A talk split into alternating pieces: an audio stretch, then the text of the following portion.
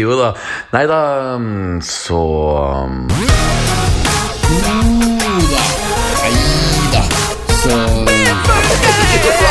Nei da, så Ja, så ja, så.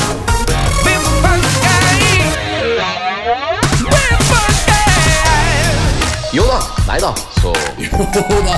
Neida. Så Jo da. Nei da, Mine damer og alle dere andre. Hjertelig velkommen til episode 44 av vår begeistringsfulle og koronafulle Star Wars-podkast. Jo da, nei da, så. Vi skal komme tilbake til den korona-biten litt senere. Korona. Hmm. Vi skal i dag ha en lang og heftig samtale om The Book of Boba Fett. Terningkast seks Nei, jeg mener kapittel seks, står det her i mine notater. A Freudian slip there. Nå vet dere hva, folkens? Det kommer nok til å bli vanvittig mange fargerike ord i dagens podkast. Ikke bare fordi at vi har en regnbuerik gjest som har vanvittig mye kunnskap om dette Star Wars-universet, men også fordi at vår podkast-logo, som for øvrig er designa av vår sponsor godthall.com, vil være the center of the attention i dag. Ja, det var altså slik at når vi skulle ha en Star Wars-ish logo når vi starta vår podkast i 2020, så var det utrolig lett å finne ut hva det skulle være bilde av, nemlig Grogu, aka Baby Yoda. Hvorfor dere lurer på det? Eh, det var rett og slett fordi at den karakteren er den eneste absolutt alle Star Wars-fans kan være enige om å elske. Jeg setter det litt på spissen akkurat nå, så klart, men egentlig ikke. Fordi jeg kjenner faktisk folk som ikke engang liker Star Wars, men som elsker Baby Yoda. Forstå det, den står min. Men men ja, apropos å forstå ting, iallfall mye bedre enn meg, ønsk velkommen til min cyberfunk-partner, podcast-partner from Oslo City, Mr. Knut Løksen. Hey Mando, What's up, Boba Fett? I'm getting my own television show. I've heard otherwise. Veldig, veldig, veldig, veldig bra. Jo, takk, så, takk. Jeg måtte kjøre en liten intro der. Jeg synes det var Ja. litt uh, Det er litt festlig åssen det du ser den utvikle seg, så Ja, jeg syns det, jeg jeg det også er veldig festlig hvor hvis det, jeg, vet ikke, jeg føler at jeg er den eneste som har lagt merke til det, men Cad Bane har like hvite tenner som Boba Fett. altså, Han har selvfølgelig litt spissere tenner, men det er jo noen som pusser tenna på de der eh, kostymene der, som eh, har gått inn for at her skal vi ha sånne blekede Bounty Hunter-tenner. Det er Ja, ja, underlige er saker, altså. Ellers så går det veldig bra. Har, har jo korona, selvfølgelig. Eh, Ja, Så, men eh, det- jeg òg. Ja. ikke sant? Det smitter jo ikke gjennom mikken helt, selvfølgelig, så podkast er jo den perfekte terapien sånn sett. da. Absolutt, absolutt. Du har helt rett. Eh, apropos terapi, Knut. Eh, I dag skal vi få en eh, terapeutisk gjest, og det er faktisk eh, nesten et år siden vi hadde den til, sist gang i vår podkast. Det var Ja, nemlig i mars eh, 2021. Den gangen snakka vi om klassikeren av alle klassikere, A New Hope. Og i dag så skal vi snakke om en ja, hva skal man si, en moderne klassiker. Eh, Vi får se om vi tre blir enige om akkurat det. Men iallfall, han er en av lederne av starwarsnorge.no. Eh, Ikke glem å sjekke ut deres eh, meget aktive Facebook-side med samme navn. Men noe annet som er kult med dagens gjest, det er jo at han, i likhet med meg sjøl og Knut Løksen, så har han flere ben inne i musikalbransjen. Og om jeg ikke tar helt feil, så tror jeg faktisk at vår gjest i dag holder på å jobbe med tre ulike musikalproduksjoner at the same time nå i 2022. Det her skal vi snakke mer om. Så ønsk velkommen tilbake til vår podkast, Mr. Christian Alfred Ranke! Hei! Hey. Veldig hyggelig, veldig hyggelig å være tilbake. Ja, det var veldig hyggelig å ha. Det var litt sånn klapp, slapp applaus, kanskje, men Ja, for han har, eh, fått, han har jo vært der for et år siden og fått liksom uh, thunderous Ja. applause. This is Ja, how ja. eh, liberty dies. Mens nå Ja. er det nå Ja. er det liksom Ja, vi må eh, take it down a notch. Ikke sant, ikke sant. Det er, det er Ja, men- helt greit. Helt greit. Du er liksom, du er liksom stuevarm nå, så. Men det er veldig hyggelig å ha tilbake nok en eh, en Westside Story, eller Westside Wars kan du egentlig kalle det nå. da, men liksom, Vi har Ja, ja. Per Sundnes, vi har Alfred Ranke, vi har meg. Vi har Anders Kregnes Hansen, altså perkusjonisten, har jo vært gjest her. Ja. Eh, og det, snart er jo, kan bare invitere hele castet, tenker jeg. Bare ha en sånn Monster Zoom, Star Wars, Westside West Side eh. Vi har, jo møtt, vi, vi, Ja. vi har jo møtt hverandre siden sist, Knut. Det har vi òg. Ja, ja. Vi, eh, vi eh, møttes på Chateau Neuf, og da var det sånn vi løp mot hverandre, og det var sånn helt, het helt omfavnelse. Ja. Det var tatt, veldig av, koselig. tatt av vinden i sakte film, liksom. Og, ja. Ja, ja. Ja. Ja, jeg, jeg var veldig opptatt av å fortelle deg hvor mye penger du har kostet meg.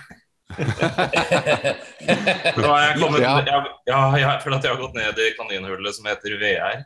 ja. Det Ja, begynte det- med en, eh, med en sånn Oculus Quest for å spille Vader-spillet. ja. Og så, ble jeg, så så jeg der ute hvor mye finere grafikk det var på PC, vet du, så da ble det en gaming-PC også. Fantastisk. Det er jo Du, Det er så hyggelig å høre. Jeg husker at du fortalte det. Ja, ja, Eh, jeg også, har har du spilt gjennom Vader, eller? ja, ja men flere ganger. Ja. Og, og det, det som er Det jeg har merket Jeg vet ikke om du har spilt ennå, men det fins jo et spill nå som faktisk er på tilbud nå på Steam. 70% avslag. Det er jo Rogue Squadron. Eh, Ja. Og det støtter VR. Eh, så det kan du linke opp med Oculus Quest eh, og spille det via datamaskinen. da. Jeg har prøvd det, men jeg skal være ærlig og si at eh, jeg sleit litt med å få det til å funke sånn ordentlig, og så syns jeg det var kjempevanskelig. Ja, det er det, ja. ja? Jeg har ikke fått testa det, men det er, det, jeg slenger meg litt på det du sier om at det kan være litt sånn glitchy og vanskelig og når du kobler til PC med kabel, og så Mm. spiller VR på Steam. Jeg har jo, jeg har jo også det derre Half-Life-spillet, Half-Life Alex. Jeg har, noe, har jo hatt noe issues med det også. Det detter ut, og det er litt sånn uh, ustabilt. Men uh, forhåpentligvis så kommer det driver og patcher som uh, Men der er det jo fantastisk grafikk, da. Gud, da. Ja, ja, ja, er du gæren? Det er helt, helt utrolig. Men uh, ja. Nei, eh, men eh, det var veldig hyggelig å se deg, og det håper jeg skjer igjen. Det Absolutt. Har jo uh, Det ble en litt sånn dårlig teppefallsfest. Det, det ble ingenting. Det ble avlyst fordi det ikke det var noe Det var ikke lov å være samlet mer enn tolv mennesker, var det vel? Ja, det var det sånn. Det var jo te Teppefallsfesten skulle vel være etter en annen forestilling, skulle ikke det? Skulle være etter Jersey Boys eh, tidligere i år, tror jeg. Men så ble jo, det, ble jo det avlyst også. Det ble på en måte flytta og flytta og flytta helt til det ble flytta til en annen forestilling. Og så, ja. Nei, men vi, vi håper, håper at vi møtes igjen, og jeg syns det var morsomt når jeg så liksom inni på eh, låtene på West Side Story, så står det jo Alfred Ranke på lyrics, eh, eller tekstforfatter. Jeg synes, for det hadde jo ikke jeg lagt merke til før eh, etter vi hadde hatt den på podkasten. Wow. Så det var veldig kult. Du Kristian, du er jo aktiv med musikaler, som jeg nevnte på introen. Stemmer det at du jobber med tre forskjellige uh, musikaler eh, at the same time akkurat nå? Ja, nå klarte jeg å avslutte en av de ganske langt på vei i går, heldigvis. Så, Hvordan rakk du det når du så den episoden tre ganger, tre, fire, fem ganger og, og skrev ferdig musikal? Det jeg hadde, jeg hadde type tre sider igjen. så, så, ja, nei, så jeg hadde et langt Zoom- Zoom-møte i går kveld hvor, hvor vi gikk gjennom det. Så ja, nei, jeg har, det har gått i det å se denne episoden flere og flere ganger. Hvilke musikaler er dette her, da? Du, det er, en, det er bare en, en veldig lett revidering av, den nye, av eh, 'Spellemann på taket', den nynorske eh, gamle oversettelsen. Ja, riktig. Uh, uh, og så så, så så den uh, gjorde jeg meg ferdig med i går.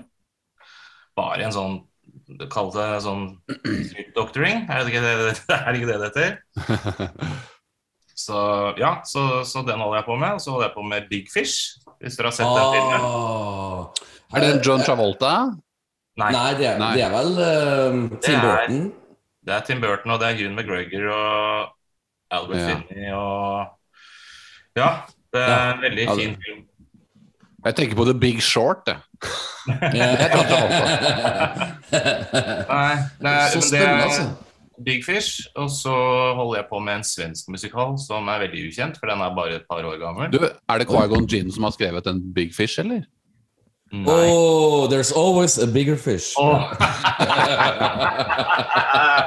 It's a deep cut. It's a deep cut. jeg skal prøve å overgå deg i sånne blødmer i dag. Nei, Ja, men så artig. Ja.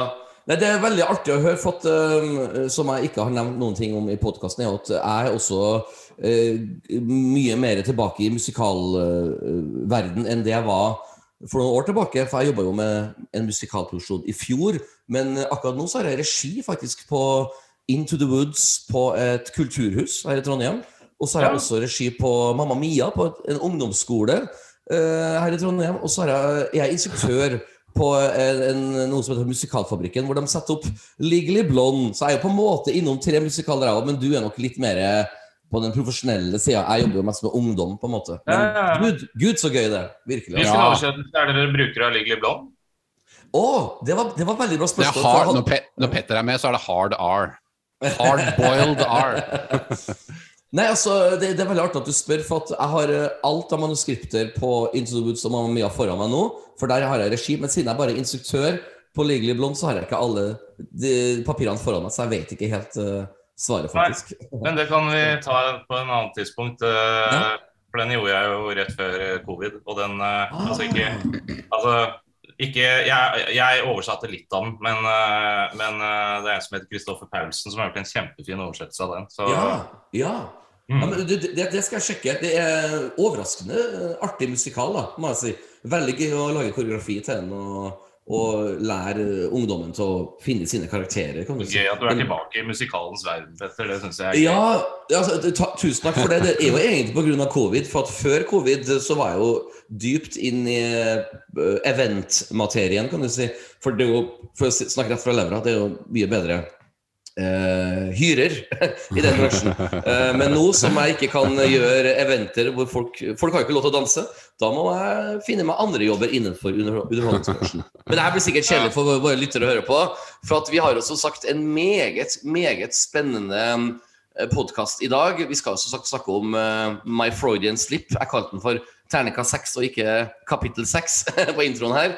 Og jeg kan jo bare starte med å si at eh, når jeg oppdaga Facebook sensommeren 2007 så gikk jeg inn på Facebook, og det første jeg tenkte var her har jeg ingenting å gjøre. Så, så feil kan man ta. Altså.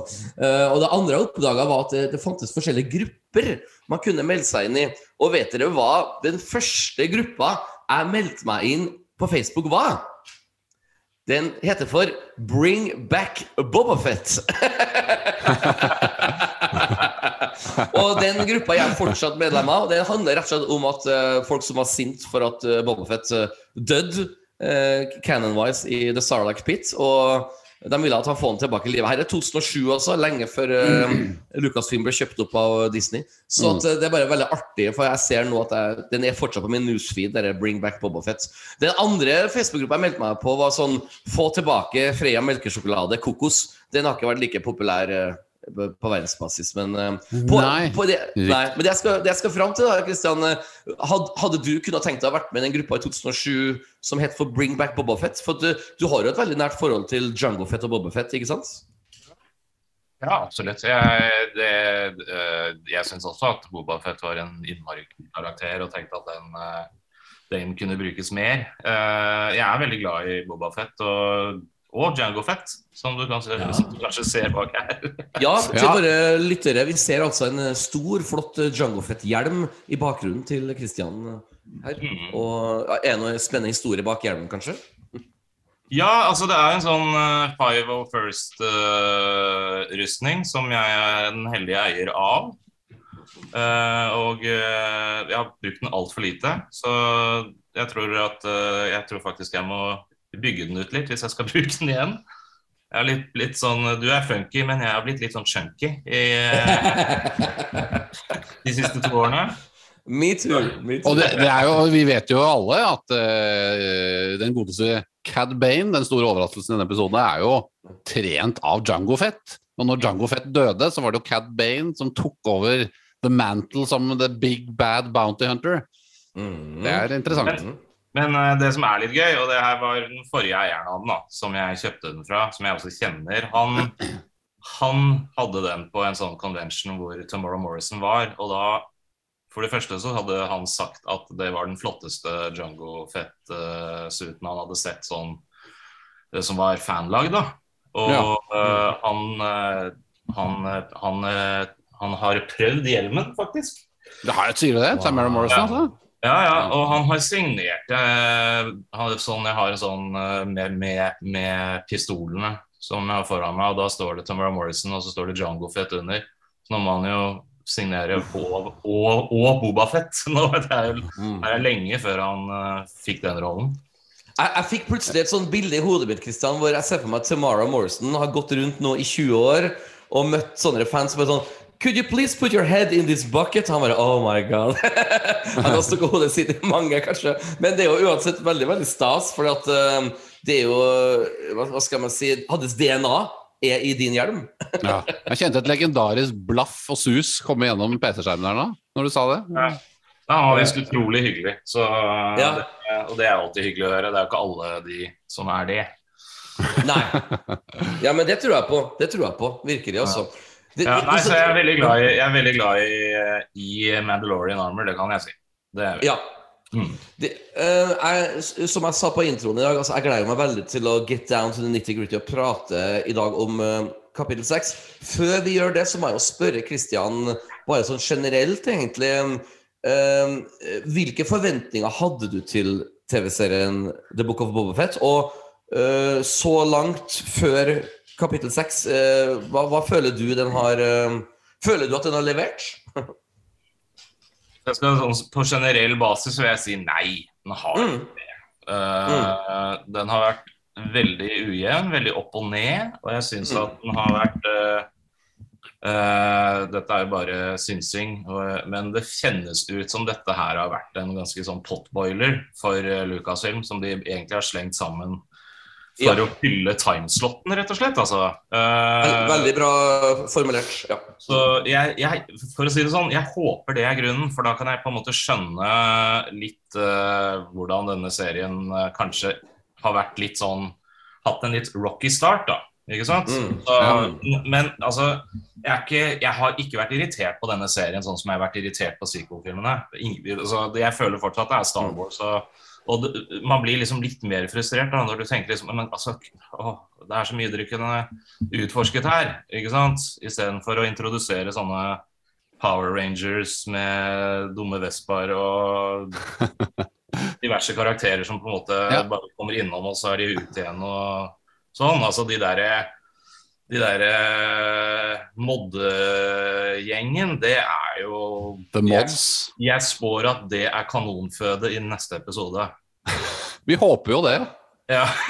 Håper de flyr veggimellom de der cyborg-implantene. Ja, men jeg tenker liksom, De må jo ha noen stakes. Det må jo være noen som faller Ja. i den krigen som kommer i neste episode. Og da vil det jo, så jeg tenker liksom at de har vel introdusert karakterer de bare kan fjerne igjen. For de De har, har, jo ikke- for, men jeg, jeg er veldig enig i deg. Altså, jeg, for meg så er de første Jeg må, jo liksom, jeg må dele denne serien i to. Da. De første fire episodene og de to for, som har vært nå. I de første fire så har det på en måte vært 50-50 for meg. Det har vært to svakere episoder og to bra episoder, hvor jeg syns episode to var den episoden som på en måte dykket mest ned i de tingene jeg personlig syns er mest interessant. Da, og det var hans eh, personlige liksom, gjenfødelse, hvordan han levde sammen med The Tusken Raiders. Og jeg synes liksom, Den delen av det var egentlig veldig interessant, og jeg håper, og håper fortsatt det begynner å henge en tynn tråd, har noe å si for hva som skal skje i episode syv. Eh, det er selvfølgelig nå veldig lite sannsynlig, men, eh, men jeg Ja. føler at ja, eh, men, men jeg, jeg føler at det har, vært, har jo vært ujevnt de første fire episodene. Og så skjer jo dette her med, med to helt To episoder som avviker fullstendig fra den storyen. da. Så det virker sånn på en måte som Ja. du sier, at de har kokt sammen noe kjapt for å fylle ut, og så har de hatt konkrete ideer om hva som skal skje videre inn i Mandalorian sesong tre. Kanskje til og med dette her var ting som var tiltenkt begynnelsen av episode, nei, sesong tre Mandalorian. Eh, De har jo gått ut og sagt at det er Mandalorian sesong to og en halv. Eh, Ja, ja, ja. på Det, det altså, grunnlaget, altså, så, så man, man, man må Ja. Jeg tenker liksom at de har øh, også tenkt Altså at de, at de har brukt denne serien for å på en måte konkludere visse plots som, øh, som på en måte ikke skal være med i, øh, i The Mandalorian. mm, mm, mm. Uh, og også med hensyn til Azuka og flere andre karakterer som sikkert også dukker opp i andre serier. Så, Ja. uh, så, men altså, det er Star Wars. Jeg koser meg. Det er liksom ingen Ja. episoder hvor jeg bare har sagt den var forferdelig dårlig. Nei, nei, nei, absolutt ikke. Det har vært noen litt kjedelige episoder, men jeg har også elsket episode to. Jeg syns ja, ja, episode ja. én var litt sånn, litt, litt sånn daff, og så Ja. episode to var helt fantastisk. Ja. Mm. Jeg ble faktisk rørt på slutten når de danset rundt eh, ilden og Ah. Jeg er, veld, jeg er veldig enig. Det er veldig, mange, veldig få som trekker fram den scenen der. Jeg syns den var fantastisk. Det var Og jeg, jeg trodde den ga en grobunn for hva som kom til å skje videre, og det gjorde den i lite grad. Ja, for det var litt sånn Det kjentes litt sånn ut som at Ryan Johnson regisserte neste episode. For da var det litt sånn Nei, vi bare dreper dem. Sånn. Der er de borte. Det er ikke det, det Nå trodde dere at dette skulle være at sandfolket skulle komme inn i samfunnet igjen. Nei, nei. Jeg, tror, jeg tror jo fortsatt, jeg holder i det tynne halmstrået, at hun dama hun lever, altså hun Tøtsken-dama lever fortsatt, og det kan ha en eller annen emosjonell link i, eh, i siste episode. Jeg, håper Ja. virkelig det, for at, eh, nå har vi gått Ja. så langt vekk fra Bobas kjernehistorie her at eh, Ja, vi, vi, hvis ikke det skjer noe med hans story i siste episode, så er det jo veldig Men den må jo være fryktelig lang for å plukke opp alle de nei, trådene som nå henger i lufta. Jeg håper virkelig at neste episode er uh, nesten spillefilm. Uh. Ja, ja, ja. ja. Altså, må- jeg satt og tenkte i går, det må jo være liksom halvannen time for at det skal nøste opp i. Men de har jo gjort det. Bad Batch episode 1 var 1 time og 10 minutter, eller noe sånt, tror jeg. Så den var 70 minutter lang. Har oh, gjort bra. eh, lignende ting før. Altså episode 8, sesong 2 Mandalorian var vel en time Nei, det var 50, kanskje. 50-55 eller noe. Så Ja, jeg skjønner hva du mener. Jeg, jeg må bare gå tilbake Hvis det står jeg- 32 minutter på neste episode, så blir jeg Da kommer jeg til Ja, ja, ja. Tror jeg i det hele tatt en ramme av 25 minutter. Ja. Jeg, jeg, må bare gå kjapt tilbake til det Knut snakka om Bobofet Boba Fett sin kjernehistorie. For at Det var et veldig interessant valg av ord. Fordi at eh, for de eh, Star Wars-fansen som ikke er så veldig begeistra for denne TV-serien, fordi at uh, Boba Fett har, har, gjort, har blitt så forandra, så er det jo så klart fordi at kjernehistorien om Boba Fett har jo egentlig ikke blitt nevnt i det hele tatt. Altså Den Boba Fett vi så i Empire og Return of Jedi, den har jo strengt tatt uh, Vi har ikke sett noe til den uh, Boba Fett, eh, ikke engang i flashback-scener. Unnskyld, jeg skal bare skru, skru litt her. Eh, Nei, altså, så nei. Og, Ja. og, og, og, det er ganske interessant at du sier, eh, det har jeg også tenkt på, at eh, dette er kun historien om Boba Fetts uh, på en måte redemption, eller Ja, ja, Ja.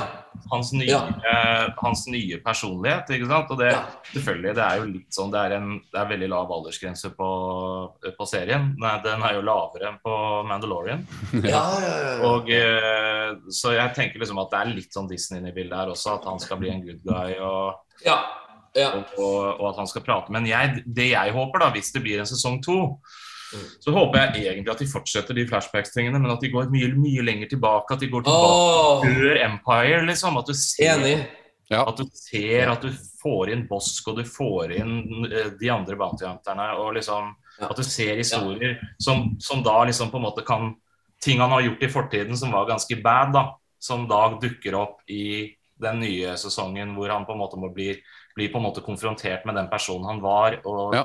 Liksom kontra den personen han er nå. Det kan bli veldig interessant storytelling, liksom. Ja, det er veldig spot, det er veldig, veldig spot on. Det er helt riktig, og det er jo det jeg på en måte craver litt. Jeg også er akkurat det. Vi får et lite sånn hint til det i denne episoden her faktisk, i form av dialog, uten at Boba Fett er med i scenen. Men eh, når Cat Bane sier eh, Boba Fett was a cold-blooded killer for the Empire det er første gangen vi får liksom i denne sesongen Ja. her, eller denne her, vi får Ja. høre noe om hans fortid, hvor han har på en måte vært litt bad. Yep. Men det, er jo, men det er veldig lite, men det var, det var et kjærkomment eh, En kjærkommen replikk, rett og slett. Ja, bare. Og det setter jo selvfølgelig opp en, en, eh, en konflikt mellom de to. Og det var endelig så kom det en, en slags eh, bad guy, en main villain, inn i showet, for det har vi liksom egentlig ikke hatt eh, ordentlig. Og, og selv, om jeg, selv, selv, selv om jeg tror Cad Bane er jo ikke han som styrer The Pikes eller Crimson Dawn. Han er selvfølgelig leid inn av noen, men jeg tror nok han blir the main villain eh, i neste episode, på en måte. Så får vi kanskje et sånn reveal av den som trekker i trådene over der, muligens. Jeg innrømme at jeg har liksom aldri vært sånn superinvestert i Clone Wars og de seriene. Mm. Ikke fordi at jeg syns de er dårlige, men rett og slett altså jeg, jeg tror jeg bare kom litt, litt skeivt ut da jeg begynte å se de i sin tid. da. Og så Mm. har jeg jo skjønt at Og jeg har jo sett episoder som var kjempebra, så jeg tenkte sånn den her skal jeg se i kronologisk rekkefølge fra, e- liksom fra den ene enden til den andre. på et eller annet tidspunkt, når jeg er veldig Mm. lei meg. sånt. Så, så, jeg, så jeg har spart den, men jeg husker da den kom at jeg ikke syntes at Cad Bane var så veldig interessant karakter. Og jeg ble litt sånn Å, herregud, har Dave Filoni liksom lagt inn en karakter som har cowboyhatt fordi han Ja. har Ja. Det er jo Er det litt sånn navlebeskuelse ute og går her nå? ja. Jeg- Jeg jeg- vil jeg må jo- ja. Ja, Men da jeg så han i går, da, men da jeg så han i går, da ble jeg plutselig Å, herregud, jeg må tilbake og se på den karakteren. For at det, den introduksjonen som han fikk i går, var bare helt spot on perfekt. Altså. Ja, ja, ja. Jeg, jeg må bare kjapt si at jeg er 110% enig med alt det Christian sa, spesielt med ditt førsteinntrykk med Clone Wars og, og Cad Bane-karakteren. Så jeg, jeg, jeg, tror kanskje det har noe med vår alder, kanskje, at det, det var mer målretta mot tolv år gamle gutter når Cad Bane ble skapt, for at vi som er da eh, en generasjon eldre, ble ikke helt bergtatt. Men nå er vi solgt. Så det der er Han har, jo først, han har jo først og fremst en stemmeskuespiller eh, i han Corey Burton, som jo er Mm. tilbake for denne episoden her, som uh, voicet han i animasjonen. Eh, som er jo Den er veldig røff og tøff, da, den eh, stemmen hans. Den er så gritty og Det, det, er liksom eh, Hans identitet er, skinner liksom mest igjennom i den stemmen, syns jeg. Og selvfølgelig designet på karakteren. Eh, og som jeg, jeg leste i går Og, og tenneren. Ja. og tennene. Som var, litt- det var det eneste jeg stussa på. De var litt hvite, kanskje, men eh, det er liksom, de er så spisse. Han, må jo, han går jo sikkert og tygger på skråtobakk og holder på hele tida, liksom. Og så er de så kline. Mulig at de Eh, glemte å skru av Colgate-filteret de har når Tomorrow Morning er på. ja, ja. Det er så veldig òg. Det er sånn eh, Jeg, altså, jeg tror han eh, Tomorrow Morrison har hatt en eller annen tannsykdom og fått nye tenner i overkjeven. Og at de rett og slett uh, var litt for hvite. Han, har, han har modda tennene sine. ja, han, Han er, han har modda tennene sine. Hvis, hvis dere husker på presidentdebatten mellom Joe Biden og Trump også, så står de begge to gamle hvite menn med ekstremt hvite, flotte tenner, begge to. Og Ja, ja. Uh, Michael Moore sa et inntrykk av at han hilsa på Joe Biden, og så spurte han intervjuobjektet Ja, hva snakka dere om, da? Så sa bare Michael Moore I don't remember. I just looked at his beautiful teeth all the time. ja, jeg forstår det. Du kan, når du kan speile deg i tenna til motparten, liksom. Da er det vanskelig. Eh, gutter, nå har jeg litt sånn interessant notat her eh, som jeg skal prøve å komme gjennom. Det er altså slik at um, filmen The Rise of Skywalker, altså Star Wars episode 9, eh, eh, mener mange er noe av det dårligste Lucasfilm har laget etter Disney tok over. The Book of Boba Fett eh, chapter 6 eh, begynner folk å si at det er noe av det beste Lucasfilm har laget etter Disney tok over. Eh, jeg, jeg kan være enig i den, eh, det argumentet, men jeg har et veldig interessant eh, bemerkning på det. Og det er at når jeg så The Rise of Skywalker Nå kommer jeg altså med et ledende spørsmål her, men lag opp. Det er altså slik at når jeg så den filmen, så var det to superklare høydepunkt for meg, altså i filmen The Rise of Skywalker. Um, det ene var det som var det absolutt mest uforutsigbare, det som virkelig traff meg midt i hjertet. Og det var så klart når eh, Han Solo, altså Harrison Ford, eh, fullstendig uventa dukka opp i en scene med Kylo Ren. Og jeg tok meg sjøl til å bli litt rørt. Og uh, Kylo Ren spilte bra, som han for øvrig alltid gjør. Og Harrison Ford leverte jobben, og du vet I know og alt det der. Uh, jeg jeg elska den scenen, selv om jeg ikke likte filmen. Den andre scenen jeg likte i, i The Rust of er jo faktisk den veldig korte scenen når Luke og Leia eh, trener med lasersteg. Altså, du får se, se en sånn deepfake-versjon eh, versjon som ligner på ja, ligner på The Forest Moon of Endor, liksom, hvor de trener til å bli Jedi. Det er jo sikkert ikke den planeten, så klart. Men poenget mitt er at denne scenen traff meg eh, så mye at når jeg tenker tilbake på den ja, Si at den varte i ti sekunder, da. Det at du ser liksom en ung Leia ung Luke eh, trene til å være i jedi Mm. og så ser du liksom at eh, Leia på en måte får en slags eh, følelse av at det er noe galt med hennes sønn Kylo Ren. Du, så, sånn type greie. Jeg, jeg slukte det her rått. Mitt ledende spørsmål til deg, Christian. At essensen av de to små, bitte små tingene jeg likte med The Rise of Skywalker, det er jo egentlig hele chapter six eh, From the Desert Comes a Stranger, altså The Book of Boba Vi, vi får deep fake, vi får overraskelser. Det, er, er du sånn som meg, Kristian, at det er det du liker best med Star Wars? Altså det jeg nevnte nå? Da, vi kan må kanskje spille. Jeg venter bare på den. Den, ja. kan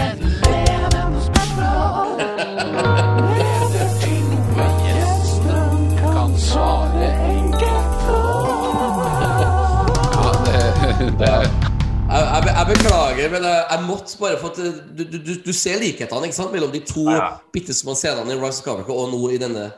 Ja, og jeg, selv om jeg også ikke likte den filmen, så var de to scenene to scener jeg, eh, jeg eh, virkelig uh, uh, likte og syntes var veldig fine. Og uh, eh, jeg vil bare si før jeg liksom svarer deg ordentlig, så vil jeg bare si at uh, altså, Lucasfilm har gjort en game changer med Mm. det som de presenterte i går. Fordi at de har liksom Ja. For første gang så har de, de Det var jo en sånn deepfaker der ute som heter Shamook, som, yes. Mm. som uh, har laget bare så utrolig mye bedre versjoner av både Rogue One, av Tarkin, av Leia.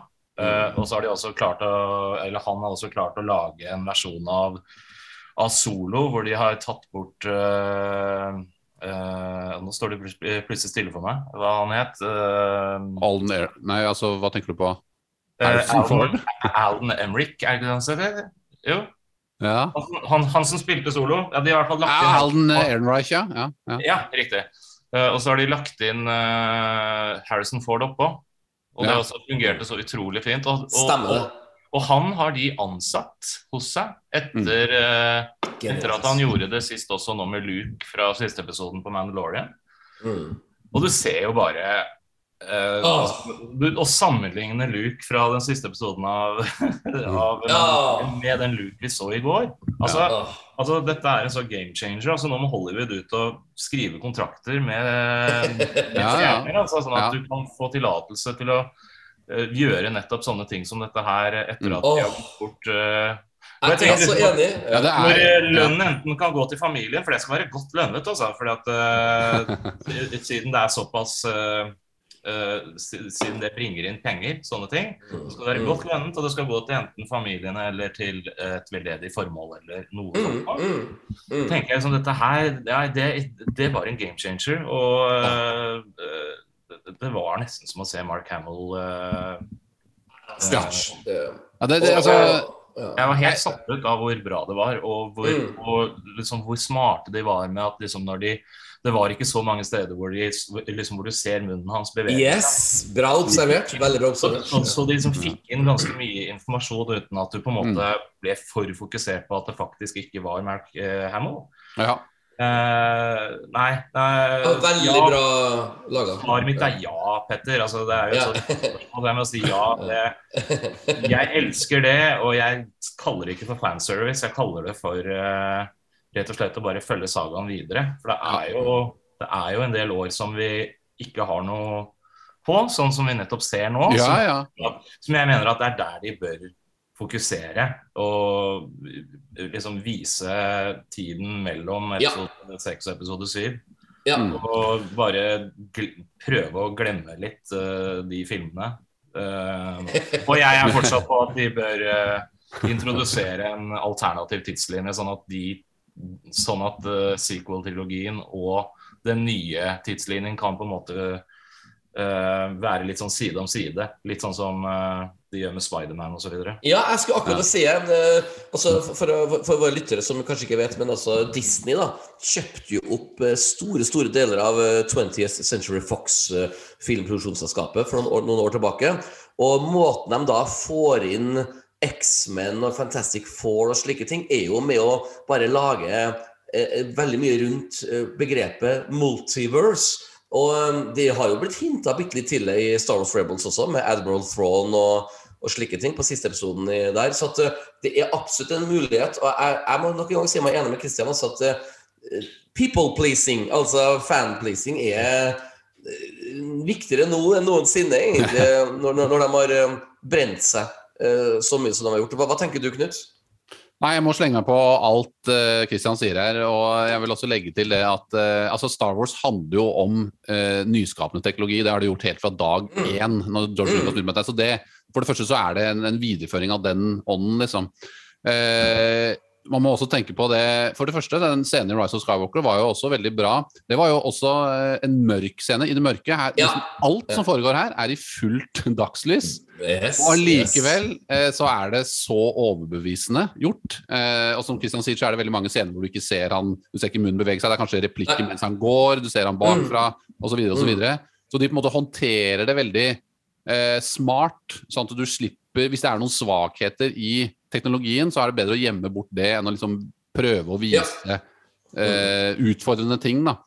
Uh, så jeg syns at dette her var det, det, jeg tror man, man skjønner nesten ikke hvor egentlig stort gjennombrudd og hvor, hvor den Ja. episoden i går var uh, for bransjen. For man må tenke på det at det, ja, vi har sett Samuel L. Jackson, Michael Douglas, uh, de-aged i Marvel-filmer f.eks., men det er ikke det samme, for der er det jo samme skuespilleren, altså de-ager det han. Her er det en annen kropp, spilt av mannen fra, som var X-Ping-pilot i forrige episode. Ja. ja, det var et artig hint, forresten. Det var ikke tilfeldig at han kom Nei, nei, nei. Han, he was already on set. Ja. Det var, en annen, det, var, det var faktisk en annen skuespiller som spilte han i episoden i går. Ah, det Var var det det. Ja. Ah, Men uansett, uansett så var det altså Overraskende nok. Ja, men det, var, det kan jo ha vært noe pga. stuntene de gjorde og sånn. da Det kan jo Si på at det ikke var begge to, da. At det var noe Mulig det var begge to. Det var bare jeg så en YouTube-video hvor, hvor han fyren sa det samme, men da hadde han lagt en disclaimer at uh, det han sier var feil. Det var, og så, sa han, så sto det på skjermen hvilken oh, ja. det var. Oh, jeg, Det var derfor ja, jeg. Ja, ja. ja. Ja, Det kan ha Eh, eh, noe med stuntarbeid å gjøre, men ikke sant, det er sånn, sånn som du sier. altså Den, den siste I episode 8 i Mandalorian, eller 16, da, så Mm. Var det jo litt wonky. Det var litt uncanny Ja. valley. Og mange kritiserte, og jeg, jeg også sa jo at det var ikke helt Vi er ikke helt der ennå, men samtidig så hyller jeg Disney fordi de Ja. gjør det. For Star Wars Ja, ja. handler om å få ny teknologi til å virke, og når de får dette her til å virke, så åpner det, som eh, Alfred sier, åpner opp muligheter for nye tidslinjer. og ja, Christian. Jeg liker Alfred. Det er så få som heter Alfred. Det er veldig, det er så funky. Men det eh, det funker. jeg hadde en du, kom- ja, nei, unnskyld, jeg, skal bare ta en liten digresjon, for jeg nevnte jo mine to favorittscener i The Rocks of Skywalker. Jeg kom plutselig på eh, min tredje favorittscene, som ingen lenger snakker om.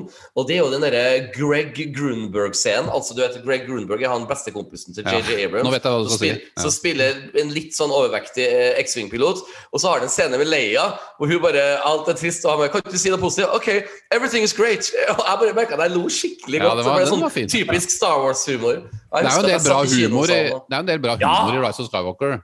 ja, ja. Det er jo det som det Overraskende en måte- ja. bra scene. Ja. Men, Free. eh, Jeg har bare jeg har bare lyst til bare, slå- bare Ja. liksom, mens, jeg, mens jeg klarer å sette ord på det For jeg, jeg vet Ja. ikke om du husker, jeg hadde jo en litt sånn en litt sånn eh, i di, med dine ord, da, sterk historie sist. Men du husker jeg fortalte om Ja. da Empire Strikes Back første gang. absolutt. absolutt. Jeg, for, for, jeg faktisk fortalte min fru den historien i går, Ja. faktisk. Om det er Empire ikke- Strikes Back. Jeg skulle fortelle hvem som skulle være gjest. Og da var den første husstilen som jeg fortalte. Men, altså, ut, men uten sammenligning for øvrig så hadde jeg faktisk en litt sånn lignende historie, eh, eller altså, opplevelse i går. Med liksom faktisk sånn ting som var litt sånn selvopplevd, som faktisk gjorde at jeg Ja. fikk litt sånn Jeg fikk ikke vondt, men jeg satt og var følelse, liksom ganske følelsesladd. Og det var rett og slett fordi Altså, Nå skal ikke jeg begynne å liksom legge ut om, om mitt, mitt tragiske liv eller ting jeg opplevde i livet. da, men? Jeg mistet jo som sagt faren min da jeg var 11. Mm. Og året etter så ble jeg sendt alene på sommerleir, alene for første gang. Og eh, da hadde jeg utrolig hjemlengsel, og jeg, det var for tidlig å egentlig være alene. Mm. Eh, og da, Ja. på den sommerleiren så var det en ganske sånn eh, staut eh, sånn leirleder. Og han, og han visste at jeg hadde skikkelig, skikkelig hjemlengsel, så han hadde ringt til moren min og sagt at jeg syns ikke du skal komme på foreldredagen fordi han har såpass hjemlengsel at hvis du kommer, så vil det bare bli utrolig vanskelig. Nå vet jeg hvor du Oh skal. Nå Nei, vet jeg jeg vet hvor hvor du skal hen. Ja. Og det fikk jeg jo da vite mens jeg var der, ikke sant? og ble jo helt sønderknust av det også. ikke sant? Sånn at, Mm, mm. sånn at når Azuka egentlig gjorde, tok akkurat samme uh, approachen i går med Dinjarin, Ja. så kjente jeg litt på det. At liksom det der eh, var sterkt. Jeg- ja. Jeg er helt enig Jeg, jeg, jeg, jeg vil ikke Unnskyld, jeg, jeg, jeg skulle bare si jeg vil ikke avbryte Kristian sin vakre eh, historie. Eller vakre var egentlig bare det. Det, det, men, men, men det er litt sånn freaky, for at um, i mine notater da, så har jeg skrevet liksom sånn fet skrift rundt ett punkt, og det er akkurat den scenen som du eh, beskriver nå. Jeg får litt frysninger bare jeg snakker om for at den berørte meg på så mange forskjellige måter. Og jeg, jeg gleder meg til vi kommer dit uh, i vår podkast, for vi skal snakke om den scenen i detalj. For at eh, det var eh, I, I, I felt some shit too. Ja. Det var, det, var, det var nydelig, det var vakkert. Ja, ja, Luke og Grogu sitter oppe ved det treet der Som som Ferdinand som lukter på blodmåla under treet, liksom. Og, og, og, og, og Mando og Ja. Ahsoka står på avstand der, og han, Ja, ja, ja. ser at han lengter, og Grogu er jo så uskyldig, og han er jo fortsatt Ja. denne hardbarka krigeren, denne stoiske Mandalorian Ja, ja, ja. warrior, liksom. Og så, det er jo så altså, Dette Ja. er jo historiefortelling som Ja, ja, ja, Boba Fett. Høy. Så nå er Dave Filoni utlært som regissør? Ja, altså, i forhold ja. til Ja. Ja, ja, ja, ja. I forhold til første episode av Mandalorian frem til nå, så har han bare gjort skritt. Det Altså, var det var en så godt regissert eh, episode i går. Ja, ja, det, jeg, jeg er så enig. Ja. Han har nok Ikke brukt mye. Ja, Nei, Ja, altså, altså, Ja. Ja, ikke sant? Jeg, jeg, jeg vil bare gjenta det. Altså, jeg gleder meg til vi kommer dit i historien når vi skal nå snakke om um, eh, eh, chapter 6, fordi at vi starter jo egentlig nå eh, ordentlig fra starten. Altså det her altså um, eh, the, the Book of Boba Fett, chapter 6, eh, From the Desert Comes a Stranger. Litt rar tittel med tanke på at eh, den tittelen egentlig ikke kommer i bruk før langt ut i episoden. Men la meg bare starte med en ting, så tar vi helt på toppen her. altså Boba Fett sier ikke ett eneste ord i denne episoden heller. Vi, vi, denne gangen ser vi den riktignok, men øhm, øhm, vi, hører, vi hører ikke sine ord. Og øhm, fra meg personlig så har jeg ikke savna det så mye. Men det er jo Og så her er mitt spørsmål til Kristian. Jeg begynner å tro at Robert Rodriguez, han mannen som på en måte har hva skal man si, hovedkunstnerisk ansvarlige for øh, The Book of Boba Jeg tror ikke han har hatt så mye kontroll over kapittel fem og seks i denne TV-serien. Eh, for, for her er jo all Dave Filoni. Og som jeg skrev i mine notater, 'his best work yet', som jeg skrev. Um, Ja. så, så mitt spørsmål til deg, Kristian, bare nok en gang litt ledende, du skal få slippe å ta jingle en gang til, men Ja. tror du også at Robert Rodriguez har nesten ikke vært på settet på chapter 5 og 6? Det virker ikke sånn at det her er Han Rodriguez står jo oppført som sånn executive producer, men altså, jeg tror han er mer silent uh, Ja. Jeg tror, eh, jeg tror at uh, jeg tror han eh, er ansvarlig for eh, Power Rangers. Og Det er han. Han er nok det. Alita, Alita Battle Angel, det er helt definitivt. Ja, ja. Espa Vespas. Men, eh, men eh, hvis vi skal på en måte starte fra starten, da, så, så tenker jeg jo at eh, Nei, jeg tror ikke han hadde hatt så mye å si nå de siste, på den siste biten. Mulig han har det på neste episode, men, ja, ja, så klart. men eh, jeg tror ikke han har hatt så mye eh, å si. Nei. Jeg tror Nei. eh, vel egentlig at det er litt sånn Hollywood-maskinen, hvordan, Ja. hvordan disse krediteringene er blitt lagt opp osv. Han har jo regissert noen av de svakeste episodene. Han har, han har regissert de to svakeste. Og det som er så underlig, og, den, og det, det som er så underlig, er jo det at du leier inn Robert Rodriguez først for å gjøre den eh, gnistrende episoden i The Mandalorian sesong 2, som har veldig mye bra action og litt sånn signatur Robert Rodriguez-vold, Ja. liksom. Ja. Så har du da episoder som er disinfiserte, hvor du har inn han som regissør. Altså, det, er jo helt, det, var, det er en slags feilbooking her. altså Kom og spill eh, cha-cha-cha på dette biker-treffet. Det kommer masse Hells Angels-folk, liksom. Altså, det er, det er veldig underlig, hele opplegget. Jeg skjønner ikke hva det er som er tenkt her. Og som, og liksom, selv om jeg likte forrige episode veldig veldig godt, så må jeg jo innrømme Absolutt, ja. at det skjer jo ingenting. Altså, det var en sånn episode som er laget for uh, A. Uh, Django Fett uh, må uh, på en måte innrømme at han ikke har eh, At han har tatt av seg hjelmen og blir kastet ut Ja. av en gruppe med to medlemmer. Uh. ja, It's nei! like, the, it's like the three of us. Yeah. Ja, ikke? De kaster ut. De, skal bare, de, er bare, det er bare de tre igjen. Så der må du dra. Ta med deg den dumme sabelen din. Eh, og, så, og, så, og så tar han bussen til, uh, til Tatooine, og han trenger et nytt romskip, som er et ganske upraktisk romskip hvis du skal være bankrett. Ja. Så liksom, hvordan skal det Han har bare det liksom i en sånn bare henger det etter i en sånn der, Du bare henger etter i en snor. Det, det, det, eh, Han har jo plass i den der lille kuppelen, altså han kan jo fange Evox, ja, liksom. han kan fange Wolfrats. Og, og, og, ja, og Wampas. Ja. I only do bounties on. Evox. Ja. Ja. Men Jeg er jo enig. Forrige episode var Unnskyld. Ja, nei, jeg syns også, jeg synes også forrige episode var veldig bra. Den episoden jeg- som var i går, var kjempebra. Eh, men den skinner jo selvfølgelig veldig Den outshines Bobafett, liksom. Det er jo det som er Ja, litt problemet. Ja, og, og, det er jo det, altså, det, er egentlig det jeg skal fram til. For at det, det er jo nå begynner å bli Altså Hvis ikke neste ukes episode er vidunderlig, så vil jo The Book of Boba Boba Fett-TV-serien bli huska på som den TV-serien om Bobafett hvor de to beste episodene ikke inkludert Bobafett. Det er jo en, blitt en meme nærmest på internett allerede. Ja, det er, noe jeg går at han, ikke, at han syntes han hadde altfor mye replikker, og det høres jo ut Ja. som virker om han eh, liksom Ja, OK, du har rett. Det, du skal bare stå og være stille. Uh, og så kan vi fokusere serien på karakterer som uh, Ja. folk vil se. Altså- altså, jeg håper for Tamara Morrisons skyld at uh, Ja. Jeg håper at dette ikke er avslutningen. Jeg syns vi skal Nei. få Jeg synes vi skal få en, en Sesong to. til, Ja. uh, sånn at vi kan uh, i hvert fall avslutte på en Ja. verdig- måte.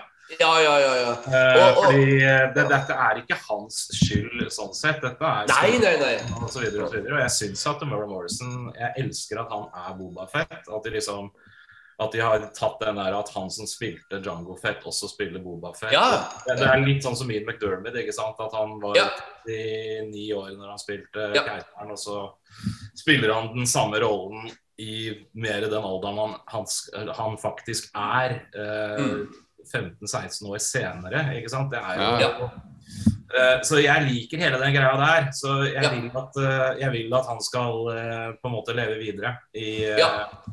Og det kommer han nok til å gjøre, enten i en sesong to, eller det kommer veldig an på hva som skjer i neste episode, og om hans story flettes inn i det som skjer videre i Mandalorian. Hvis, hvis det er sånn at neste episode er en slags kul kulminasjon liksom, av det som har skjedd av hans historie, og det som skjer med Mandos og Mandalorians for øvrig sin historie, da.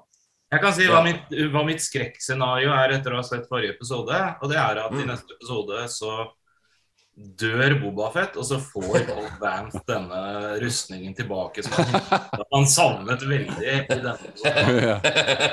Eh, det- er litt sånn det, det er sånn nei, bare ikke, bare ikke gjør det. Uh, Nei. Liksom. Men Nei, det, eh, det, det, det, det er faktisk altså, Ikke for å avbryte, men jeg skulle bare si at det er Jeg er jo veldig sånn kronisk positiv til det meste av uh, ny Star Wars, men til og med jeg sitter jo og grubler på at Mr. Robert Rodriguez, altså mannen som laga Desperado, uh, og han laga uh, uh, Sin City og, og, altså, Han regisserte altså, og du vet um, El Mariachi. Alle de tre filmene nå er terningkast seks-filmer. Helt fantastiske filmer fra 90-tallet og tidlig 2000-tallet. Han har blitt litt uh, softere på sine gamle dager og blitt litt familiefar. Og, og for det her er ikke eh, Rodriguez-signatur på alt, altså. Eneste som er eh, Det er sand. Det er litt tørr sand i bakgrunnen. Det er Men det er Eh, ingen episoder som er skrevet av, av eh, Rodriguez. De er alle skrevet av Ah. John Favreau og eller bare. Altså enten bare John. Favreau eller John Favreau og Dave Filoni. Sånn som den i går Ah. også skrevet av Dave Filoni. Og det tror jeg er den Mm. første hvor det har vært reell kreditering. Så Mm. denne serien, selv om de sikkert har flere skribenter som sitter i bakgrunnen, så er er jo alt kreditert til John Favreau. Så det er ikke han man skal enten rose eller uh, rise litt i forhold til Ja, serien, altså.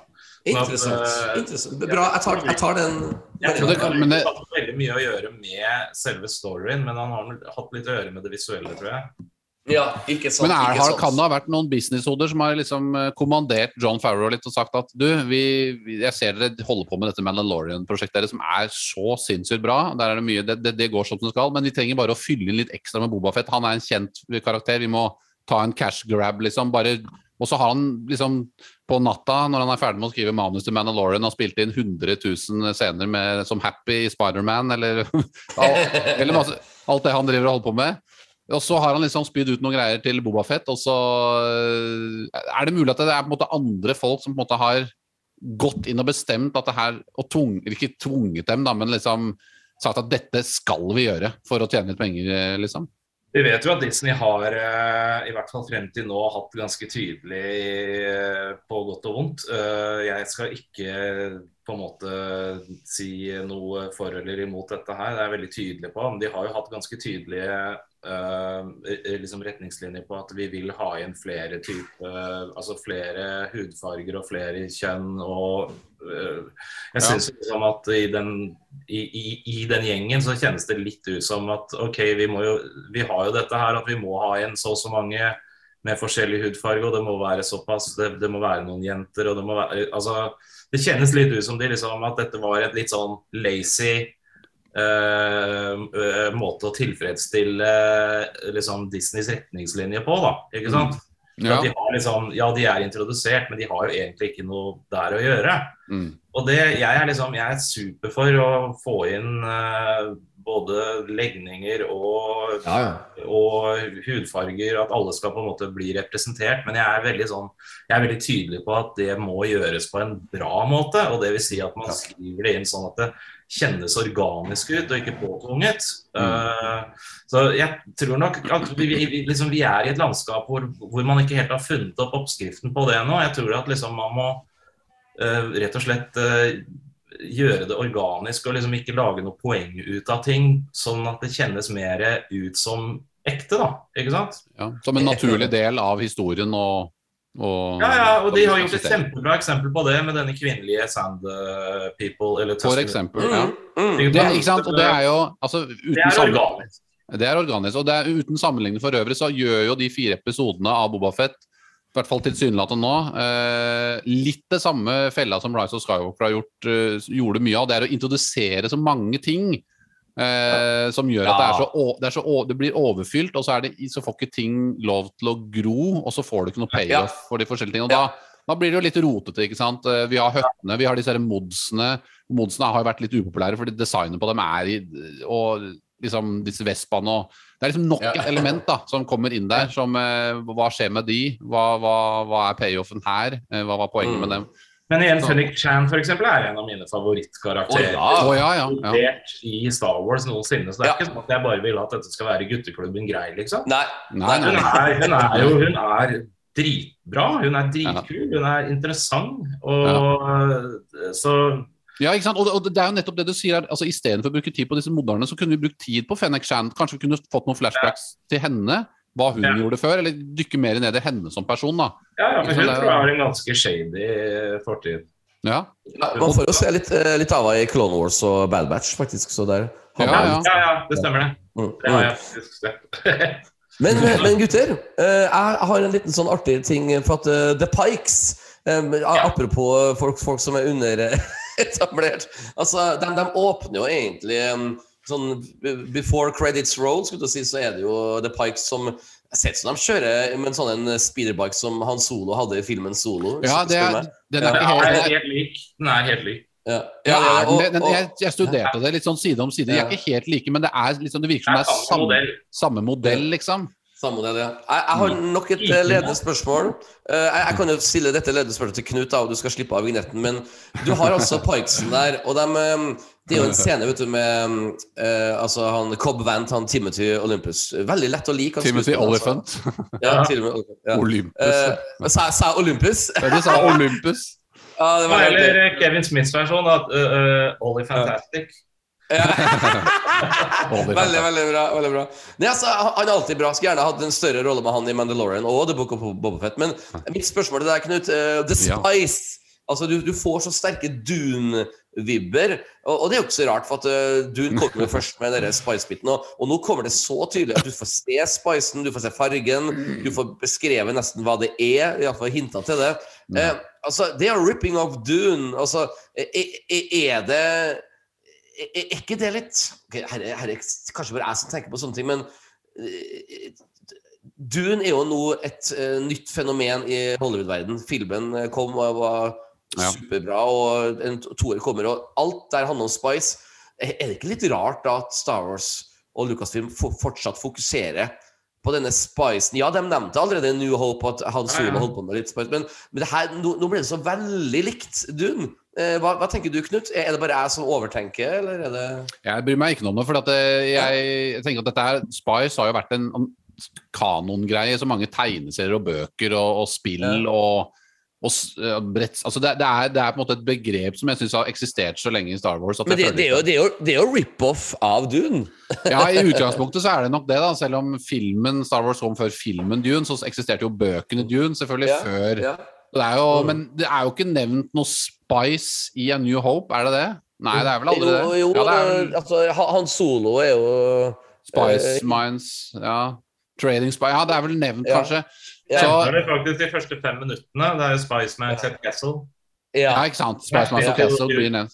Ja. Ja. Ja. Det er jo det, er jo det men altså hva Spice er osv. Det, ja. det har de jo øh, jeg, jeg tenker at liksom det er mye som er likt. øh, altså Star Wars har mange aspekter Ja. som er andre ting.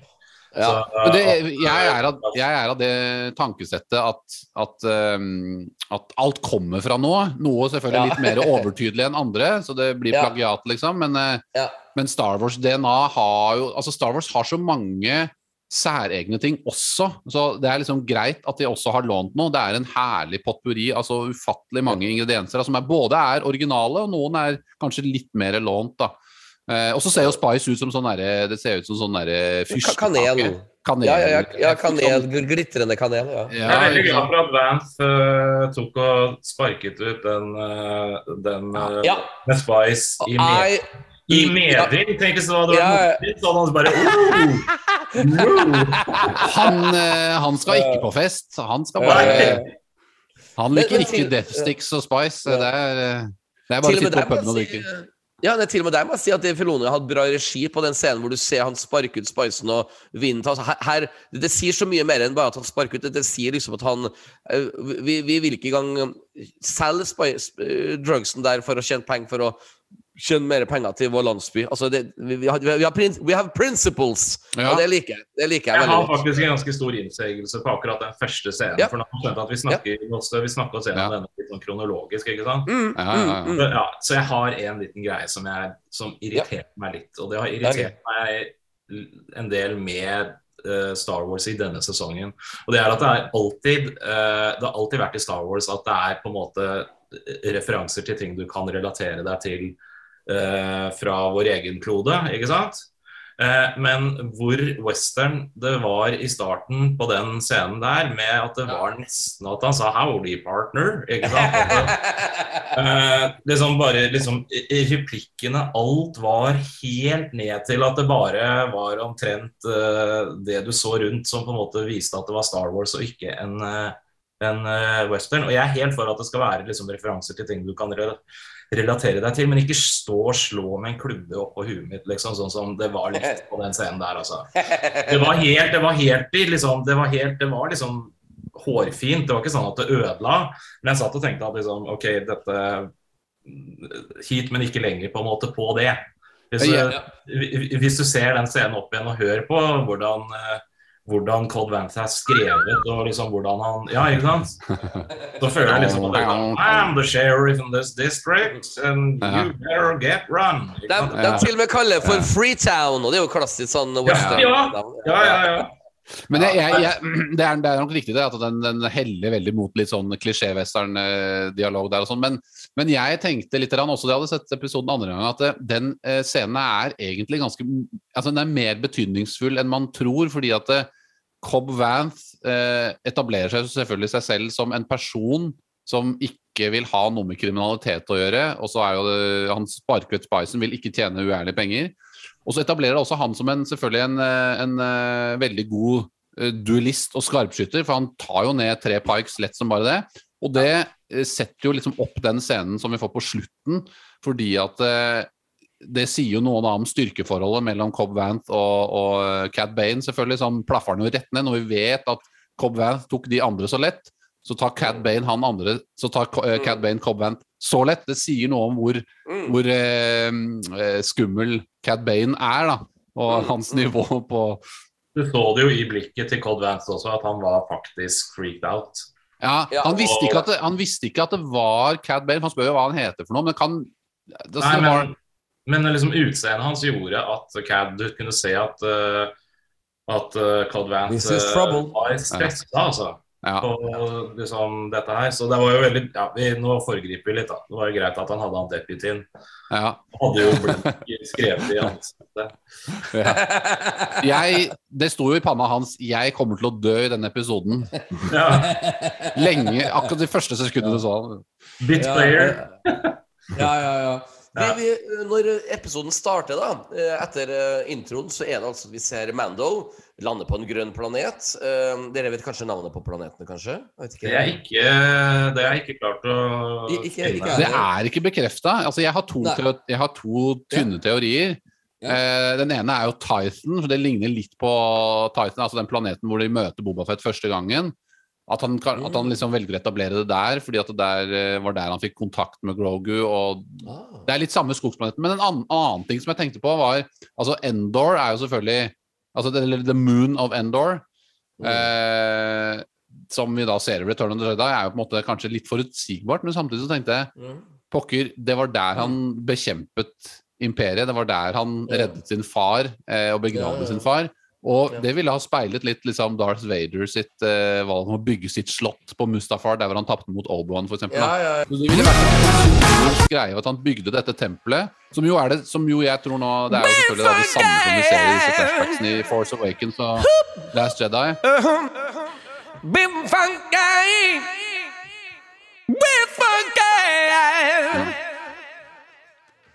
Gjensyn. Jeg kjente jeg ble ordentlig glad bare av å se hans lille radar over hodet. Ja, som jeg Og- tror han kjenner Ja. igjen denne Naboo-skipet. For at det, det, han har jo sittet på Ja. mange sånne Naboo Det, det, det var akkurat det jeg skulle si. For at, eh, kanskje R2 tenkte Hei, jeg har faktisk flydd et sånt skip en gang sammen med Ja. pappaen til Master Luke. Da Ja. han bare var en liten kid.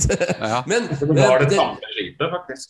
Det Nei, ikke. det tror jeg ikke. Det, men det er jo, det er jo samme prosessor, Ja, holdt jeg på å si. Ja, ja, ja, ikke sant. Samme hardware. Men- men- motherboard. Men, men, det jeg skulle si, da, som jeg tror kanskje ikke alle har fått med seg Dere har helt sikkert fått med dere, men når da Mando kommer til um, den eh, plassen hvor det bygges, så ser vi altså en stor stein kommer over en liten skråning. Og Ja. jeg tenkte da først at den steinen var flyr, eh, kom i lufta, altså flytende sånn, altså med krafta til Luke. Så jeg trodde vi kom til å se Luke. Ja. Men jeg elska at det ble en liten sånn uh, twist der, at det var rett og slett sånne droids med edderkoppføtter som, eh, som, som jobber. Og, og, og det var første jeg tenkte Og var at det bare var sånne sånn mini, så du at det var sånne mini-gonks som egentlig Altså liksom det på, det, det på midten har helt samme fasong som gonk-droids. Bare i mye mindre ja. format. Og så har de satt, eh, har de satt uh, edderkoppben på det. Så det var en ganske kul ny, uh, ny sånn byggerobot. ja. Så selvfølgelig var jo ganske referanse til uh, sånne arbeidsmaur. Så Ja, ja, ja. ja. Oh, oh, den tok jeg ikke. Den tok jeg ikke, Kristian. Ja, det det, er jo arbeidsmaur, det er jo det det er. Og, og, Luke, og. Luke har liksom leie, bygd dem eller kjøpt de, for han ikke gidder å løfte de steinene selv Men det får Ja, jeg synes det var litt for, for, at, for jeg hang meg veldig opp i det at det er gammeldags design, men det lager roboter. Det syns jeg var kult. For jeg tror ikke at i et Star Wars-univers så vil man ikke lage et gammeldags hus av mennesker. Altså, altså, men, altså, de vil ha droids, så, men selvsagt det er jo maur, så klart. Ja. Jeg tror Um, ikke og- det er Endor. Jeg tror det rett og slett er en planet Ja. vi ikke ennå har fått navn Ja, mest sannsynlig, mest sannsynlig er det det. Mest sannsynlig så Men er jeg det tror det er samme planeten som du ser flashbacket fra episode 9. eh, Ja! Og, Nei, det og- tror, jeg er, det tror jeg er etablert er på Endor. skjønner. The Moon of Endor. Jeg tror det er kanonifisert et eller annet sted. Men, jeg hørte men, det. men da, da, da, ja, da skal jeg være sånn en uh, guy in between dere, for at jeg tror nemlig at uh, oh, Eh. Når, når du ser disse tilbakeblikkene Allerede i The Force Awakens vet du, så ser vi en liten scene hvor Luke tar sin robotarm på hodet til R2, og så Ja. ser vi at det brenner i bakgrunnen. Og det, det ligner veldig på det tempelet vi så i episoden her. Altså det, det er til og med Ja. samme kameravinkel, nesten. Mm. Så, at, så det, er, det er nok det, altså. Ja, det er jo det. det er naturlig at eh, hvis, eh, eller når da, Leia eh, eh, blir trent opp av Luke, så er det naturlig Ja. at hun er på den planeten tempelet er, ergo Ja, planeten. Og Ja. Det er mye retconning ute og går. Det var retconning i denne episoden også, en ganske, ja. en ganske tydelig en. Vær så god. går helt imot uh, tegneseriene. Ja, ja, ja. Ja, du, du skal Det er to, det er to faktisk. eh, Eller i hvert fall én. Og den ene er jo lyssabelen til Yoda. Så Ja. Ja, ja. Den, den er helt klar. Den er helt klar retcon, Ja. fordi det, den ble kastet av Kirian Mundi, Så Ja. Og, og Eh. Unnskyld at jeg avbryter, Kristian. Jeg skulle bare si at det- eh, Nå skal jeg prøve å være litt sånn dyp og ha en kjemperar digresjon, men akkurat det du sa nå, Kristian, det er noe av det som trigger meg som Star Wars-nerd å, og vite. Altså, altså er det Mm. er vanskelig å kalle det for en, eh, en diagnose, om du vil. Altså, men det er, når jeg med en gang jeg fikk høre i 2012 at nå kommer det comic books, det kommer filmer, og alt som var canon, så fikk jeg sånn tanke i hodet mitt Å, jeg gleder meg til å finne feil. Og jeg, jeg, jeg, kan, jeg kan ikke sette fingeren på det, men så er mitt spørsmål til deg, Kristian, siden du også nå kommenterte, synes du også det er litt sånn artig på en måte å, å finne slike feil, eller blir du irritert? For jeg, jeg blir ikke irritert, jeg bare syns det er gøy å finne dem. Jeg blir ikke irritert så lenge uh, filmene alltid uh, bestemmer. Uh, Ja, ja, bra sagt. Jeg tenker liksom at de kan gjøre hva de vil i tegneseriene. Og jeg, Ja. Selv om de sier det er canon, så tenker jeg liksom at ja, det kan være canon til det motsatte er bevist. Akkurat som, det, var, akkurat som det var med Mandalorians. Ikke sant? Mandalorians var jo noe helt annerledes i EU før uh, Ja. Attack of kom. Ja. Så, og igjen, de har jo endret på det her med kulten som eh, Django Nei, Django er det, som uh, Ja. Din Djarin er, er en Ja. del av. Sånn at liksom, sånne ting tenker jeg liksom det, Hvis man skal Ja. begynne å henge seg opp i sånne håper å si plotthull, Ja. så, så, så styr unna sequel-trilogien. For det første. Ja, ja. Eh, altså, den er så mye Den er så full av plotthull og usannsynligheter og, og, og, og, rare ting de gjør, at den føler jeg liksom Den ødela litt, mens uh, Veldig. Mens jeg syns liksom at sånne småting som at uh, ja, i en tegneserie så kastet uh, Kiri Almondi den, tegne, nei, den uh, lyssabelen, og, og nå har Luke Ja. Jeg syns det er Ja. mer naturlig at Luke har lyssabelen, at han tok Ja. lyssabelen Ja. til For- eh, Yoda uh, uh, på da han dro fra. Ikke sant? For, fordi jeg tror nemlig Sorry at jeg avbryter igjen, men jeg tror nemlig at når John Favreau sitter i et sånn et kreativt møterom Uh, hos Lucasfilm og sier sånn And then Luke should uh, offer him the lightsaber or this one. Ikke sant? Og så kommer det en sånn nerd, en sånn Petter Aagaard der. Så, ja, men du, det stemmer ikke for at det sverdet ble ødelagt i comic book. Da, da ser jeg for meg John Favreau sier Fuck it! Let's just do it anyway. Jeg tror seriøst det er sånn det Han, er. han, det, jeg- han, han zapper den med sånn elektrostøt som han har gjemt under pullstolen ja, hans. ja, ja. Men, altså, han var men sånn, der, eh, sånn, som, sånn som hunder har når de bjeffer. Ja, ja, ja. Men så, vet du hva? For å komme til et eksempel Når, når jeg som med relativt lite regi, regierfaring har i musikalen når jeg nå setter opp Into the Woods og har forklart at det er to jenter som skal spille Rødhette ene Rødhette er med i scenen med ulven, og så den som synger bedre, skal få gjøre Rødhette-sangen, så spør de om blir ikke det rart. Fuck it! Kunstnerisk frihet, sier jeg. Vi kjører på. Og jeg tror John Farrow er så løsningsorientert han bare Fuck canon on that part. Nå bare vi This snakker- is good for the story. Ja. Vi snakker her om en detalj ikke sant, i en tegneserie. Vi snakker Ja. ikke om en stor, stort plottpoeng i en Ja. film. Og da kan Ja. man kan ikke la hendene være bundet på ryggen når du skal være kreativ. i Nei.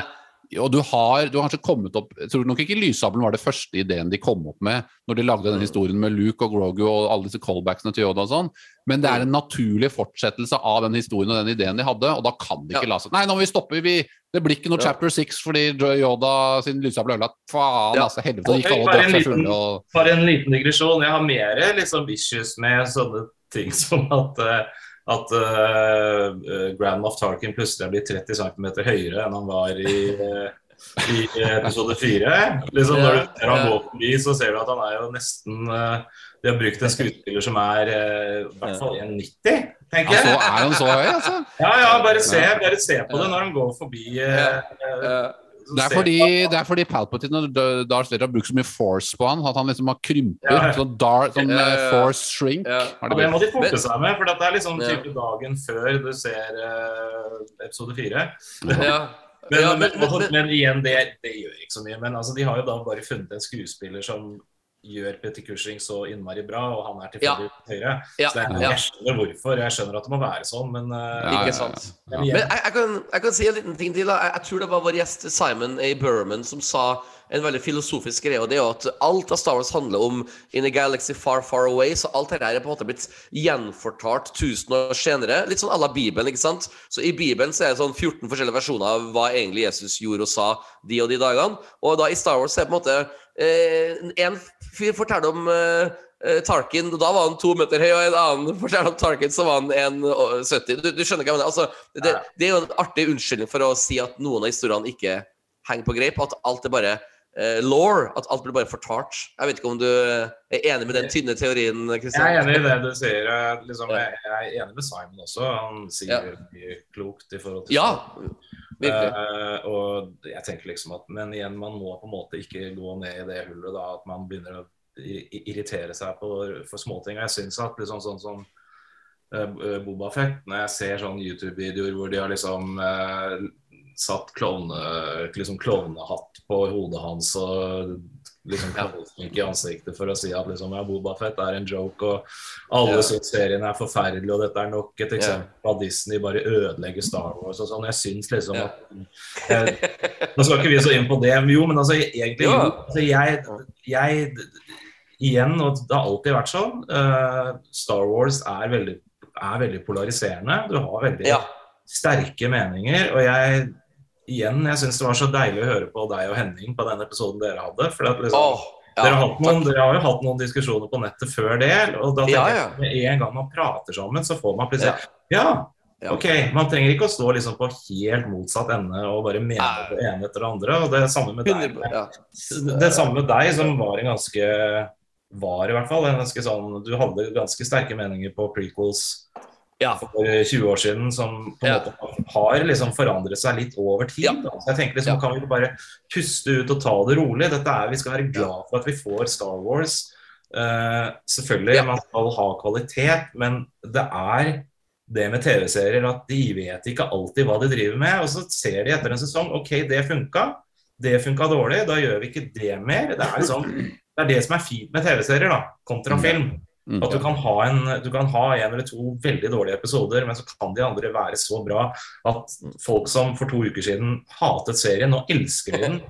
uh, men de skylder liksom på at Bobafett ikke er med lenger. Det er jo fordi at de nå er over i Mandalorian, som Ja. er en historie som folk er mye mer interessert i å få vite mer om. Ja, det er veldig enig. Jeg, jeg, jeg, blir jo også litt sånn Jeg blir litt halvprovosert av Jeg leste en artikkel eh, et eller annet sted som skrev at eh, eh, Disney has ruined Boba Fett. Men Ja. utgangspunktet for den, eh, eh, for den artikkelen og ståstedet til den som har skrevet det, var jo at han ikke egentlig vil ha en Boba Fett-serie.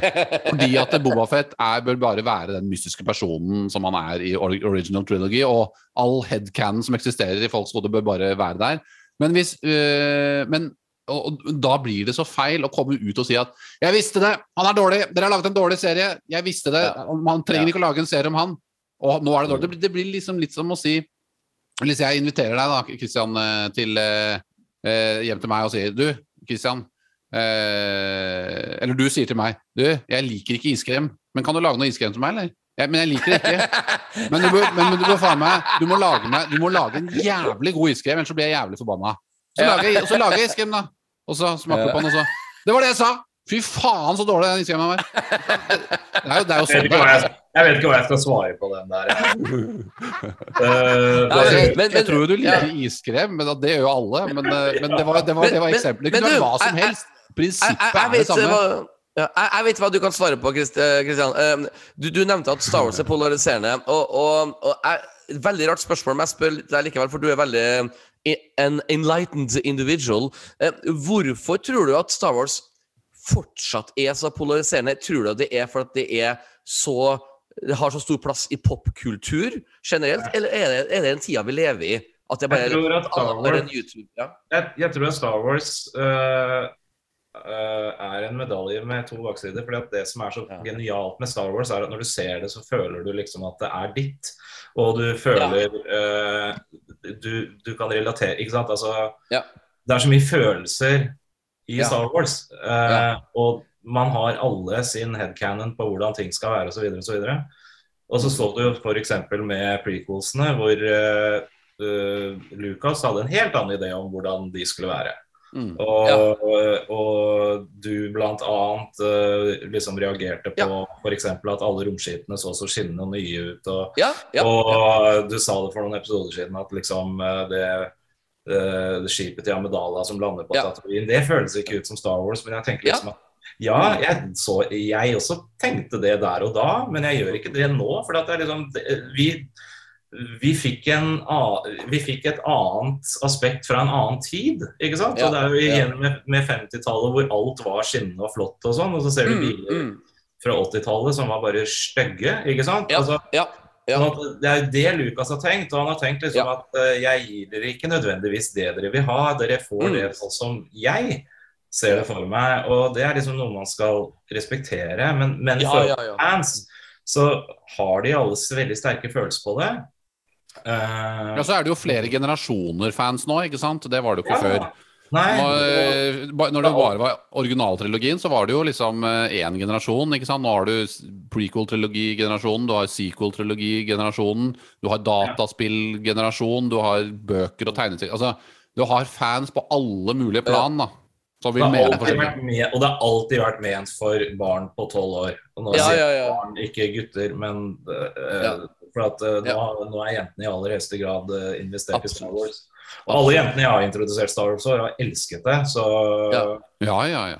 sånn at, sånn at Men det er ment for tolv år gamle Ja. individer. Og Ja. for at de, de skal finne litt eh, sin sti i livet. Ikke på Mm. en sånn eh, moraliserende måte, men det er jo likevel Det er liksom kjernen i det.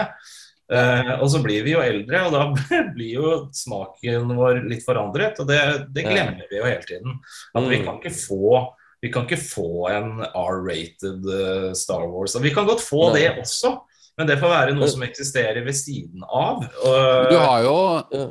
Du har jo eh, Altså Mandalorian har faktisk 14-årsgrense. Den er jo den mest voldelige av dem alle. Den er på grensen innimellom til å være liksom halvbrutal. Eh, så det, det er det nærmeste vi har fått liksom, eh, hva skal jeg si, vokseninnhold. da i, og, litt, og, og litt Rogue One også. ja, jo- Og så vil jeg jo si, også legge til også det at eh, Star Wars har også blitt altså det er, Du sier ikke sant, det er for tolv år gamle gutter, men det har også liksom blitt for voksne som vil føle seg som tolvåringer. Ja, you beat me to it. Og det, det syns jeg, det synes jeg er så fantastisk, da. Og det var det den Ja. episoden gjorde i går. Når jeg Ja, ser disse scenene med Luke. Så, så, Knut, så, Knut is stealing all my lines. as usual. Jeg må lage en vignett til det òg. Ja, ja, ja. Stealing. Var- jeg, jeg, jeg, unnskyld, jeg skal bare kjapt si at når eh, jeg så close-up av fjeset til Luke i går, det aller første close-upet, da kjente jeg liksom at tolv år gamle versjonen av meg ble happy. For jeg Mm. var så glad i den Luke fra Return of Jedi med de svarte klærne. Og det var bare eh, deilig å reise tilbake til midten av 80-tallet, liksom. Og, Ja, ja, ja. Og det, jeg, jeg satt altså alle de scenene med Luke og Grogo, så, så må jeg innrømme faktisk at jeg sitter med en sånn glad klump i halsen. En Ja, sånn, der, ja, en sånn glede over at Jeg blir rørt over at Disney gjør dette her for Ja. meg og alle andre.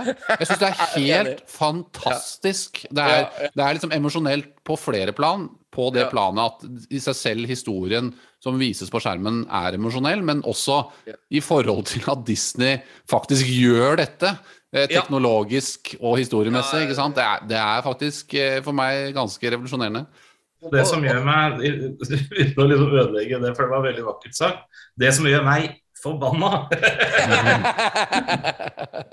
det er når eh, Fordi altså Du sier Disney. Jeg vil si at dette er eh, Favreau Ja, ja, ikke sant? Jeg mener jo egentlig det. Eh, Ja. menneskene som på en måte har gitt oss dette. Fordi jeg vet eh, ganske, ganske sikkert at Favreau ikke likte sequel-trilogien og syntes de var litt Mm. på feil spor. Og dette er liksom Ja.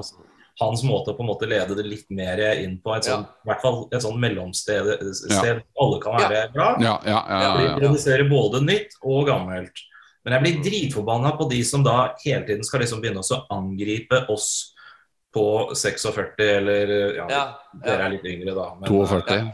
ja, men, ikke sant? men altså, at de angriper oss på at vi blir glad av å se sånt. At det på en måte er en del av den der toxic fandom, da, som jeg mener at liksom eh, Hvis det skal bli sånn at med en gang man ikke er enig om noe, så er man toxic. Eller hvis man syns noe er dårlig, så er man toxic. Det er igjen veldig sånn Det er det jeg mener med, med Mm. polariserende. Ikke sant? Ja, og det å legge ja. ut en en kommentar om at, at man enten elsket noe, så blir man angrepet for det, eller at hvis man ikke likte det, men redegjør ganske øh, Hvis du har, noe, ja, hvis du har saklige grunner bak ja. argumenter, så vil jo ting oppleves på en helt annen måte når hva si, motparten leser det, da, eller hører det. Ja, ikke sant? Og jeg ser jo liksom i disse spoilertrådene vi har på Star Wars Norge, at det er jo Ja.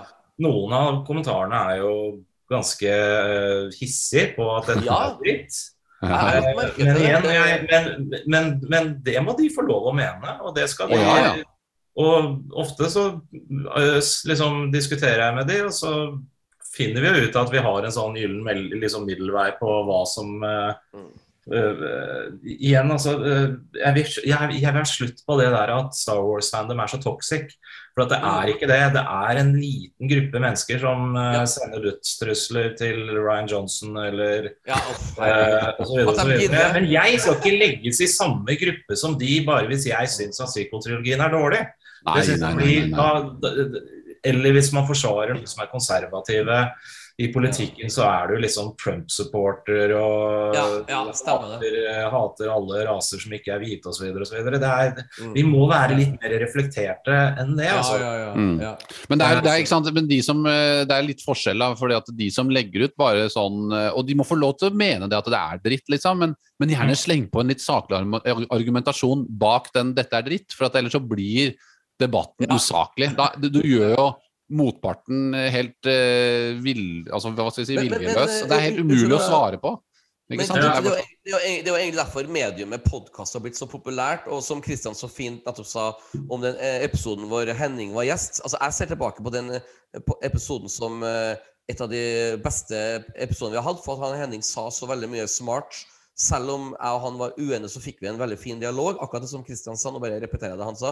Og det er jo det som er essensen med podkast. Og vi har også han Joe Rogan nå, som har en av verdens mest populære podkast, som inviterer mye forskjellige gjester som han er av og til enig med, og av og til uenig med. Og da plutselig så kan det skje at uh, Joe Rogan får kritikk fordi at uh, fordi at uh, det blir for mye negativt snakk om f.eks. vaksiner, og da skal folk uh, Ja.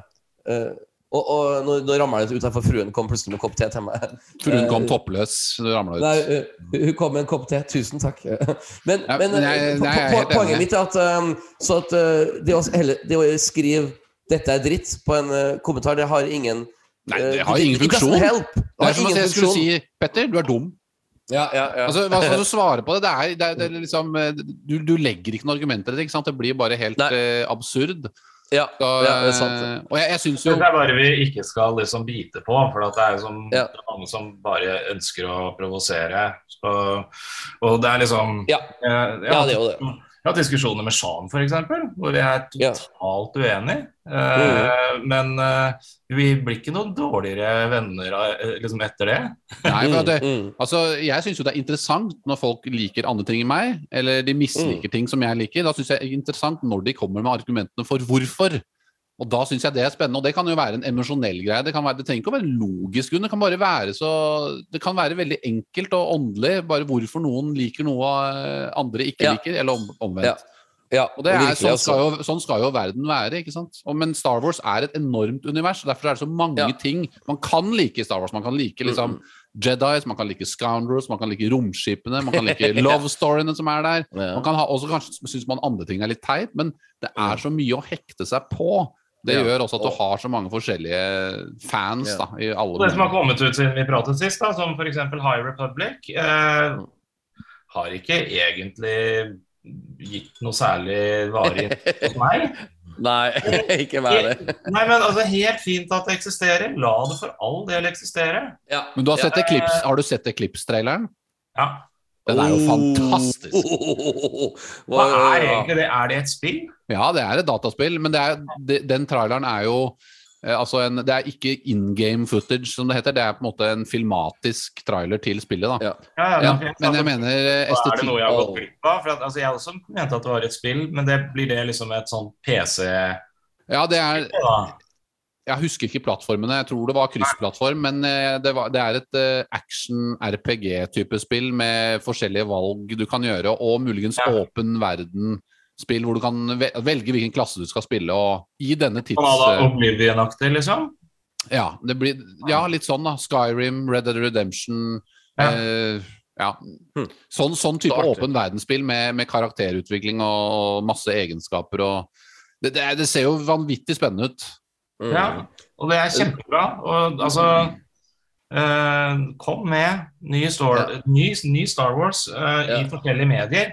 Det er det som er Ja. så fint at liksom De har kanskje skjønt at High Republic kanskje ikke er noe som ville uh, liksom please alle like mye, da.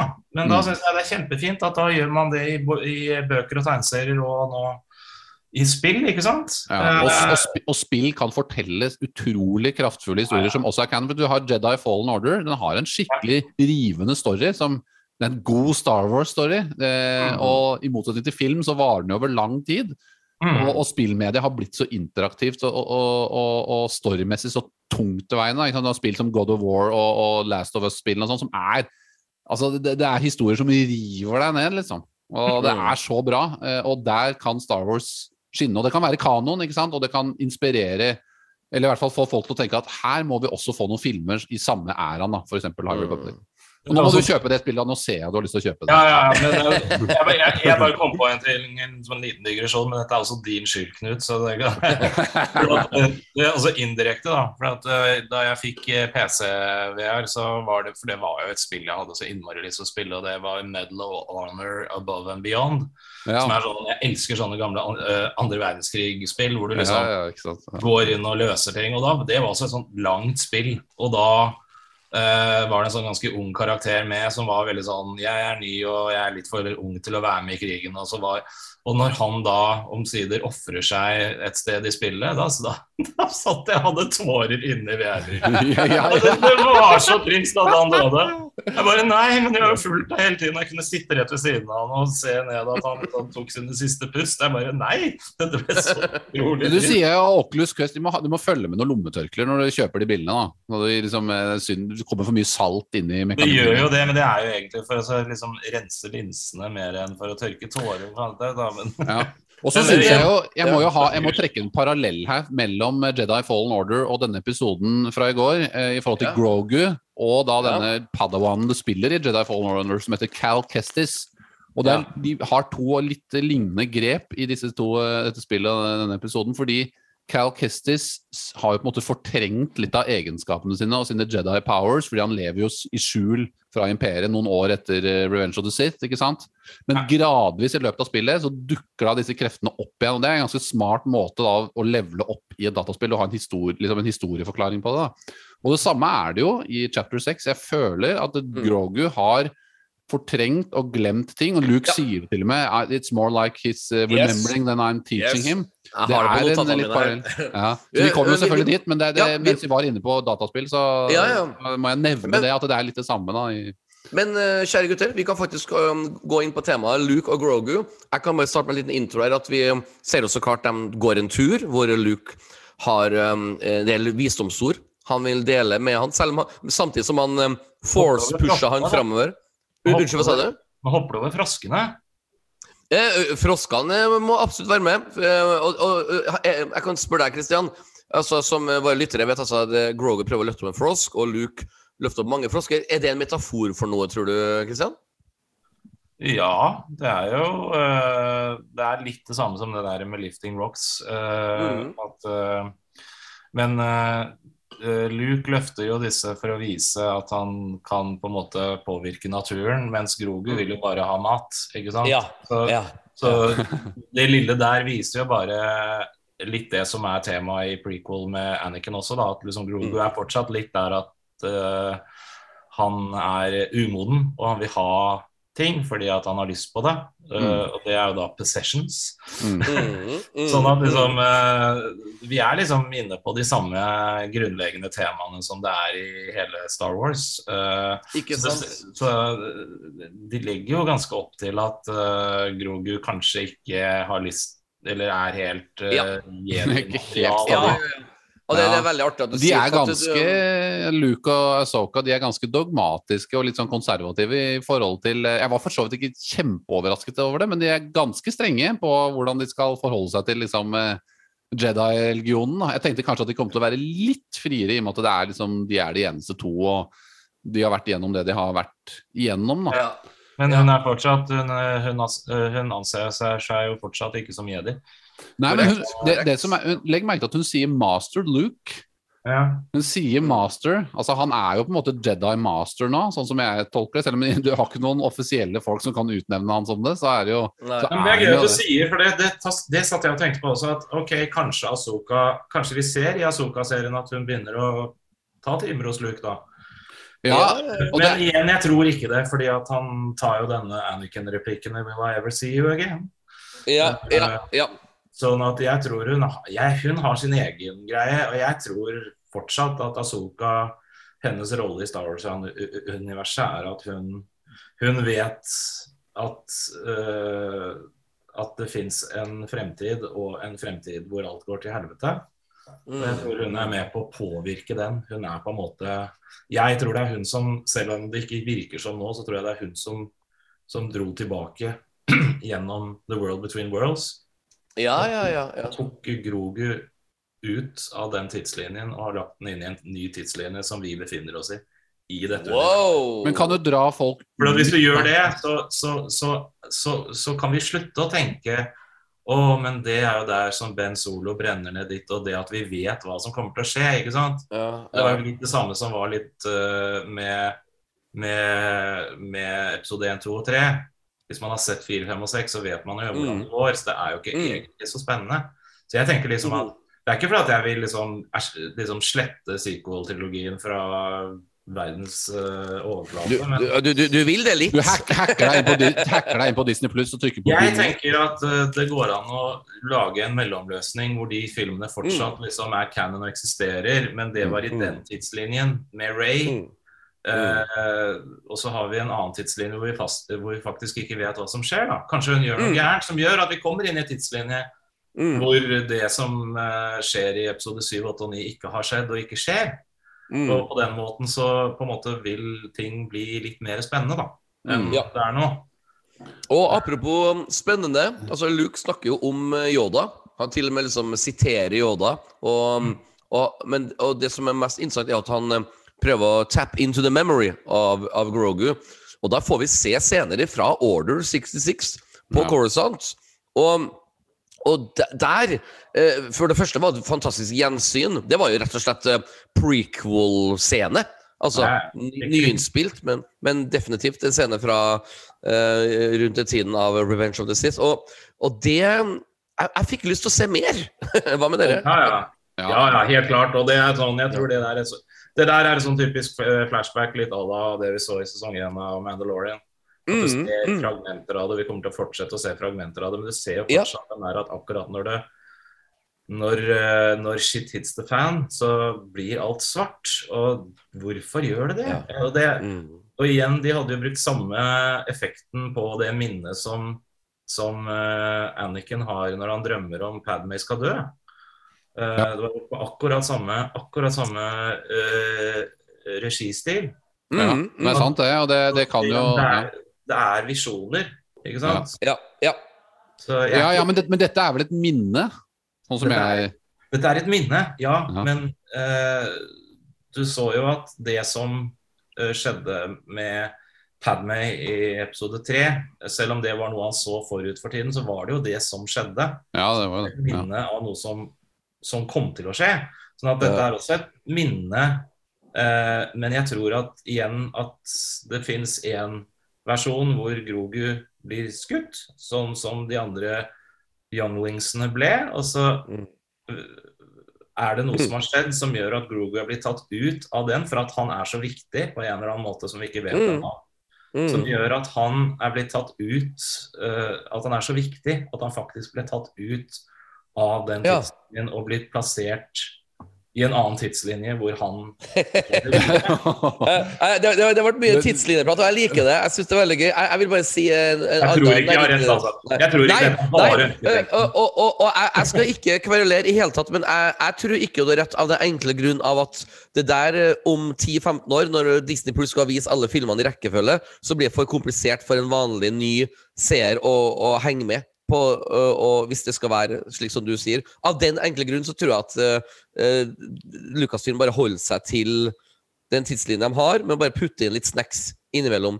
En liten trivia-feil jeg fant, da, var at når du ser den tilbake ja.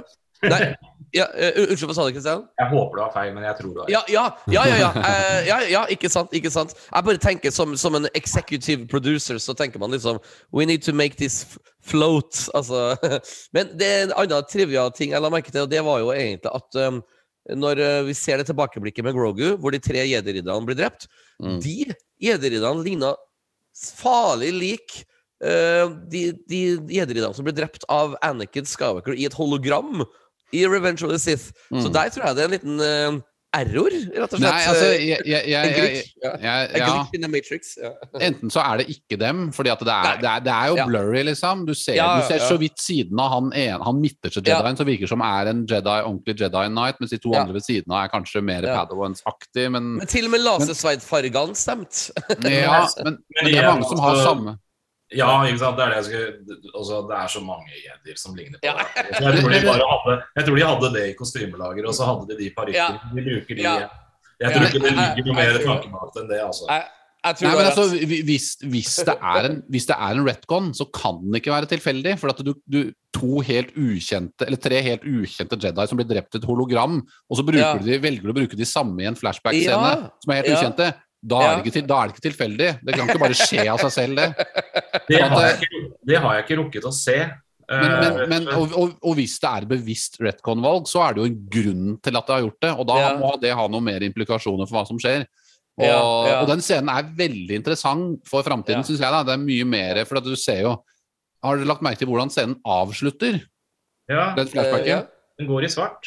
Ja, men rett før det så ser du jo, ikke sant Det er en klonetropper som peker øh, Ikke sant Hurry up. Han sier et eller annet uh, Nå parafraserer jeg, liksom, men hurry up, og så peker han. Uh, enten så er jo Grogu i samme rom, eller han ser det kanskje på en skjerm, eller han er Men det er tydelig at de ser et eller annet en en annen person til, da, en Ja, Jedi. ja. Og det, er, det kan jo være da den personen som redder Grogu, ikke sant? Eh, som, og det er noe vi får vite etter hvert. Dette, dette tror jeg er et flashback som kommer til å utfolde seg. Eh, Maybe i it's, uh. Og det er jo Saifo Diaz. Det er det. Ja. Altså det som på en måte gjør at jeg tror jeg har litt rett, da, det er jo det, Petter, uten at vi skal begynne å Det går bra. eh, men, Nei, det går bra. Jeg, jeg liker din teori. Men igjen, ja, for at, altså, det er litt det der med at uh, alt blir svart, og han husker ingenting fra, fra han ble reddet uh, i det jedi-tempelet Ja. uh, og til frem, altså frem til nåtid, da, ikke sant, så er alt a blur. ja. Hvorfor er det det? det er liksom, den eneste forklaringen jeg kan tenke meg, da, det er liksom at uh, Altså, igjen, jeg tror vi dealer med litt sånn uh, posttraumatisk stressyndrom med hensyn Mm, til mm. eh, Grogu. Han tror jeg lider av det i aller høyeste grad. For, Ja.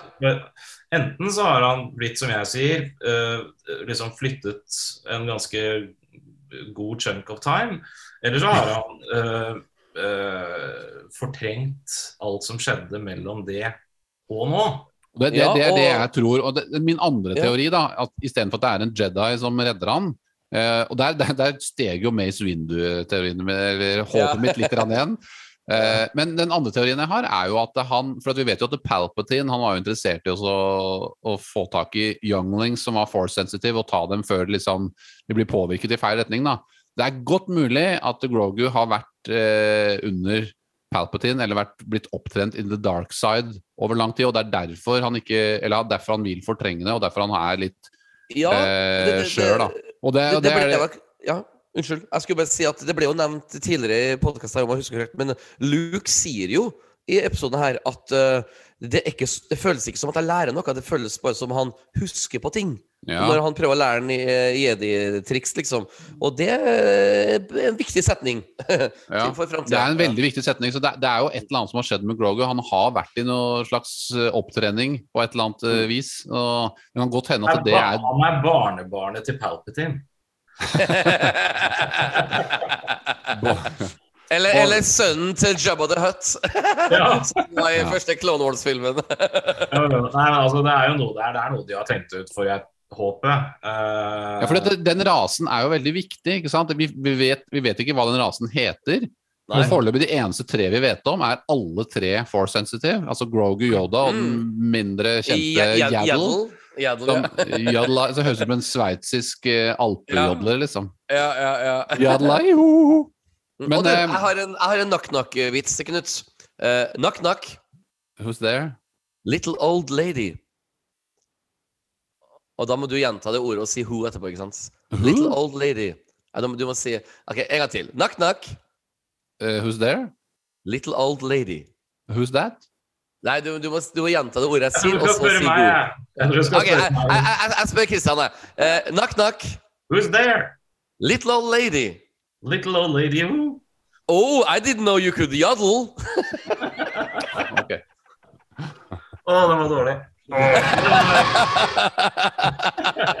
Little old lady who Ok, sorry. Det var- min, min favoritt uh, knock knock joke. Ja. Folkens, ja, veldig bra. Du, Jeg klarte ikke det. jeg må- ja, men, ok, jeg, skal, jeg skal lære deg knock-knock. Uh, Ja, ja, vi må øve på den er litt på siden. konseptet. Ok, eh, det går bra. Ja, ja, ja, ja ikke sant. Det, det er en slags uh, eh, Men folkens, eh, Luke eh, altså vi har, Han har Grogu i ryggsekken, som er så klart en Empire-omasj. Og så har du altså um, eh, altså CGI-en har vi snakka om, den er perfekt på mange måter. Men når han Luke hopper fra stein til stein, da ble jeg sånn Oh, that was not perfect. Så jeg nesten lurer på om de ikke ser det sjøl, de som uh, lager Men det kan- Men jeg, jeg, jeg, jeg tilgir det. Ja, Har du tenkt på at, at, ansiktet ikke var perfekt, da? Eller mener du bevegelsene? Eh, Kroppbevegelsene var Oi, nå ble det veldig sånn uh, Attack of the Clones. eh, Anakin oppå en uh, ku uh, ramla av eh, ja. Ja, han lander jo på en sånn der eh, elve En sånn Ja. froskeantilope der, eller hva faen det er for noe. ja, ja, ja. Men, men, men Jeg er en old Attack of the Clones-lover. Jeg bare sier det. Så Du, skal, skal Men liker du, liker du flåttkuene? Nei. Du, du, you will never defend uh, tick cows? Men, Nei, men, eh, de, uh, de uh... Det er ingen som liker det. Nei.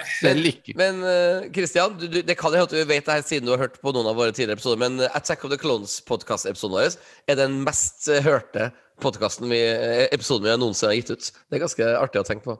Det var, Så- Dere hadde Vidar Magnussen. Ja, vi, vi hadde ja. Vidar med, så Har- det kan jo jo være derfor. Jeg tror det har noe med det å gjøre. ja. Så du mener at det Har ikke har noe med filmen å gjøre? Nei, nei.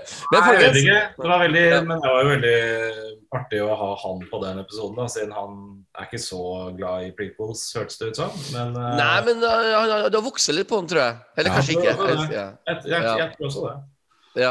Jeg vil iallfall uh, snakke nå, hvis det er ok for dere, om noe som Kristian så vakkert nevnte for en liten halvtime siden.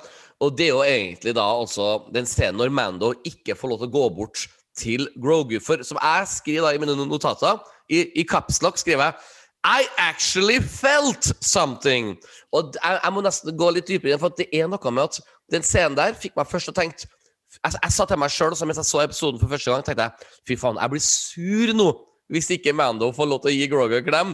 Og så skjedde det ikke, så ble jeg litt sånn irritert, og så tenkte jeg etterpå oh my god, episoden har faktisk engasjert meg følelsesmessig til å bli provosert. That's the beautiful thing! That's, good, uh, that's good direction. Det er bra regi. Jeg ble engasjert. Altså, det her er what Star Wars is all about. Altså, og jeg vil si at den scenen der Det var den scenen som fikk meg til å føle mest eh, i, på flere år på Star Wars.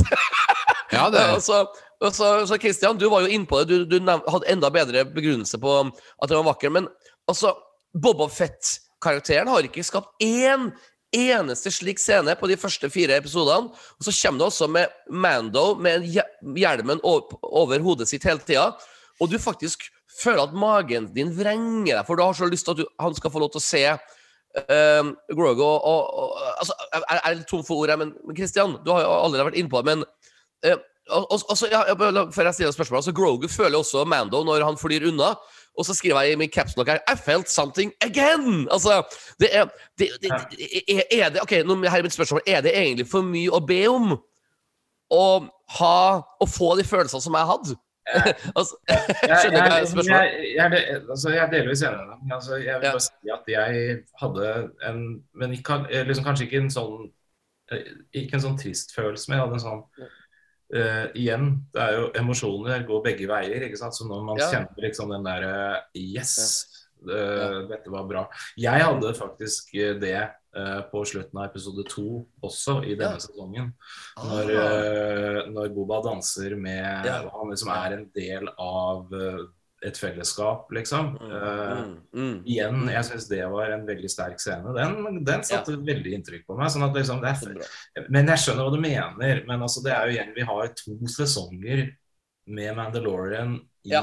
bagasjen når vi ser denne scenen. ikke sant? Ja, ja. Og det er jo igjen altså jeg kan, jeg kan ikke skryte nok av uh, av Pedro, av Pedro Pascal. Uh, Ja. Fordi at eh, på tross av at han har på hjelmen nesten hele tiden, så Ja. og stemmen hans er så øh, øh, altså, Ja. Han har en sånn formidlingsevne. Ja, ja, det, det Det er Ja. Og, han- og han spiller liksom Han spiller på hele spekteret, og du hører liksom på stemmen hans at, jeg, at han er så skuffa. ja. Og- Ja, og, og kamera zoomer inn på han ja, når han tar Ja, ja. avgjørelsen. Ja. Jeg har jo kommet hele veien hit, liksom. Ja. Jeg, jeg, jeg, vil, jeg vil bare se han, ikke sant. Det er Ah, det, Og det er jo ikke, det er ikke lett å få fram de emisjon, øh, emisjonene Nei, nei, De ja. emo emosjonene De, de emojisen, ja. øh, gjennom øh, den eh, ikke sant? For det, det er jo lagt på sånne radiofilter, ikke sant? fordi han snakker inn i hjelmen. ja, Det er vanskelig å få fram de subtile liksom, eh, nyansene der i, i, i emosjonene, i måten han sier det på. Og det, Ja. det er faktisk det er veldig, veldig bra gjort, altså. Men det er liksom det- som er grunnen til at man føler såpass mye på den scenen. Mm. Fordi det er jo i, I hvert fall føler jeg, da, at eh, selv om jeg vil at Grogu skal bli en jedi og Ja. hele pakka pakka That, der that's not gonna happen. That's not gonna happen. ja, altså jeg, det, det, Nei, Det vet du ikke, Petter. Nei, nei, nei. nei, nei. Eh, Det kan hende at han var en jedi, men han ikke var akkurat i jedi-tempelet den dagen. Det hende at han Ja. var Ja, ja. eller, eller snakkekurs eller et eller annet. Men, eh, men, eh, men, men igjen, altså Vi vil jo egentlig, og det er jo det som er så fantastisk med med Mandalorian-serien. Vi vil jo bare at de to skal være sammen og være som en Ja. familie. Far og sønn. På tross Ja. av at du nesten aldri ser ansiktet til uh, Pedro Pascal, som han sikkert Ja, det- syns er veldig slitsom selv, men som er helt riktig. Uh, Ja. På tross av det, så, så, så, så har de to et, klart å lage et så sterkt bånd med hensyn Ja, til det hvordan Og så har de jo ja, har laget, og hvordan Altså, det, det der funker. Det er liksom Ja, det er Ja, De det har er- har allerede laget den lille cockpiten. Du ser jo liksom at den er skapt for Grogu. Ja. Det er det. Ja, Det er det. Men det, er, og det, det, det, som er så fint, det som er så fint også, er jo at eh, Grogu og Mando har jo noe til felles i det der med at de, de er litt sånn revet mellom to kulturer, ikke sant? Grogo er jo nå revet mellom Han ligger liksom Skal han bli Jedi? Skal han bli Mandalorian? Og, og Mando er jo liksom litt reven. Skal han være en del av denne konservative kulten til eh, The Armor og Ja, Vizsla, eller skal han bli mer sånn som Boba Fett og den gjengen der som han Så han, han driver jo og pendler mellom eller Bo-Katan, ikke sant? Så han driver og pendler litt Mm. mellom to forskjellige verdener inni hodet sitt, og det gjør Grogo. Så de er jo så like og samtidig så forskjellige, ikke sant? Og Ja. eh, jeg tror jo fortsatt det er mulig at det blir en slags mellomting da, med, med Grogu, og, og, og det, det, jeg tror Darksaber kommer inn i bildet på et eller annet vis. Ja. Det var det eneste som jeg ble litt skuffet over, at det ikke ble en greie. Men det kunne det jo ikke bli når de ikke liksom fysisk møttes. Men jeg hadde håpet at Nei. Luke skulle liksom gi uh, Din Jaren noe uh, Et par pointers da, i forhold til eh, eh, hvorfor ikke Darksaberen funker så bra for han. For at han bruker den til helt feil formål. Ja. Ikke sant? Han bruker den i bounty hunting. Uh, selvfølgelig vil ikke den sabelen uh, respondere så bra på, på sånt. Mm. Altså, jeg, jeg, tror, jeg tror jo altså, ikke sant? Altså, det, er, det er klart at Hvis historien skal gå videre, så er det jo klart at det er mest sannsynlig at Grogu kommer til å velge eh, Ja. den rustningen. For at det skal skje noe videre i historien. Hvis han velger lyssabelen, så er det jo bare Ja, da, da møter du ikke Da er den karakteren på en måte Ja. ute. Og det tror jeg igjen, hvis jeg skal tenke Disney, så tror jeg de har sagt at han skal inn i serien igjen. Men jeg, da, tror tror det da er mulig at, det, at uh, hvis han velger rustningen, så, så, så sier jo da Luke Ja, da må, vi, da må jo han kjøre han tilbake da, til Mando på Tatooine, og da er det mulig at Luke drar til Tatooine. Eh, og så skjer det noe der, eh, i kryssilden, eller da er jo kanskje Boba og Mando eh, midt oppe i konflikten med The Pikes. Og på et, Ja, eller ja, ja. tids, og et eller annet tidspunkt så vil jo da kanskje Luke se at din wielder the dark saber og, s- og kanskje ikke Luke vet noe om det fra før av, og så får han en, en slags aha-opplevelse. Å ja, kanskje han kan, kan være begge deler. For at Luke er kjenner Luke, Det er ikke sikkert at Luke vet om Tar Han kanskje vet ikke at din har the dark saber. Nja, Ja, jo Det ville vært rart hvis han visste det. fordi at altså, Så langt så virker det som at alt Luke vet om kraften, har han på en måte lært av uh, Kenobi og av Yoda. Uh, Ja. Men, men, Det er jo- men, uh, Med mindre han har liksom dratt tilbake til The Jedi Archives, det som er igjen av det. Og liksom Ja. studert det. Og det er jo selvfølgelig også en mulighet at, de, at man kan få Særlig nå med denne nye teknologien, så kan vi jo faktisk få se det. Hvis det er noe som historien tilsier at man skal fokusere på. Ja, ikke sant? Og, og, og, men- og de har jo plan... ja. Beklager. beklager. Ja, nei, de har jo de, Og de har jo også planta det frøet med Par Visla, eh, eller Tar Visla, fra forrige episode, altså chapter 5. Ikke sant? Så det, det er jo noe de har eh, begått seg inn på storymessig. da, og det, det, sånn at Hvis Luke begynner å oppdage det, så er det noe publikum har fått vite noe om. da, Eller seerne. Ja. Og det er jo sånn som, Selv om det var forrige episode, så jeg har bare lyst til å si det at uh, måten hun uh, Nå kan jeg ikke navnet hennes, men hun Armour? Uh, the, the Jo, det er vel bare The Armor. Ja, Ja. hun har ikke noe Ja. navn. Måten, nei, ikke sant? Sånn. Da var det greit at jeg ikke visste Ja. det. Eh, det hadde vært rart hvis jeg begynte å si et navn nå da. Ja. Eh, men at hun, måten hun fortalte historien om Bakatan på, ikke sant? og Darksaber, ikke sant? It's a cautionary tale, det er jo måten eh, ekstremister eh, formidler sin, sin ideologi til eh, folk som blir hjernevasket. Ikke sant? Det er jo den måten det blir fortalt Ja. på. Ting som Ja. vi ser på som på én måte, forteller de som en eh, liksom, it's, it's a cautionary tale, ikke sant? Ja. Hun tok imot lyssabelen, og derfor så gikk alt forferdelig med henne. Ja. Uh, igjen, ikke sant? Det er noe som nå Bokatan tror er riktig. Uh, I forhold til at hun kan Mm. ta den imot, hun må, altså, hun må ta den i battle. Mm. Men igjen, jeg syns liksom det er litt sånn interessant hvordan, det, hvordan den historien ble fortalt fra uh, den uh, delen av Mandalorians uh, synspunkt, da. Ikke sant? Mm. Mm. Og igjen, jeg liksom Det er jo åpenbart at de liksom måten Din Jaron er blitt oppdratt på, er en måte som han bare kommer til å innse mer og mer og mer at kanskje ikke Ja. var helt riktig. Mm. Absolutt. Absolutt. Så på et eller annet tidspunkt så kommer han nok til å ta av seg hjelmen mer. Mm. Uh, akkurat nå så vil han jo bare ha tilgivelse uh, og Mm, være mm. med i klanen igjen. I Ja. den store klanen. Være med i trioen. Ja. Ja, ja, han vil være med i trioen. Ja. The Power Trio. Ja, Han er den der dream girl som ble kasta ut av gruppa, liksom. ja, ja, ja, ja. Eh, Grunnen for at jeg var sånn at jeg holdt på å avbryte i stad og stoppa, jeg bare så for meg at vi kommer til å få mange av våre lyttere til å arrestere oss på det at de kommer til å si at når Luke henta Grogu i siste episode av sesong to, Ja. så er jo The Dark Saber i det samme rommet. Ja, Som, Det var derfor jeg stussa litt på meg selv når Ja. jeg sa det. Men, Ja. men den er vel ikke fremme Den var synlig? ikke den var- ikke tent, og den var ikke fremme synlig. nei, ikke sant. Jeg ville Så, si ja. det. Ja, Så jeg arresterer den Eh, tilbake. Ja. ja, ja det, det går bra. Men men jeg ser poenget, og det er sikkert noen som kommer til å arrestere, men igjen, det er jo Uh, det Jeg tror ikke Luke nødvendigvis er sånn at, at hvis han kjenner at det er en lyssabel i rommet, så vil han bare Hvor er den? Mm, mm, tror mm, hans fokus var litt annerledes akkurat da. Sånn at liksom Igjen, det blir i Ja. Det, man kan Ja, det er også Men, riktig. men, men, det er men, ikke men, riktig og feil her. nei, men jeg, jeg syns i hvert fall det liksom eh, Det kan det kan uh, lage en veldig spennende scene hvis vi får en scene med Luke som på en måte oppdager dette her med Tar Visla og den, første, den eneste Mandalorian Jedi som har eksistert. ikke sant? Det, det, det er sånne ting som jeg digger. Som kan oppstå, da, en slags, eh, en slags en handling som har noe med det å gjøre. At en av våre favoritthelter liksom finner ut Ja. at det faktisk eksisterte en Jedi som også var Mandalorian. Det er jo noe som kan vippe Ja. han i en annen retning. Ja, Og Det er jeg rimelig sikker på at de må jo nesten gjøre det, tenker jeg. Mm. ja. Det var faktisk eh, Jeg var veldig glad i å lese eh, tegneserien eh, Star Wars-tegneserien fra Dark Horse. Å, Petter, For, Petter. ja, oi, har du en ny, ny, ny jingle?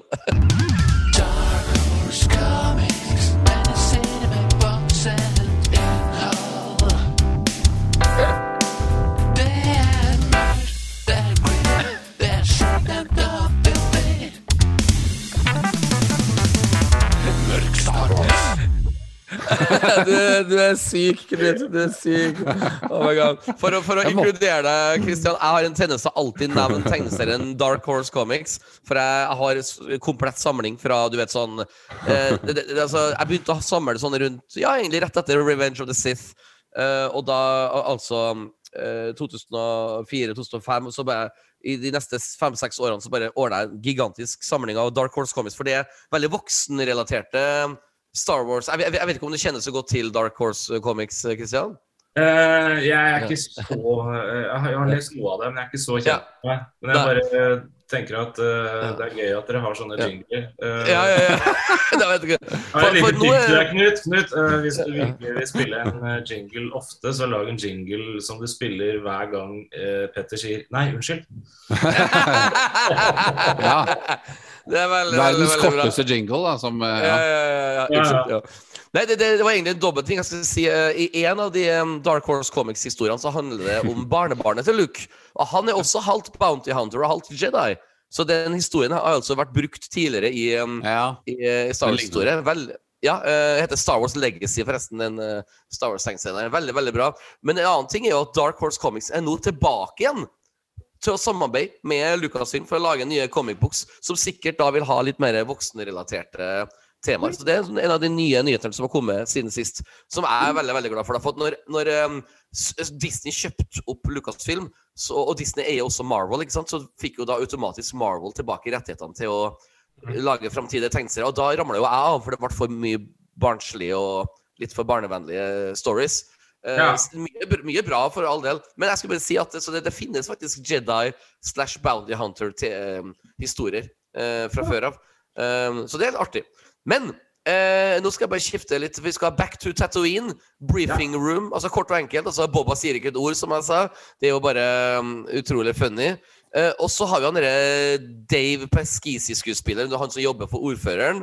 Veldig artig liten replikk han hadde der. Det var litt sånn Trump-ish. Det at uh, no, um, He was actually scheduled, to be on Scheduled vacation. Ja. Vacation. Da, da lo jeg litt for meg sjøl. Jeg vet ikke om det, alle, alle tok den referansen. Det er sånn klassisk politikergreie. Man er ute og golfer, liksom. Jeg dro den, Ja. men jeg kjenner at jeg har fått litt nok av akkurat den karakteren. Oh, ja, jeg vet det. Jeg vet det. Jeg vet det. Eh, Men- Men, eh, men jeg syns han altså, Ja. Jeg synes han var så bra i den første episoden. For da følte Ja, jeg liksom ja, ja. sa det kommer, nok, det kommer nok noen etter hvert og smilte litt. Ja. og liksom. Da følte jeg liksom oh, creepy. Ja, Nå føler jeg liksom Nei, er han blitt litt sånn. Er han bare blitt comic relief? Det, Jeg vet det, jeg vet det. Han, han var soleklart best i første episode. Jeg òg forventa her, her kan bli en spennende dialog og karakter, men det, all, alle karakterene som dukker opp i Bobbene så langt, har fått for lite spilletid. Men det er det jeg skal fram til, da, er at Din Jarin vil jo hjelpe til, så klart. Han flyr over en sandcrawler, som dere sikkert eh, ser har fått seg en Crate Dragon-skjeletthode, som så klart er en referanse til episode én av sesong to av Mandalorian. Men ja. Ja, unnskyld. Nei, unnskyld. det er, vel, det er etter at han har vært der. Han flyr Ja, over dem. Men uh, la dere merke til at uh, de har brukt uh, holdt på å si skjelettet til uh, Crate Ja, Dragon med å lage de gjør det inni, inni baren. På, Ja. Ja! Ja. Ja! Du så det, du. Jeg, jeg det så det var- ikke før andre gangen jeg så det. Ja. Nei, ikke heller. Det var ikke så lett å se, at den, er den ligger jo liksom litt ute i kantene der. Jeg Ja, måtte ja. faktisk tilbake og se på den første episoden av sesong to. og- og Ja.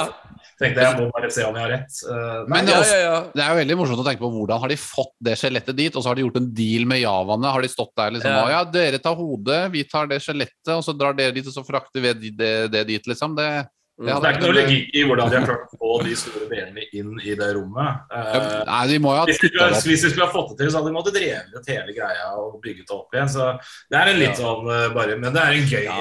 detalj. Ja, morsomt. Jeg kan fortelle dere en liten artig historie. Den har eh, ikke så relatert til eh, eh, noen ting, egentlig. Men uh, i går, da, klokken ni, når jeg så denne episoden som vi snakker om i dag, så var min sønn på fire år hjemme. For at eh, han kan kun være i barnehagen annenhver dag. Takk og pris for at han er i barnehagen i dag, for ellers hadde det blitt mye bråk under podkasten. Men poenget mitt er at um, akkurat når den sandcrawleren kom, så sprang fireåringen min, for han satt altså i sofaen og så på sammen med meg, han sprang inn på rommet sitt fant en svær, svær bøtte med sånn, du vet, sånn eh, 100 forskjellige Lego-ting.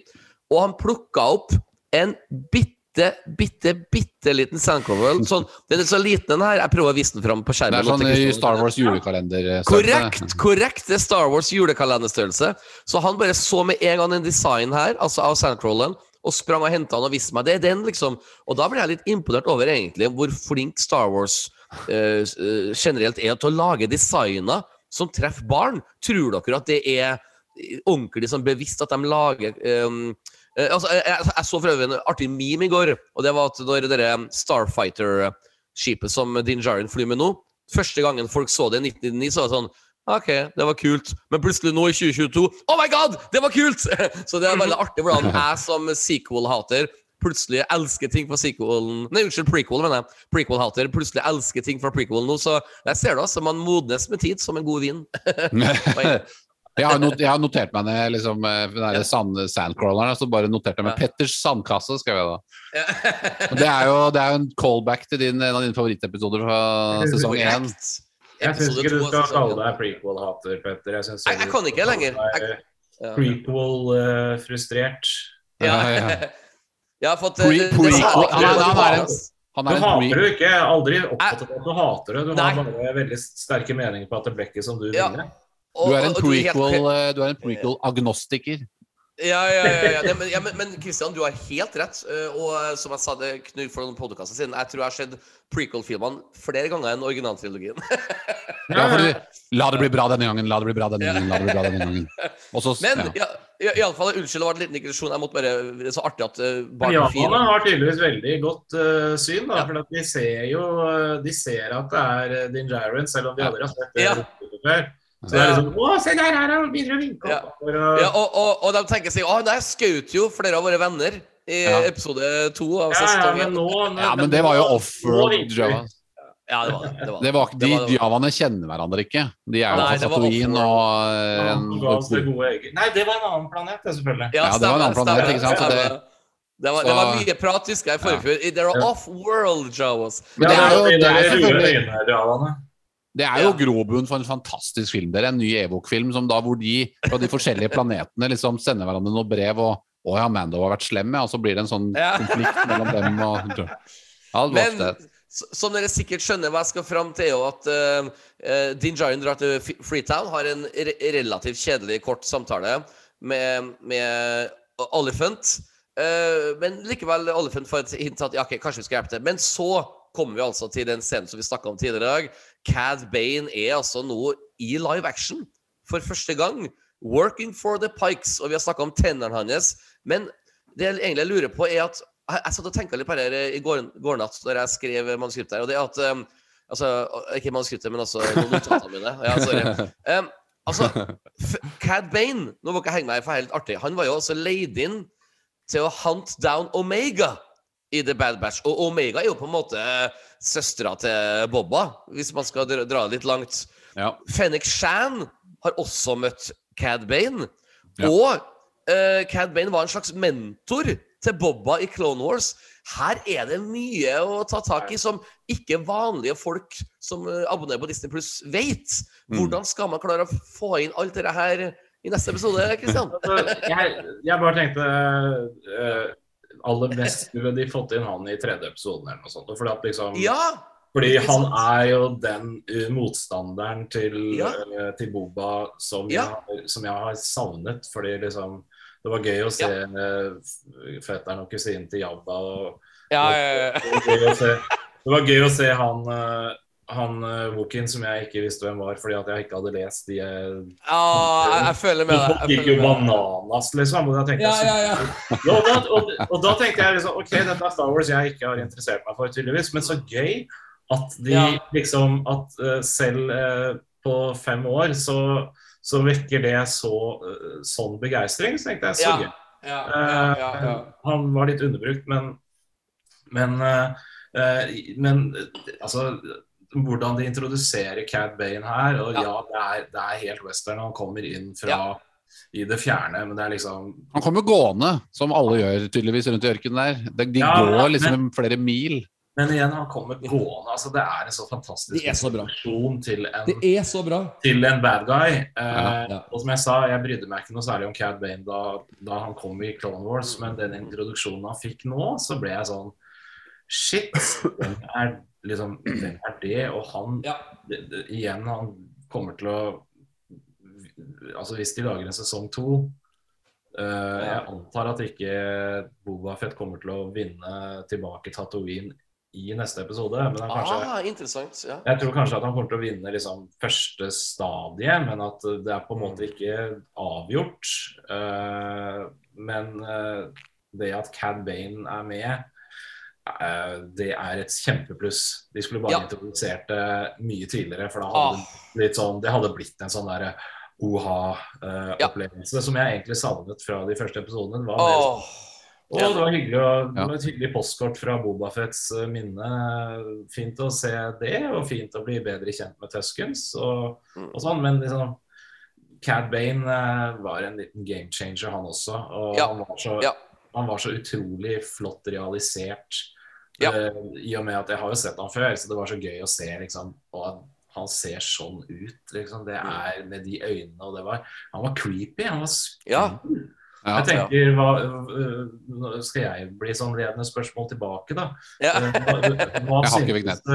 var, han fikk vel en ganske sånn øh, reaksjon, han sønnen din, da han så han?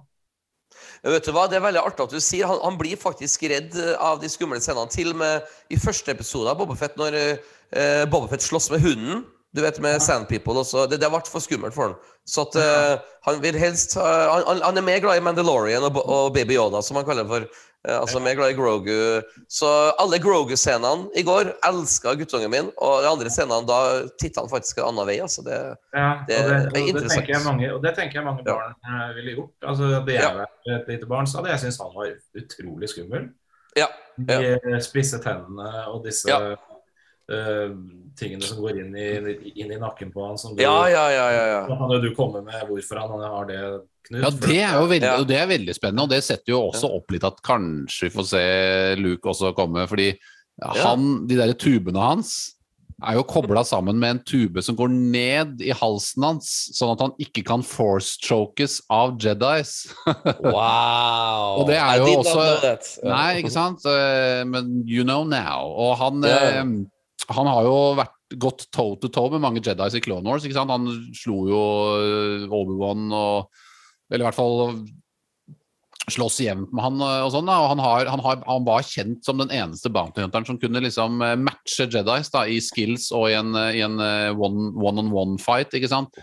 Så han er jo en formidabel rival til Bobafett, men også for så vidt til eventuelt Luke, hvis han skulle komme inn i bildet. At ingen klarer å ta rotta Ja. på han, og så kommer Ja. Kanskje Luke inn i bildet der da, på, i siste Ja. episode. Det, det vil Ja. jo selvfølgelig bli en liten kopi da, av eh, Mandalorian sesong eh, to, hvis vi får Ja. enda en siste episode med Luke som dukker opp og saves the day. Men, eh, Ja, men, kan... men kanskje, Luke, kanskje Luke har med seg en uh, a good friend?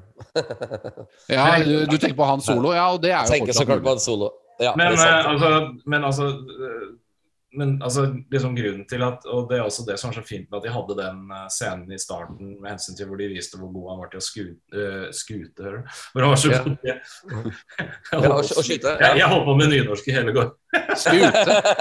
Skute, jeg tror ikke det er som heter det, men det var sånn. Er det ikke Skaut? Skaut? Jo, skau, skau, han skaut. Uh, men altså at han var god til å skyte, da. ikke sant? Fordi at uh, eh, Jeg måtte jo pause. Jeg så det jo flere ganger. Jeg ser jo det at eh, eh, han er ikke død. Altså uh, Nei. Cod Vance er ikke, nei. Nei da. han er ikke Nei, Han ble, og det syns jeg faktisk var litt teit. Han ble skutt i, eh, i venstre skulder. Ja, Når og han- og, og, og, og når han ligger Jo, jo, men altså, det, den kan jeg kjøpe. Liksom. Det, jeg hadde også bare ligget helt rolig. Ja. Til, til han snudde seg og gikk, liksom. Eh, Ja. Så jeg spilte død. Eh, jeg tror ikke han hadde liksom kommet så jævlig langt hvis han hadde tatt opp pistolen for å skyte en andre gang.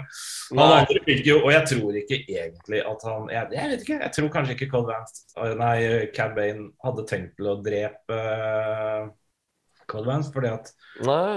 han, han Det- plaffer jo fire-fem skudd rett i han eh, Jeg er Ja. også Ja. jeg, jeg er skyteskive Ja. Det er jo han som fremprovoserer situasjonen. Han er, Ja, ja, ja, han derre- helt, helt klart. Ja. han derre rookien. Helt er klart. Men, men, eh, It's men, a rookie mistake. Ja. Ja. ja, men jeg syns det var litt sånn morsomt når de løp til for å gi han førstehjelp. Han, Collins, Cole Ja. De liksom drev Ja. og presset ned på høyre side, altså som i Ja. nærheten av hjertet. Jeg bare tenkte, Det er jo ikke der Ja. det ble spytt. Det er, det er helt feil sted. Det er jo forferdelig dårlig førstehjelp. uh, opp- Ja. Opplæring i, i Freetown. Ja. Men det, men, det jo, men det er veldig bra, fordi det er første som også går inn på neste scene vi skal snakke om. Da, det er at Ja. det, Dette er første episode hvor vi virkelig ser at antagonisten, da, i The Pikes og representert også Ja. av Cad Bane, gjør noe for Exactly. plottet hvor du føler at det, Ja. de, det er urettferdig. At det vil bli konsekvenser, ja. Ja, Det har vi ikke følt før, og det har, det har liksom manglet fra serien. da, og Det kom yes. veldig seint, men det var veldig bra og veldig forfriskende å se det. Kom, kommer lovlig seint, sent, for det, det er som du sier, Etterpå blir det eksplosjon på nattklubben, og da Her Veldig må det komme konsekvenser. Ja, unnskyld, han, Kristian. han gjorde jo noe jævlig dumt da, i og med at han skjøt uh, altså, uh, Cad Bane. Fordi at eh, hvis, det, hvis hans intensjon var at han skulle liksom få de til å ikke Ja. uh, liksom ryste opp til kamp, ja. så var det jo akkurat det som du ser jo det Ja. siste shotet av han bartenderen som reiser seg og ser fram, liksom. At han har liksom kampvilje i blikket. Det er det her som gjør at, uh, at det kommer en Garrison fra, fra Freetown. Ja. Ja. og, og, og på en måte joiner i kampen eh, mot eh, Pikes. Men han, han Ikke vet sant. jo ikke ikke sant? Han vet jo ikke at de har inngått en avtale med Din Djarin. Og det er ikke helt sikkert heller at Cad Bane vet om Din Djarin i det hele tatt. Eh, Han og at kom jo han, akkurat det, nei, men han kom jo liksom Det var jo sånn besynderlig at han kom liksom i øyeblikket Ja. Romskipet sveipet opp i høyre surround-kanal på ja. soverommet. Er liksom, jeg, jeg har Dolby Atmos på soverommet. Jeg satt og sov i sengen. Ja. Ja, det, og det, det var dritkult når, eh, når Din Jaren kommer flyvende og lander Åh. eh, hos, eh, hos Boba Fett. Ja. Eh, hvordan de hadde benyttet Atmosen da. Det var liksom rett over huet mitt. Det var Men nå så du, det er jo bra PR for Atmos her, Kristian. Ja, jeg må bare lytte Ja, Du, har, du har begynt å jobbe for Dolby, du. du sånn Ja, det, det skulle høres sånn ut, for jeg har nå også Atmos i stuen. Så liksom um, ja, men altså, igjen, Vi får ikke gå noe særlig på kino, da må jeg bare bringe kinoen hjem. Jeg har ja, Ja, ja, i ja. stuen. Jeg er, en jeg er en hjemmekinoentusiast, da. Jeg, Ja, det- si, jeg jobber i lyd og bilde. Det vet Ja. om folk ikke visste det, men altså jeg, Jo, det nevnte du det forrige gang, jeg. Jeg vet ikke sant? Så jeg er jo over middels interessert i uh, lyd og bilde, kan man si. Ja. Så jeg elsker det å ha få kinofølelsen hjem. Så ja, dette er ikke en, kone, dette er ikke en konevennlig leilighet. Uh... Nei, nei, det går bra.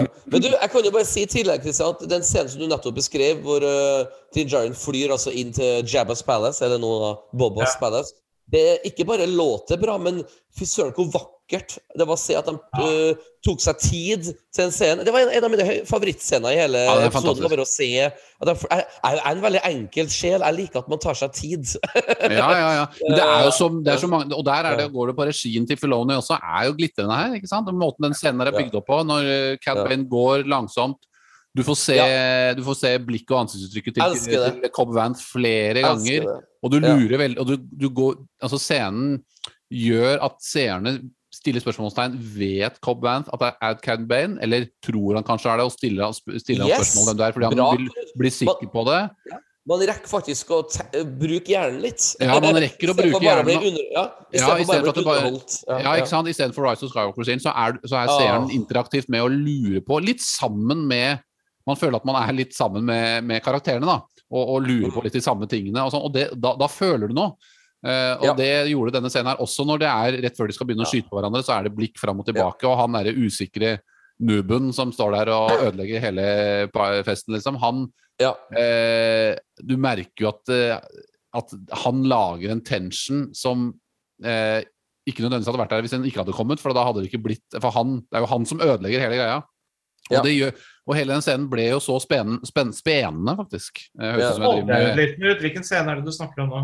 Nå snakker jeg om shootout-scenen Um, mellom Cobb eh, og Ja, ja, ja. vi, er, vi, er, vi er fortsatt der, ja. Vi, er vi er fortsatt der. Ja, så, datter, jeg, så begynte jeg å snakke og si spenende, så jeg følte at jeg liksom drev med sånn melk, kumelking. At det var det veldig går spenende.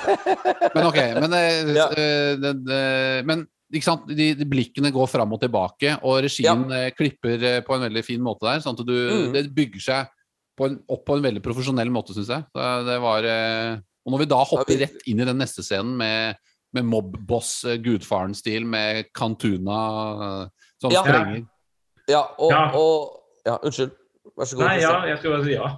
Ja, Nei, altså, altså for det, det, Den er veldig kort og effektiv, som bare skjønner at her blir, vil, vil vi få vite mer neste uke. altså. Men eh, jeg vil jo si at eh, som dere sikkert helt har sikkert forstått, eh, min favorittscene, og sikkert, helt sikkert deres favorittscene av denne episoden, er jo, vil alltid være når Mando bare ser opp og har lyst til å snakke med Grogu og ikke får lov til å snakke. Og jeg føler liksom at um, den scenen får en liten sånn en bonusscene nå helt på slutten, når da eh, Luke nærmest tar opp med Grogu. uh, Ja. Uh, ja, altså Mando har vært her, nå må du velge. Og, så det på en måte løfter opp Så jeg, jeg fikk på en måte litt sånn svar på det Det jeg ikke fikk svar på tidligere i episoden.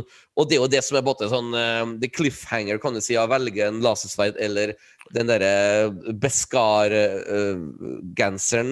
som vi for øvrig gjetta riktig, Knut. Vi trodde det kom til å være en sånn en riddertype En, lignende vest. en chainmail, liksom. Ja. Ja, ja.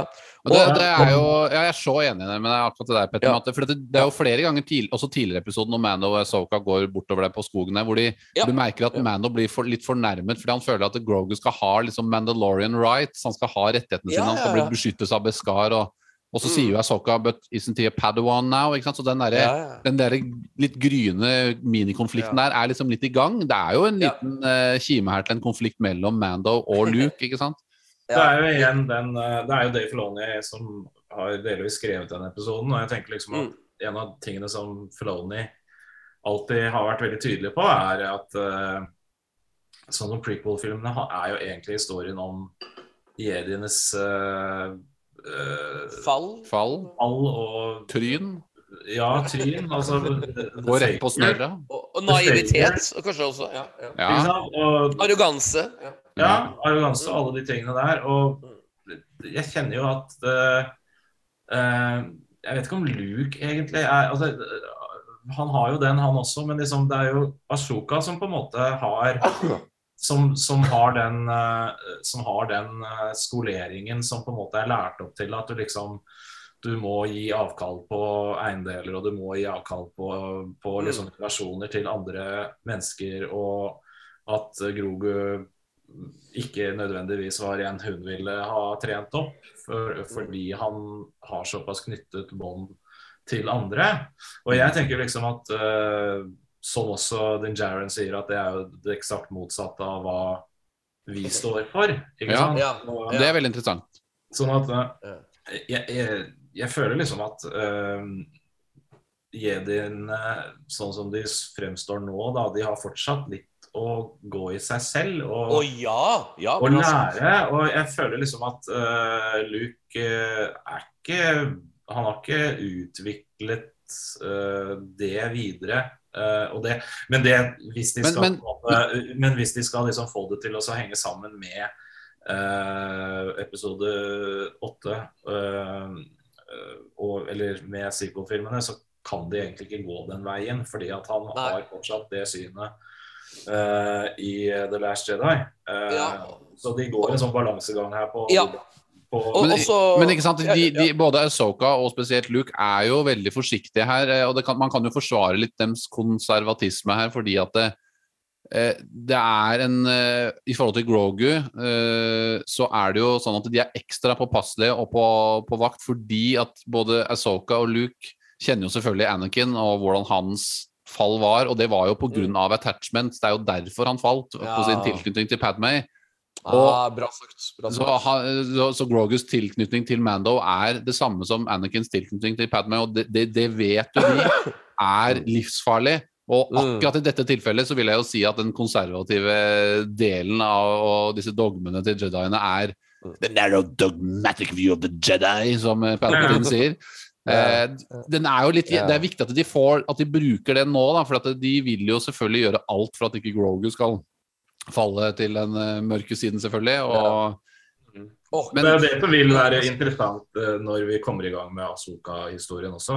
Det er ja, ja, ja. to store eh, store sånn eh, opplevelser hvor på en måte hele hennes følelsesregister bare ble knust. Det var jo når jediene på en måte ikke forsvarte henne og trodde at hun Ja. var spion. Og eh, også den eh, eh, åpenbaringen hun hadde at at Anakin faktisk var i live, og at Darth Vader er Anakin, som, hadde, som hun hadde i, i Rebel-serien. Jeg håper vi får, jeg håper vi får liksom se noen av de scenene i live action som i type flashbacks fra øh, øh, At vi kan se litt av den duellen hun hadde øh, i, i Rebels på ordentlig, og at det er Hayden Christensen som spiller inni Tenk deg det hvis det er Hayden Ja. Som Ja, ja, det, Ja, altså, det er, vi, vet, vi vet jo at Hayden Christensen er tilbake fra SOK-serien. da. Ikke sant? Så, Så, så, ja, more or less. Og- og- ja. ja, ja, men så tenk hvis man ser noen scener hvor han faktisk er inni hjelmen, og, du, og, du, og, Ja.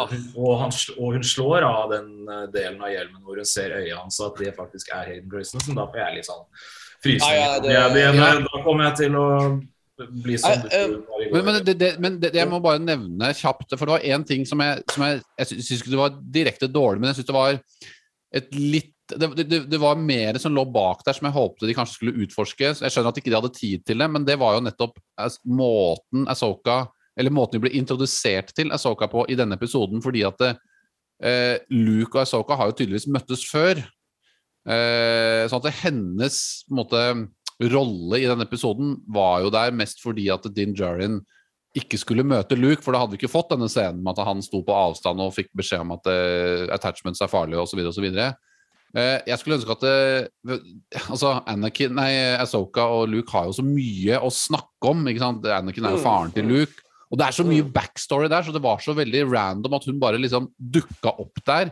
Og Det er ikke unaturlig at hun var der, men skulle gjerne hatt en, en scene eller visst litt mer om det. Det håper jeg vi får se det i ettertid. jo i tok da. Asoka-serien, det er jeg helt sikker på. Knut. Ja, i Asoka-serien eh, Ikke sant? Og det er jo igjen det som er så fint med at man Det er jo som eh, med andre serier at man må liksom uh, uh, At man må uh, se ting i en viss rekkefølge.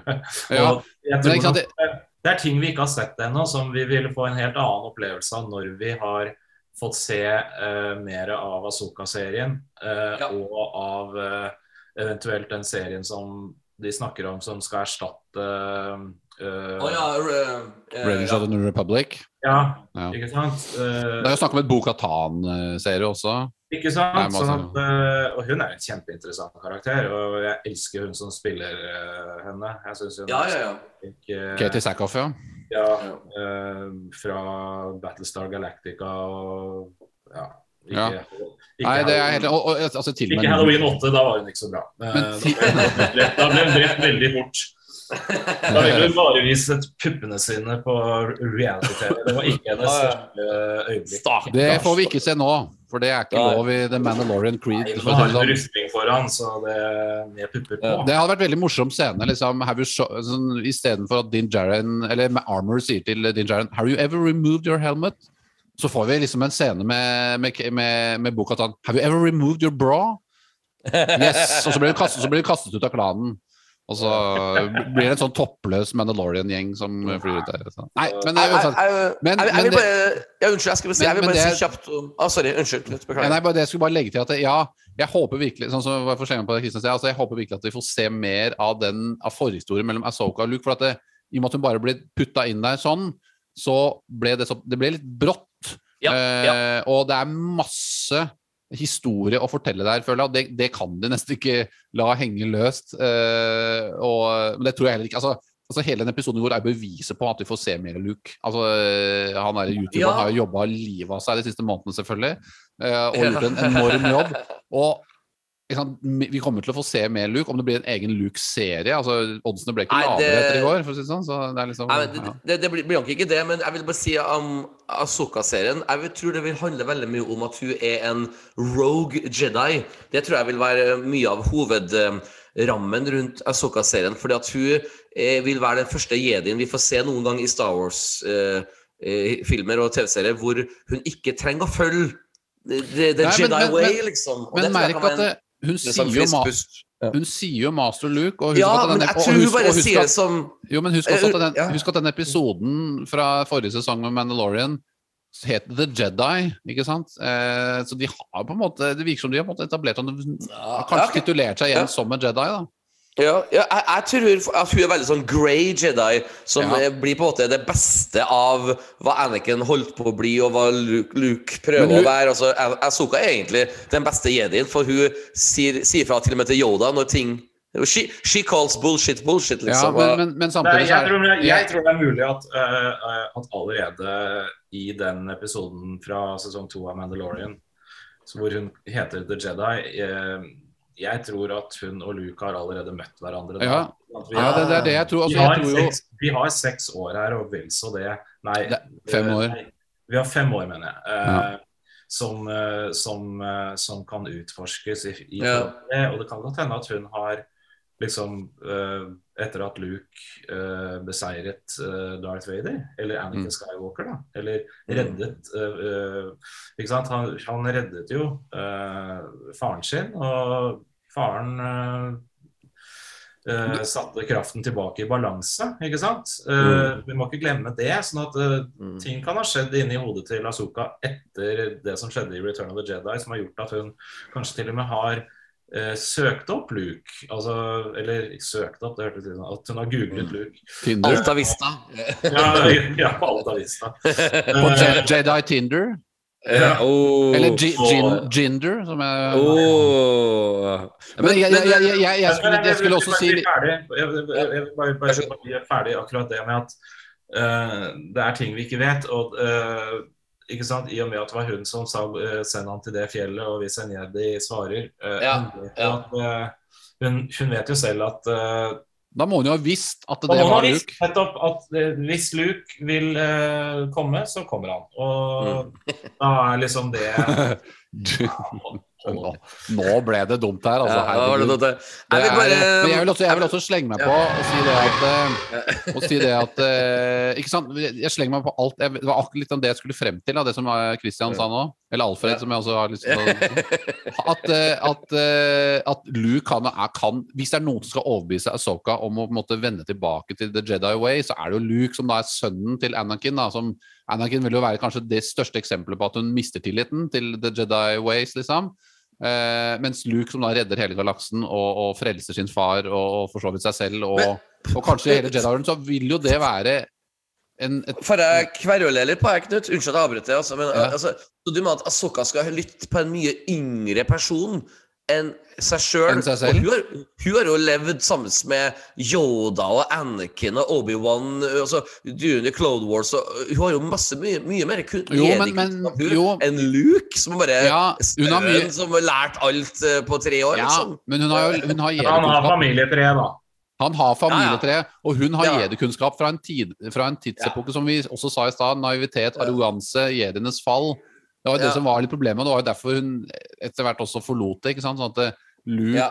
Altså, han, han, han, han reddet jo jeg, bare galaksen. føler at, jeg bare føler at Asoka kan lære Luke mer enn Luke kan lære Asoka. Men Ja, kanskje jeg ja, bare og jeg tror det kan gå begge veier. Jeg tror det kan gå begge veier. Hadde, Luke kommet til Asoka istedenfor Yoda, så hadde jo Asoka aldri villet trene Luke. Han er altfor gammel. ikke sant? Igjen Ja, ja. tilbake til eh, der Ja. prequelsene introduserer ting Han blir sånn stort stort barn, liksom. Sånn, som, som, som vi ikke visste. ikke sant? Og det var jo bare for at han var det eneste håpet. Det er liksom, ingen jedi ja. trent Luke uh, in their right mind hvis det liksom ikke Ja. var noe Så du sier at eh, episode fire skulle egentlig hete Star Wars The Only Hope because he's, uh, he's too big to be, to be trained as a Jedi?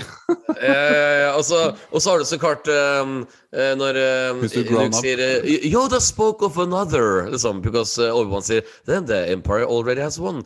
Og hvis uh, Obi-Wan sier The other one, oh, that was a grey Jedi. Ahsoka. She, she, she's no longer a part of the family. Altså, Men det det kan du jo retconne og si at han snakker om Grogu, og så får vi kanskje vite noe mer i Kenobi-serien. I, I det øyeblikket Asoka snudde veggen til Nei, snudde veggen Snudde ryggen til, uh, til Jedi-ordenen, så Hun hadde en skillevegg på Nei. Så, jo, men altså, vi har, altså, det er jo blitt introdusert uh, i The Last Jedi, vel å merke, at, liksom, at det går an å disconnecte fra, fra kraften. Jeg tror hun disconnectet en ganske stund. Ja. En, en ganske stor stund. Så at hvis vi skal på en måte prøve å finne, finne liksom tråder her, som på en Ja. måte selvfølgelig eh, man Som ikke eksisterte da filmene opprinnelig ble skrevet. Ja, ikke sant? ikke Ja, ja. sant? Så det er ikke liksom Det er Og det Det er, jeg han, det er som han som eh, reiste seg på Star Wars Celebration i, i London i 2007 og liksom, med litt sånn pipete stemme og ville vite fra David Prowse om han visste at han var the chosen one. Og David Prowse bare Hæ, hva er det? Eh, det Hæ? Liksom, og, og, og, og alle i salen ble bare litt sånn pinlig taushet, for det ble liksom uh, nei, uh. Jeg- jeg- det, da kan jeg komme med en til. Jeg så Ewan McGregor. Han var på et av disse um, TV-programmene. Hva heter det TV-programmet på BBC? En sånn, oh, ja, han derre komikeren, han med grått skjegg og sånn. ja, så du vet, sånn det- det- Fifth Gear. Nei, altså sånn Unnskyld, eh, jeg sa feil. Ed- Edward. Norton Nei, Graham Norton Show, er det ikke det? Eh, nei, Edward altså, Norton, det eh, har jo hult, eh, det. Er Graham Norton. Jeg, jeg, prøver på nytt. Ewan McGregor var på et bilprogram i England på BBC. Sånn, Gear. Top Gear. Top Gear, takk, takk, Ja. takk. Og da begynte å snakke om Star Wars. And then I was on that um, desert planet. I don't remember the name anymore. Så hører du liksom 100 stykker i salen bare wow! Liksom. For alle vet at det er Tatooine, liksom. Så det er Jeg tror liksom- han sier det litt for å erte Ja, så Ja, klart. Ja. Evan. McGregor han, han tror jeg bryr seg litt. Han, altså, han, er, han er ikke sånn som Harrison Ford som går rundt med T-skjorter som hvor det står I love Star. Wars, og så er det bilde av den Star Trek-romskip, liksom.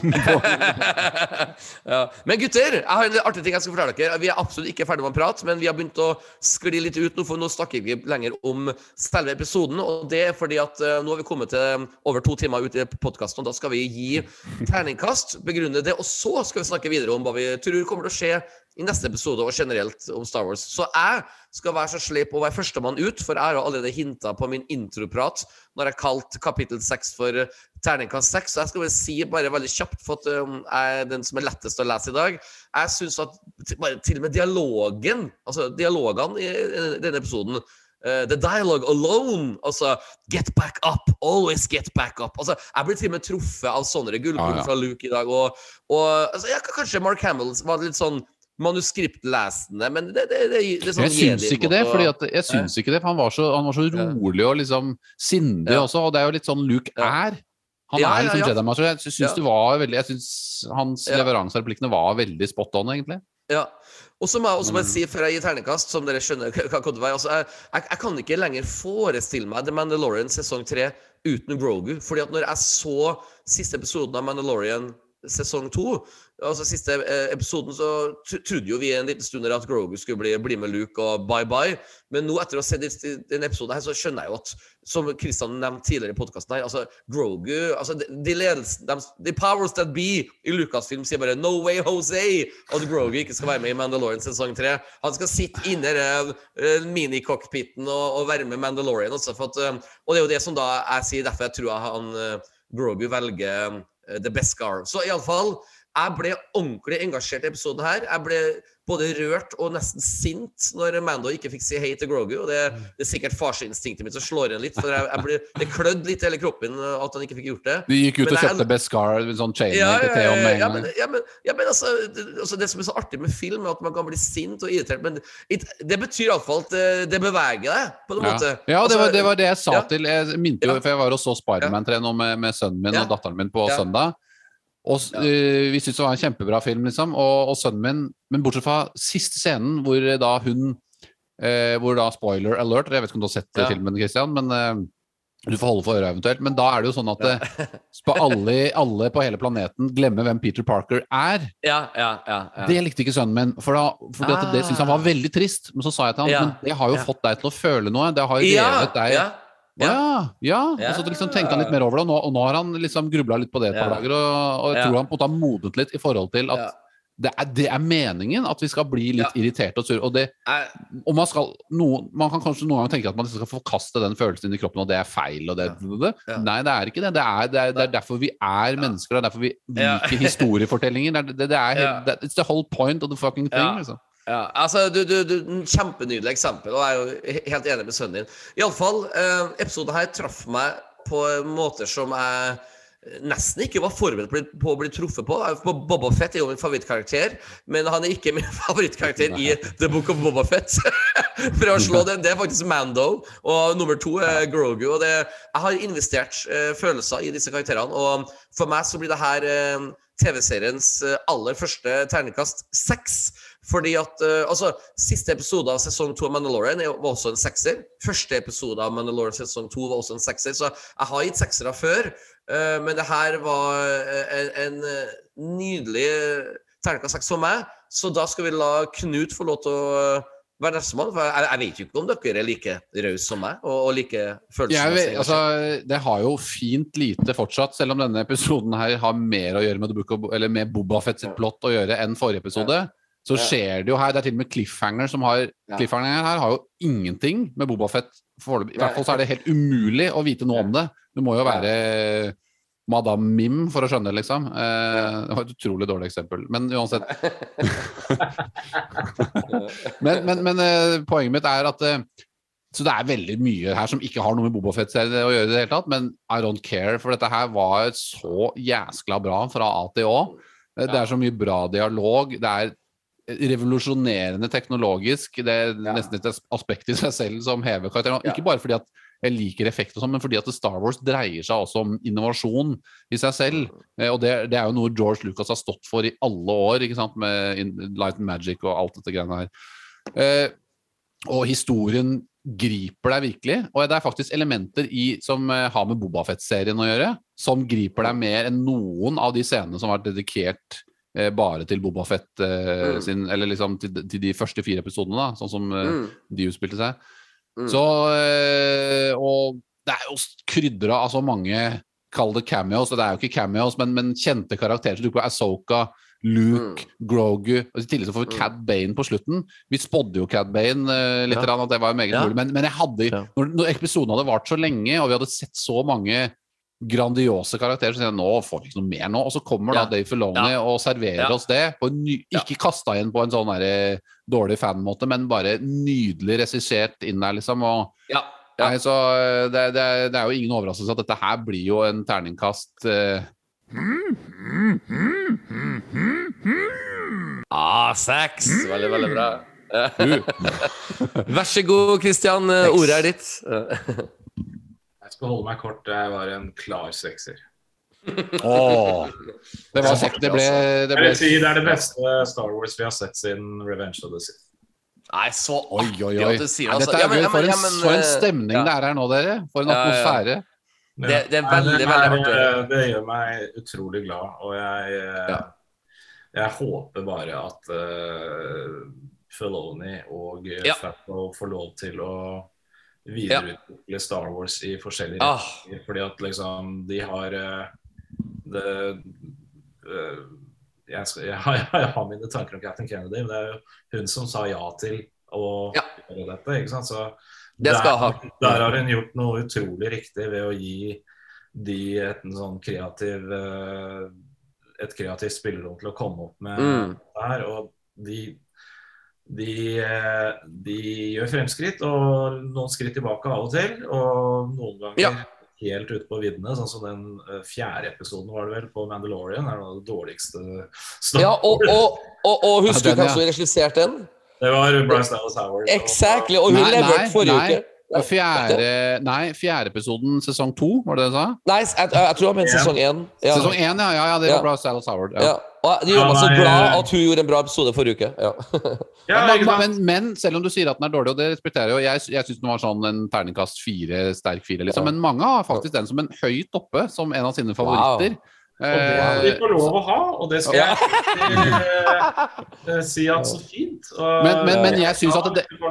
Men, men, men jeg, nå var jeg, jeg skulle være positiv, så ble det negativt. ja. Nei, det går bra. Det går Jeg er kanskje toxic. Nei, nei, nei det, jeg, det jeg skulle si, var at det, det, det var hennes svakeste episode, Bryce Dallas Howard, Ja. i min mening. Og hennes neste episode, som var episode tre sesong to, den var ganske gnistrende.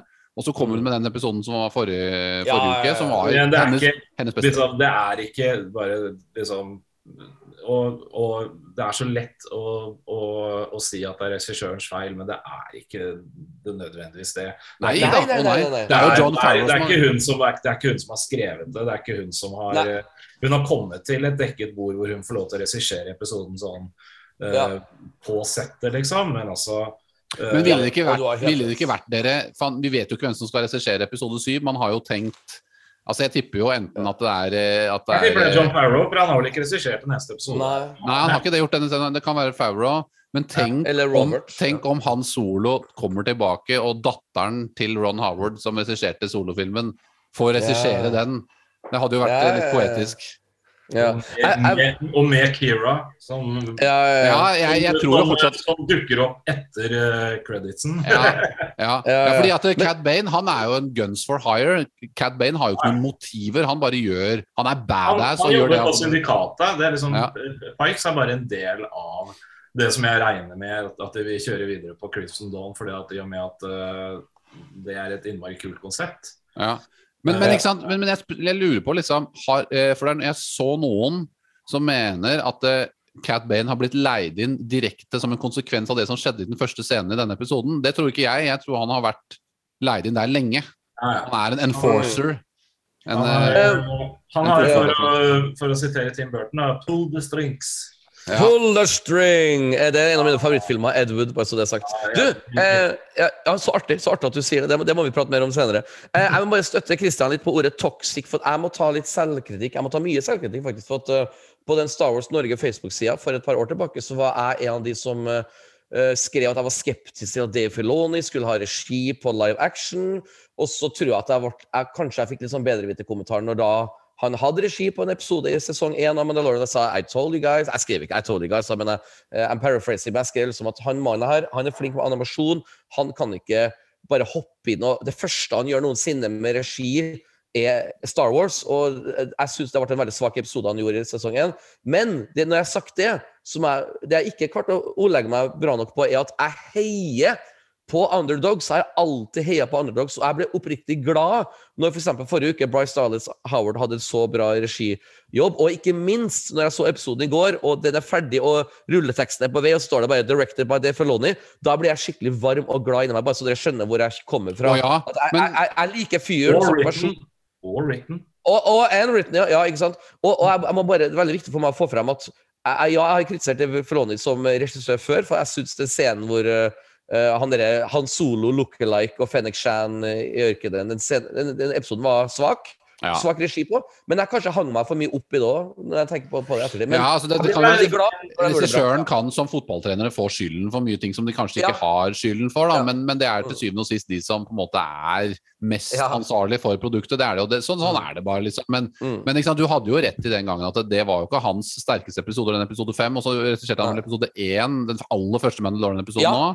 Ja. Eh, som også ikke var liksom den aller beste, men den var ganske Nei, bra. Men det var Første, noen første halvdel var litt slapp, og andre halvdel var bedre. liksom. ja, ikke sant? Så hadde du han derre blå fyren som var litt sånn ja. Han var en veldig animasjonskarakter som de fleste ikke likte så veldig godt. Av. All ære til de som gjør det, men, eh, men jeg personlig heller altså, var ikke sånn kjempefan av han Mythron, liksom. Mens liksom. her, på denne episoden her, så er det, er, det er en ro, det er en selvsikkerhet, og det er en introduksjon. Selvfølgelig, han digger jo sine egne karakterer fra Clone Wars, Asoka og Cad Bane og sånn, men, men det kan han jo få lov til å gjøre. Og når han har fått øh, tid til å, å lære seg liksom gått opp i gradene som regissør, blitt flinkere så, Ja. så jeg synes Han viser vel Han viser muskler, Disney viser Ja. muskler, og de, de, Ja. de etablerer jo så mange ting i den. Jeg vil jo nesten si at det, til og med Lukes historie er en slags, har en slags start her.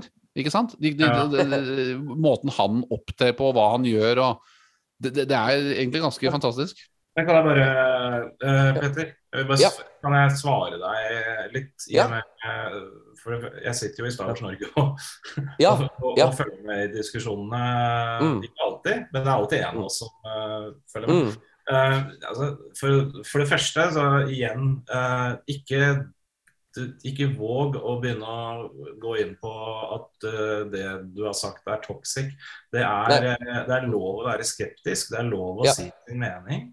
Eh, og liksom folk som De som har som er skikkelig ihuga Star Wars Norge-deltakere, de, de vil jo sikkert ha trodd at du og jeg ikke liker hverandre så veldig godt. Fordi at vi har en egen humor. Jeg erter deg for den boka så mye jeg kunne. Og det er det Og du elsker Til, til, og med, til og med i Aftenposten. Ja, ja. ja, ja, ikke sant? Og, du, sånn, og jeg har fortsatt ikke fått det signerte eksemplaret som du har lovt meg. ja, det skal du få. Oi, oi, Ja, det ja, den har jeg hørt før. Jeg, jeg, jeg har gitt opp og ventet på den. eh, Petter. Men Ja, eh, men, men, jeg- jeg jeg bare erter. Jeg bare erter. Men eh, det er men, Har den her.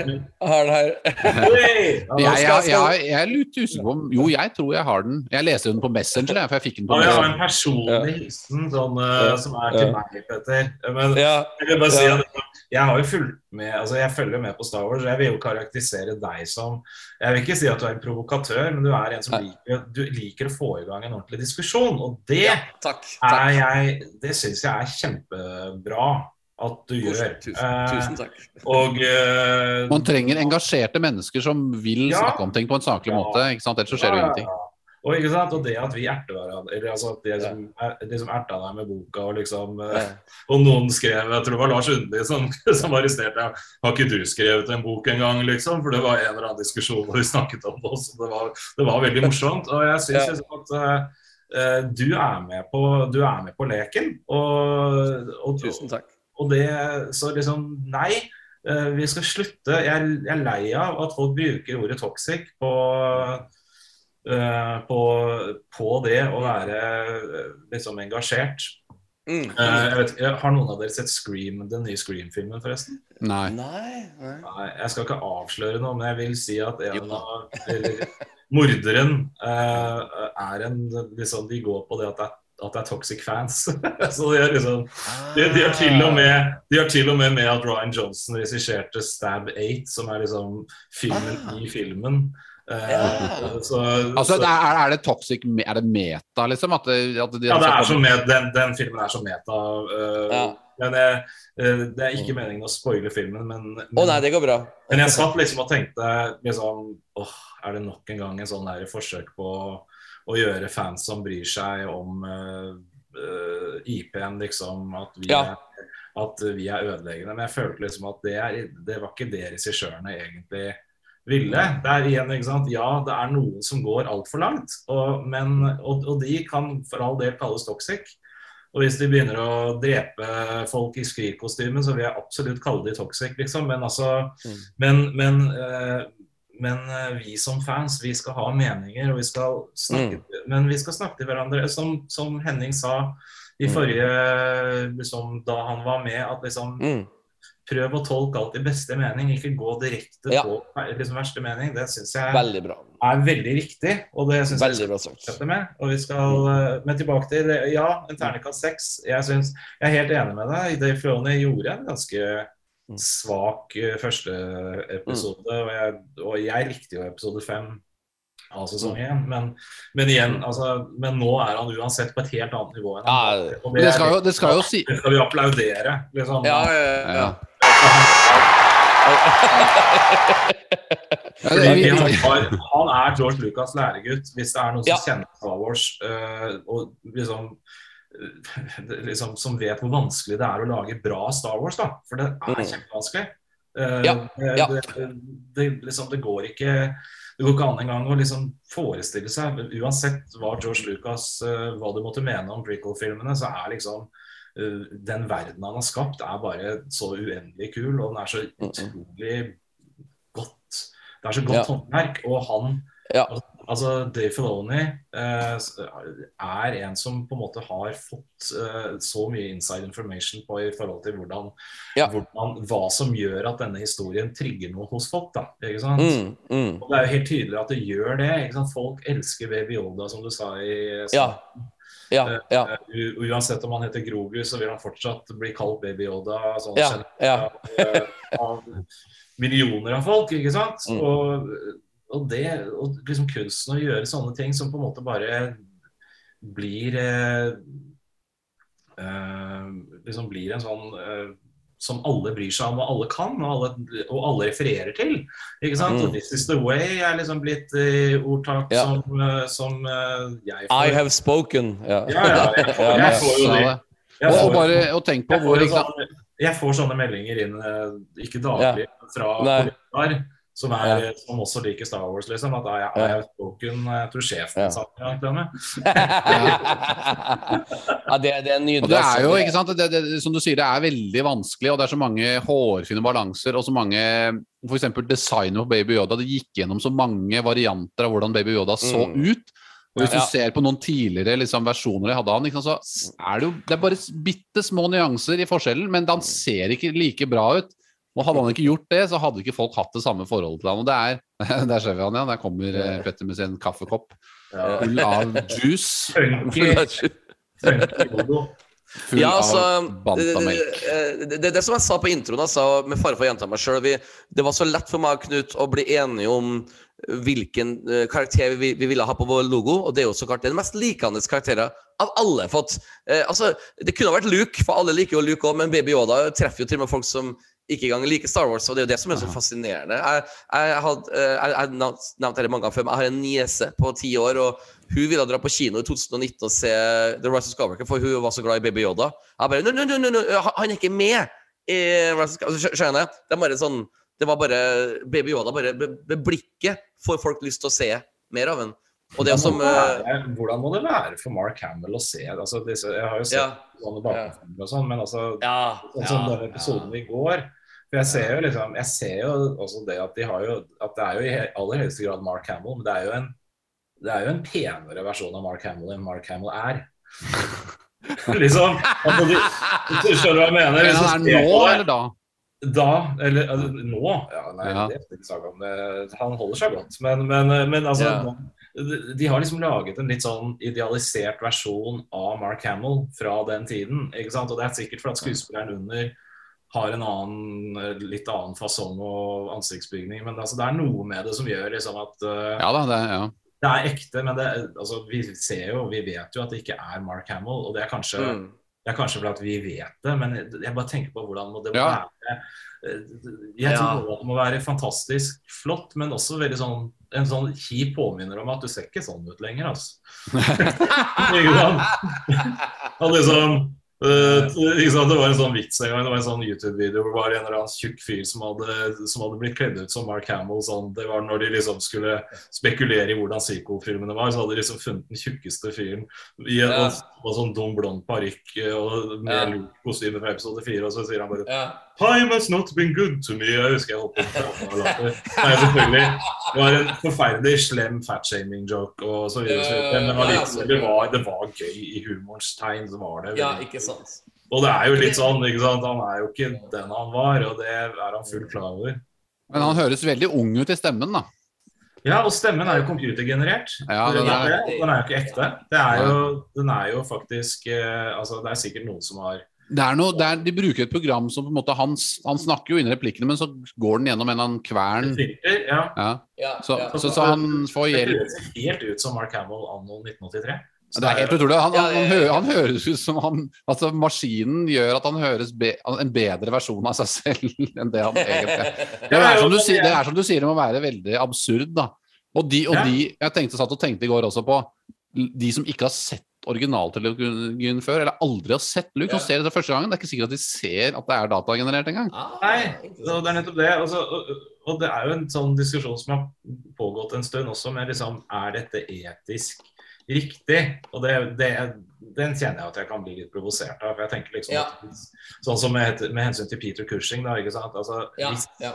hvis hans familie øh, øh, har sagt at det er i orden og godkjent, og at Mm. liksom alt går riktig for seg, og at liksom ikke det blir liksom, at, at man blir utnyttet i forhold til Mm, det her, så mm. syns jeg liksom at uh, vi skal ikke begynne å gå inn i, i, inn i det sporet. Jeg ser allerede at noen har liksom begynt å liksom nevne det, og særlig da Carrie Fisher fra Rise of Skywalker. Ja, Men ikke sant, ja, når det er hennes egen datter som spiller Leia i den flashback-scenen, uh, hvor mer ja. Billy, ja. ja, det ikke samme. Billy Lord. kan det ikke Mm. bli uh, hvis datteren uh, som har mistet moren sin, spiller sin egen mor i en film. Altså, Mm. det, jeg syns litt om Ja. Da skal vi andre bare slappe av og, Ja. og enten, enten synes det er bra, eller synes det er dårlig for at det ikke ligner bra nok, eller whatever. Men liksom Mm. den der etiske diskusjonen som begynner å pågå på dette her, den syns jeg liksom at uh, så lenge ikke folk blir utnyttet etter at de så, Ja. det, må være, det må være konsent, liksom. Men, uh, Absolutt. men eh, det med Luke, det, som jeg sa i, i, i begynnelsen av episoden, det er en game changer, altså. Jeg skal gjøre Ja, det på alle ja, ja. jeg skal, fra, fra, liksom. Fra jeg er sånn 50-60 år, så skal jeg gjøre det på alle mine hjemmevideoer. Altså de-age meg selv. Ja, ja, ja. Så barnebarna kan se. Ja, ja. Så du, du ser bare hvem er han der unge, flotte fyren har holdt seg så godt uh, hele Ja, ja, ja, ja, livet. Liksom. Jeg gjør det akkurat nå. Jeg har på filter, jeg. På, Ja, du har det, ja. Ja. Jeg, jeg, jeg begynte med sånn selvskading. da Jeg begynte å følge Jared Leto på Instagram. Det er deprimerende. sånn at Han er 50 år, og han ser ut som han er 23. Det, er helt, det gjør bare vondt. Men, Herregud. Men det var en digresjon. Du, Christian, vi har alltid hatt et spørsmål som vi har stilt alle våre gjester nå under The Book of Bobofet-sesongen, og det er jo så klart um, Tror du at Han Solo, eksempel, dukker opp i siste episode? Eller for å omformulere spørsmålet Hvem tror du dukker opp av nye karakterer i siste episode, og hva tror du kommer til å skje? For Det prøver vi alltid å Det er alltid artig å finne ut hvem som har rett, og hvem som er way off. Jeg har vært veldig mye way off, da, for jeg tippa at Mace Windu skulle dukke opp nå i tre episoder, men nå ryker den, tror jeg. Ja. nå, nå, nå, fikk vi jo en god dose av dette i denne episoden, da. Ja, Og ja. jeg er litt eh, Jeg vil heller at uh, istedenfor at nye ting skal dukke opp, så vil jeg at, eh, at eh, historien skal eh, muligens konkludere. For vi vet jo ikke om det blir noe mer Boba Fett. Sånn at uh, Jeg håper at den har en type konklusjon som at den kan stå som en sånn De sa jo på et eller annet tidspunkt at dette skulle være en limited series. Så Mm, mm. å spekulere på om dette blir en sesong to, og om de kansellerer den fordi at, den, at folk syns den var dårlig eh, Mm. de, Men de sier jo vel alltid det for å på en måte Men seertallene er jo bra, tror jeg. Seertallene er, er jo kjempebra, tror jeg. Ja, altså, den er, rart- det, altså Disney går jo aldri ut med seertall, så det er veldig vanskelig å si. Men altså, de går jo ut med noen prosenter og ditt og datt, og den har visst i hvert fall mye høyere prosenter enn det Hawkeye hadde, ikke sant? Ja. Som var en Marvel-serie. Men altså Det hadde vært gøy å se Han Solo, ja, men det må være i en riktig setting. Og eh, Mm. hvis Bobafett bare du, pit, du dyttet meg ned i Sarlak eh, altså, hvis, Mm, mm. Han sto Og så jeg- dytter han, og så dytter han tilbake, og så får vi Ja, se ja. ja, det Nå er jo ikke den Sarlaken der uh, lenger. Men det er, ikke noe farlig, det er ikke noe farlig lenger, så nå kan du jo bare farlig lenger, nå kan de hoppe, Du kan begynne med en scene med Boba Han Solo som leker ved Sarlacc-pitten og hopper opp Wii! Hopper opp og, her og klatrer, klatrer i de der tarmene og sånn. da. Ja. Men jeg tror, jeg tror ikke at det Han kommer tilbake, så ønsker jeg at Kira skal dukke opp også. Ja, og det, det tror jeg også. Altså, Vi kommer til å få se Han Solo igjen. Eh, etter gårsdagens episode så er jeg helt overbevist om med den de-aging-teknologien. Jeg er helt Mm. overbevist om at vi får se Han Solo i en eller annen fremtidig Det begynner Tiden Mm. begynner å renne ut i denne serien. Jeg tror ikke det kommer til å skje, men, eh, men eh, Kira som en sånn slags after credit scene eller et eller annet kan skje. Med mindre selvfølgelig de kaster en curveball på oss, og så er episoden halvannen time lang, liksom. Det er en e ja, ja, ja. Det er det jeg håper er jo- De har mye å nøste opp i, men de har også mye Ja, aldri har det vært mer, liksom. Nei, Nei. men samtidig så har det aldri vært mindre. For det har liksom ikke vært så Nei, men, men det er jo liksom Ja, det kan du godt si, men det ikke sant, du har jo liksom ikke, det har jo ikke liksom, Det er det som er seriens store svakhet. At de har liksom ikke De har brukt eh, serien på å forklare hvorfor Bobafett er som Bobafett er nå. eh, og det har ikke vært en sånn stor, stor konflikt, da. Det er, Nei, Nei. Nei. Jeg hadde ønsket meg mer Sopranos på denne serien. Å oh, ja, ja, ja. ærlig. Mer har- Gudfaren. Ja. mer Ja, Sopranos, mer Ja. Pikes og altså, de, skulle, de skulle holdt seg Ja. til det istedenfor uh, alt det andre som har blitt introdusert. Vekk med moderne, vekk med Det er ikke sikkert oh. høt, altså, høt, Høttenes historie også er Den var veldig kul. Altså, de elsket, hø, elsket Høttenes introduksjon i episode to. Å, ja. Den var bare fantastisk, og så Ja, har den bare ja. fada ut. Og det som Ja. skjedde i episode, episoden etterpå, uh, virker jo som den- en bare en sånn eh, tynn, løs en- tråd som ikke skjer noen ting med videre, liksom. Eh, Knut, gjøkla dere ordspill Gud, Gud Nå er jeg bra. Eh, Dere Høtt eh, eh, en, altså Når de dukka opp i en ny episode, Høtt-folket, så ble deres historie noe de aldri har vært. Tynn.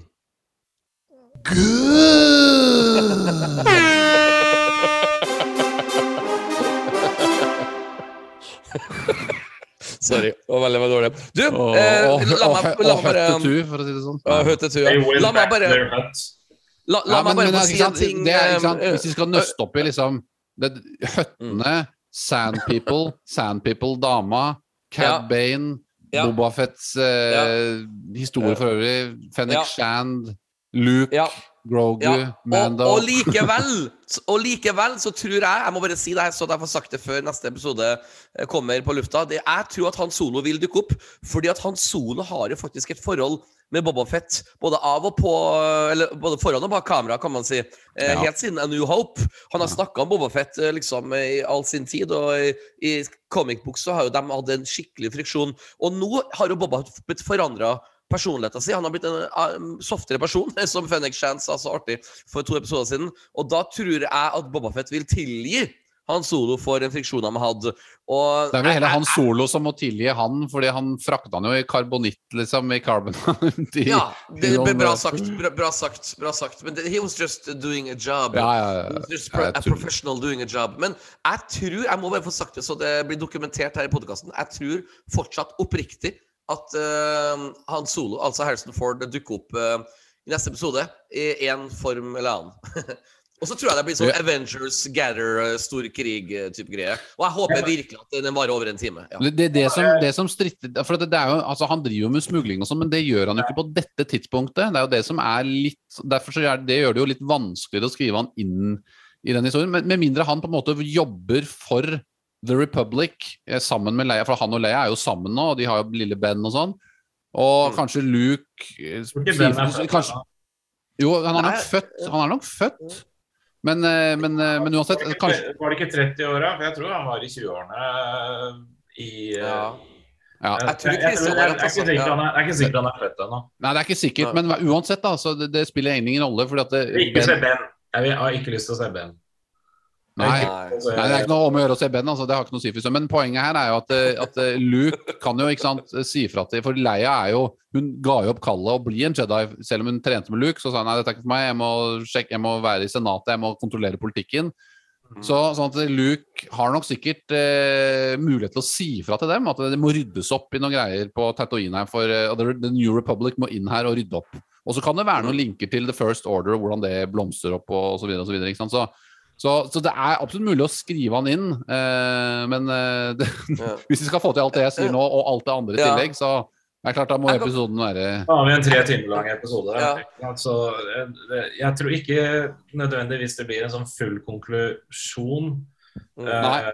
Men jeg tror nok at eh, liksom det som det vil ende opp med, er at uh, Bobafett på en måte har eh, vunnet respekten til eh, de som eh, er på uh, Mos Espa.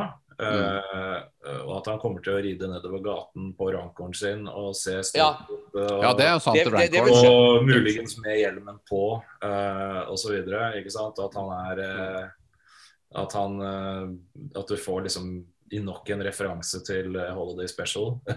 Ja, og så kan jeg si en annen ting at Når vi så den lange traileren av The Book of Bobafett Nå har vi offisielt sett alle små scener som er med i den traileren. Så det vil si at vi vet overhodet ingenting hva som vil skje i siste Nei, episode. det er- sånn det er visuelt. Ja. ja. Det, det er gøy. Altså det, Det er det, at han, det at han skal ri på rancoren, kan også være en lite frampek mot uh, til uh, at det faktisk kommer en scene hvor vi får se en Mandalorian som rir på en mythosaur, som vi ikke helt vet uh, hvordan han ser ut, med bortsett fra den der campy animasjonsgreia fra 1994. Ja, ja, ja. Bro er veldig fascinert av. Det er jo Han har Life Day-referanser og han Ja, ja, ja, ja. Han har det. Han har det. Og det er liksom, Han har tydeligvis en sånn egen humor på å legge inn så mye fra Holiday Special som mulig. Ja. Prioriterer George Lucas. Men det er, ikke sant, det er mulig å flette inn Luke her, da, inn i det plottet som eh, Og som du sier, Alfred altså, Nei, Kristian.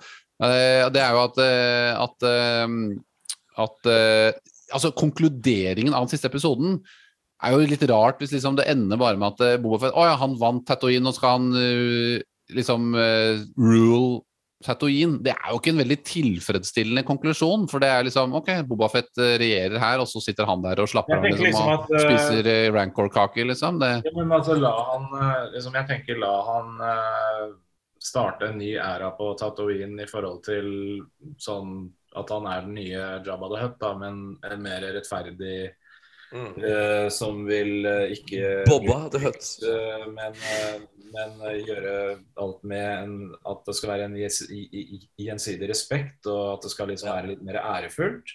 Eh, det kan være en, en, en grei story arc som på en måte konkluderer The Book of Bobafett, men at Bobafett da kan leve videre i diverse andre serier. At han dukker opp i Mandalorian. Ja, ja.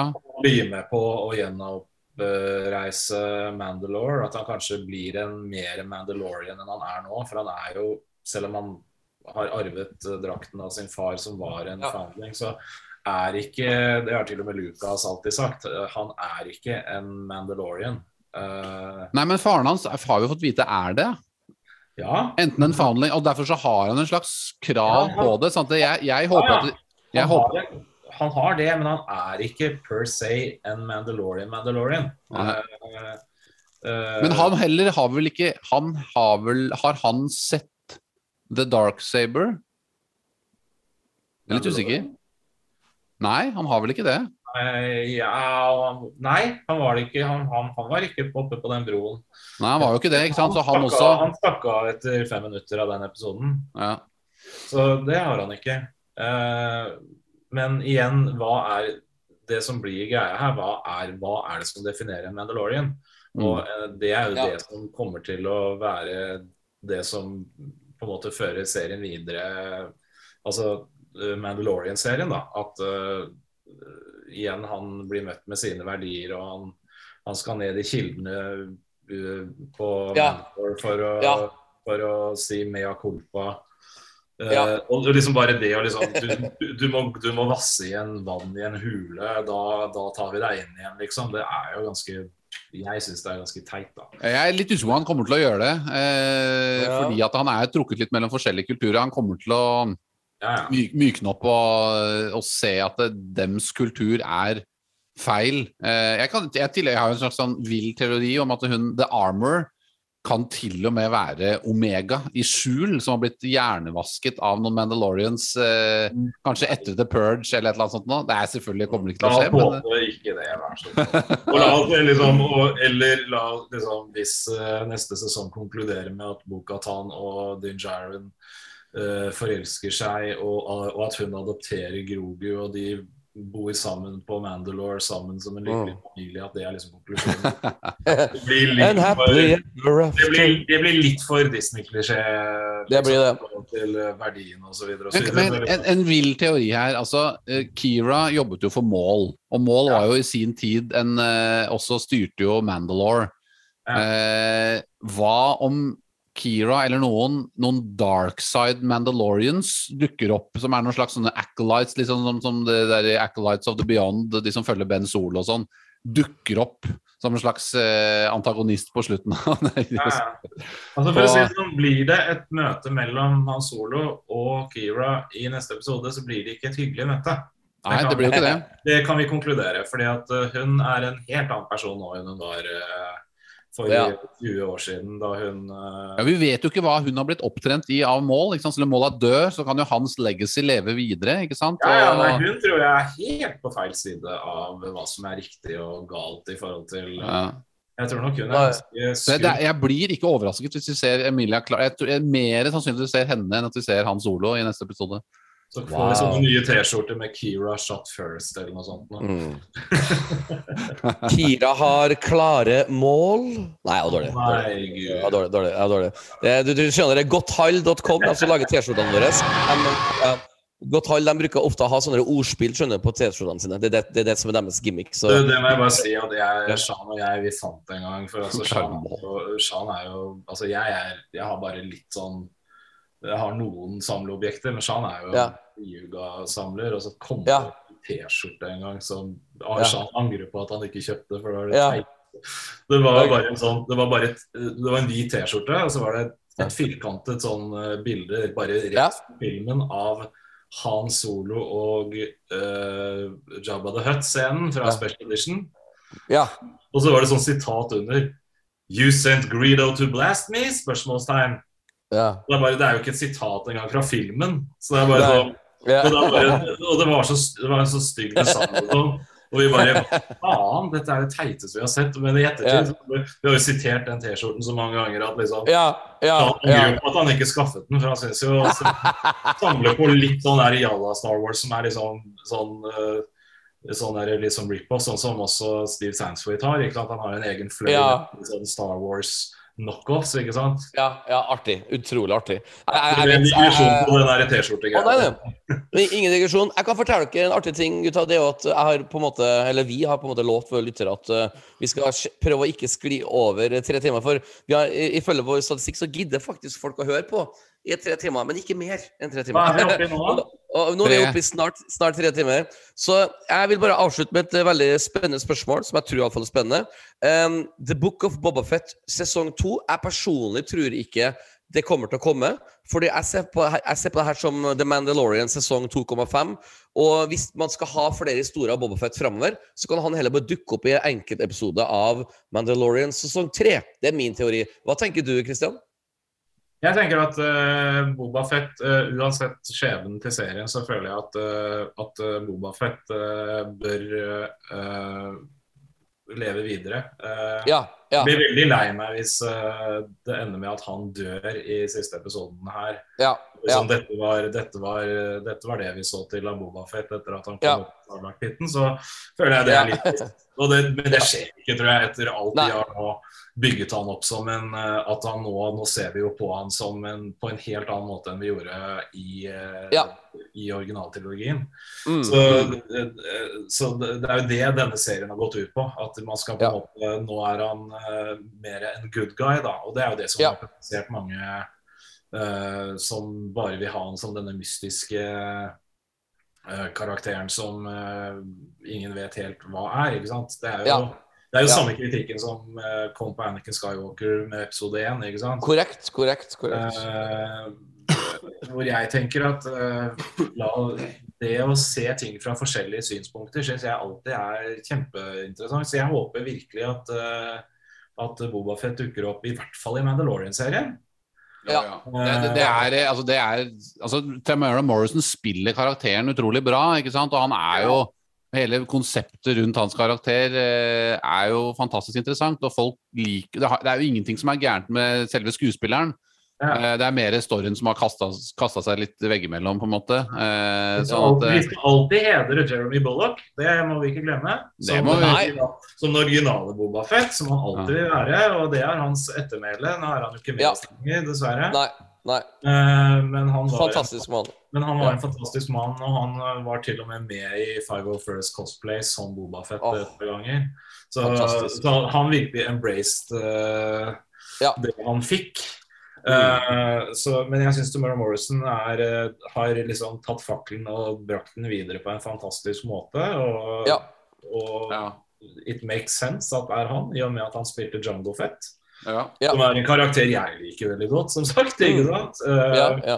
Naturlig nok. Og han syns jeg han- Jeg håper vi får mere det er en ting, ok, Hvis du kan ha sånn ønskeliste Jeg vil ikke ha mer flashback nå, men jeg ønsker, i, i med jeg, jeg tror det kommer et flashback til. For det er jo en grunn til at vi har sett dette gjentatte ganger, det med, med, Ja. det med bølgene, det han så Ja. i den visjonen i episode to. Ja. Eh, Og det ved at vi hele tiden ser at uh, Slave One, som jeg mener det heter fortsatt, ja, ja. eh, La oss ikke go there. De fleste er enig med deg. Ja. ja, ja. Men altså, de kan kalle det hva de vil, så lenge vi får lov til å kalle det Slave One. Jeg kommer ikke til å klare å liksom avlære meg det. Det var liksom favorittleken min da jeg var liten. Uh, Ja, ja, ikke sant. Det var mitt første romskip i Star Wars. Wow. så, men uh, men eh, eh, at det flashbacket, da at han hele tiden ser at, eh, at faren flyr av Mm. og han står og ser etter, som jeg tror Mm. var litt av greia, at liksom eh, Boba var jo et bestillingsverk. Mm, mm. uh, faktisk, ikke sant? Han var et bestillingsverk. Og at vi liksom Det trengs jo to, som du sa med hensyn til Omega, da. Det trengs jo sånn reproduksjonsmessig så kan man jo klone, men man trenger allikevel et egg og en donor, ikke sant? Mm, mm. Sannsynligvis er det sånn også i Star Wars, at ting Mm. fungerer. Eh, sånn at vi sånn finner ut kanskje ikke sant, At vi finner ut mer i forhold til, til det. Ok, han er skapt av Django, men eh, Eller han, han er en klone av Django, men hvem var Django? Ja, Eh, selv om det har vært mye tegneserier og ting og tang om det, så er det jo igjen det med at uh, det som kommer på film, er liksom det dominerende. Og vi vet altfor lite fortsatt. Så det, sånn, det er masse ting de kan og, og som jeg sa også, at vi kan få flashbacks til den han var. Mm. Sånn at vi får se den, den litt sånn brutale, hensynsløse, kaldblodige Mm. som Cad Bane sier at han var. Vi- Hvis, hvis jeg skal gjette, Christian, og ikke for å være sånn devil's advocate, men jeg vil tro at det ikke kommer til å komme noe framtidig TV-serie om Django, fordi at nå har de hatt så mye fokus på Men jeg har ikke bedt om det. Mandalorian. oh, oh, nei, men jeg skulle si sånn Mandalorian-hjelmen i Mandalorian, Boba Fett har Ja, ja. Mandalorian-hjelmen. Og Ja, jeg, ja. jeg tror at Star Wars har så nok- mange forskjellige karakterer at man må ha litt mer fokus på nok hjelm. altså, No- Nok hjelm, ja. Nei, altså, litt, en, altså, igjen at de sier at det kommer en Boca-Tan-serie, så tenker jeg liksom, kan dere Ja. lage serier som ikke har en Ja. Mandalorian i Som- Ja, jeg, jeg, jeg, jeg tror faktisk ikke det blir noe Bo-Katan-serie av den grunn som du nettopp sa, Christian. At det, det er blitt nok hjelmer nå. Jeg elsker hjelmen, jeg elsker Mandalorians, men eh, det er så mange flere karakterer i Star Wars-universet man kan lage serie om. Jeg er egentlig overraska over at eh, The Book of Boba Fett var det første som kom etter The Mandalorian også, siden det så Og igjen, jeg tror det var Min sønn ser ikke forskjell på dem. Ja. Men samtidig så er det de vet at det er populært, ikke sant? Med disse hjelmene. Det er en salgbar Ja. eh, IP, ikke sant? Så, igjen, jeg tror, ja.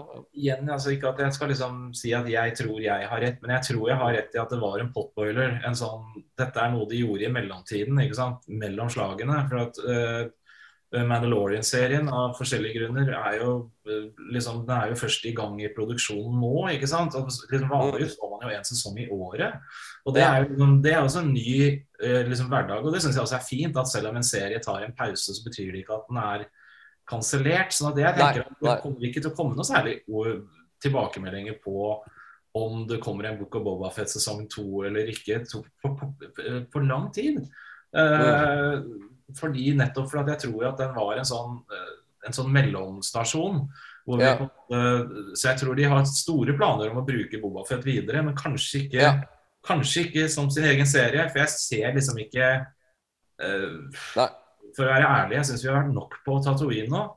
Det å, ah, jeg er enig. det, å få nye, det å få litt nye planeter, som vi gjorde i forrige episode og i denne ah. episoden, eh, var for, veldig oppfriskende. Og jeg synes Ja, også at ja. sånne smådetaljer som da, da Luke hoppet på de der eh, skapningene ute i elven der, som Mm. gjør igjen at det føles litt mer som en, som en, som en, som en, fremmed, som en eh, fremmed planet. da. Som Ja. jeg synes var liksom litt sånn problem, litt problemer i episode 7, 8 og 9 at ting ble litt for uh, naturtro til det vi kjenner. Det skal Mm. være noe litt sånn fantasiaspekt rundt det. da. Sånn at, og jeg syns den planeten var kjempefin. Det var en sånn, sånn glorifisert versjon av uh, liksom, hvor vakker regnskogen kan være. da, ikke sant? Mm, mm, mm. Så, altså. så jeg tenker liksom at eh, nå skal jeg slutte å rante, for nå hører jeg at jeg Nei. Nei, nei, jeg, jeg har faktisk uh, Nei, men du, du ranter ikke i hele tatt. Jeg, jeg, jeg syns alt du sier er interessant. Jeg har faktisk et uh, siste tilleggsspørsmål til deg, Kristian. Jeg skal prøve å ikke gjøre det ledende, men jeg kan si såpass at jeg og Knut vi hadde jo en firetimers uh, podkastepisode om Star Wars Visions. Uh, unødvendig å, å si, men jeg og Knut var meget positive til de de nye veiene mange valgte å gå for å tolke Star Wars utenfor canon. Eh, eh, har, har du samme type holdning til Star Wars Vision som jeg og Knut hadde? Eller som vi har? Ja, jeg kan jo si Ja. det at eh, eh, altså Nå må jo han få lov til å snakke for seg selv, da, men både Mm. Shan og jeg og, og Henning eh, Virkelig, den kom som lyn fra klar himmel, og jeg Ja, elsket det. ja. Er så glad du sier det. Liksom, den Twin-episoden syns jeg var kjempekul. Og det første var eh, sånn Kurosawa Ja, ja, ja. ja. Eh, Altså eh, jeg, jeg, altså, jeg har ikke så Jeg har ikke et sånt veldig nært forhold til anime. Jeg vet at mange Nei, ikke, heller. Men jeg likte det likevel. men, jeg, men ja, men det var nettopp det jeg likte det. Og jeg syns det var så Nei, ja, jeg vil ha mer av det. Og, og, at de liksom ga ut hele serien. Jeg tror ikke de hadde egentlig noe særlig I og med at de bare ga ut det, liksom Ja. hele greia på en gang, som er veldig Mm. typisk Disney, så tror jeg liksom Mm. at de egentlig bare Ja, ja, vi har dette også, kast det ut. Og så fikk det en så enorm positiv respons, for jeg tror de gjorde det. Jeg tror de aller Ja, fleste jeg har fått inntrykk av at det har vært lite hat. Altså, jeg til og med likte jo den episoden når det var rockeband. Uh, det jeg var Altså. Jeg syns den faktisk var jeg. Synes den var litt Animasjonsstilen som slo folk av der, ikke sant? Uh, jeg, Men jeg, hvis du jeg, jeg slukte den helt rått. Ja. ja. Hvis, skulle, Hvis vi hadde valgt en annen animasjonsstil her, så tror jeg flere hadde digga den. Den jeg likte dårligst, var den der eh, rare med den lille, rare figuren. Pinocchio eh, Ja. Ja. Pinocchio-episoden. Men det var ikke noe sånn, altså, igjen altså, ikke, Men den gikk inn på et interessant tema med en sånn robot-Jedi, liksom, som var robot Ja. i utgangspunktet. Eh, og det har vi jo ikke hatt. Eh, altså Vi har hatt Grievous, som jo er Men var- han er jo egentlig ikke robot. kreativ Darth Vader er jo egentlig ikke robot. Det var en kreativ visjon, for å bruke det ordet. Ja. det å si at noe er betyr ikke at man hater det. Så det er liksom den der Nei, nei, nei. Nei, nei. Nei, virkelig Altså. Jeg, jeg syns liksom at eh, vi må Vi må kunne si at noe er dårlig, og vi må kunne Ja. liksom si fra det. Og hvis man er et, eh, et, et, litt sånn firma som har som har litt innsikt, så tenker de at liksom OK, hvis fansen responderer på den og den og den måten, så, så kanskje vi gikk litt feil. Og jeg syns at det, alt de gjør nå, er i den retningen at de på en måte de ønsker å skape en Star Wars som er George Lucas verdig, og som er noe som fansen på en måte syns er kult. Ja. Ja. Og de var ikke helt eh, de har ikke, de har ikke klart det helt med sånn overall med The Book of Boba Fett. Men eh, absolutt noe som jeg syns er fint at vi har. Ja, eh, veldig fint sagt. Knut, har du noe altså, på, I vår neste podkast, som da er altså finaleepisoden, da skal vi så klart også tease Ja, vår blir neste singel, så klart. Vi, Ja. Jeg og Knut har eh, mitt funkband og Knuts funkband har, eh, har hatt en kollaborasjon. Knut har skrevet låta. Jeg har bare hjulpet å sunge og sånne ting. Og det skal vi la få høre på neste gang. Eller, eller eh, ser ut som du har en fil klar nå. Jeg vet ikke om du Ja, jeg har den for så vidt klar, men vi kan, vi kan jo Ja, kanskje vi skal ta den nå, da. Ja. Eh, vi, tar, vi tar en liten, liten sånn mini-tease på det. Skal vi se om jeg klarer å så vi se. Hvis jeg tar eh, Jeg må ta fra et eller annet sted eh. This ultimate party's gonna rip you apart. The bit of dudes, they're always ready for you. So if you're new,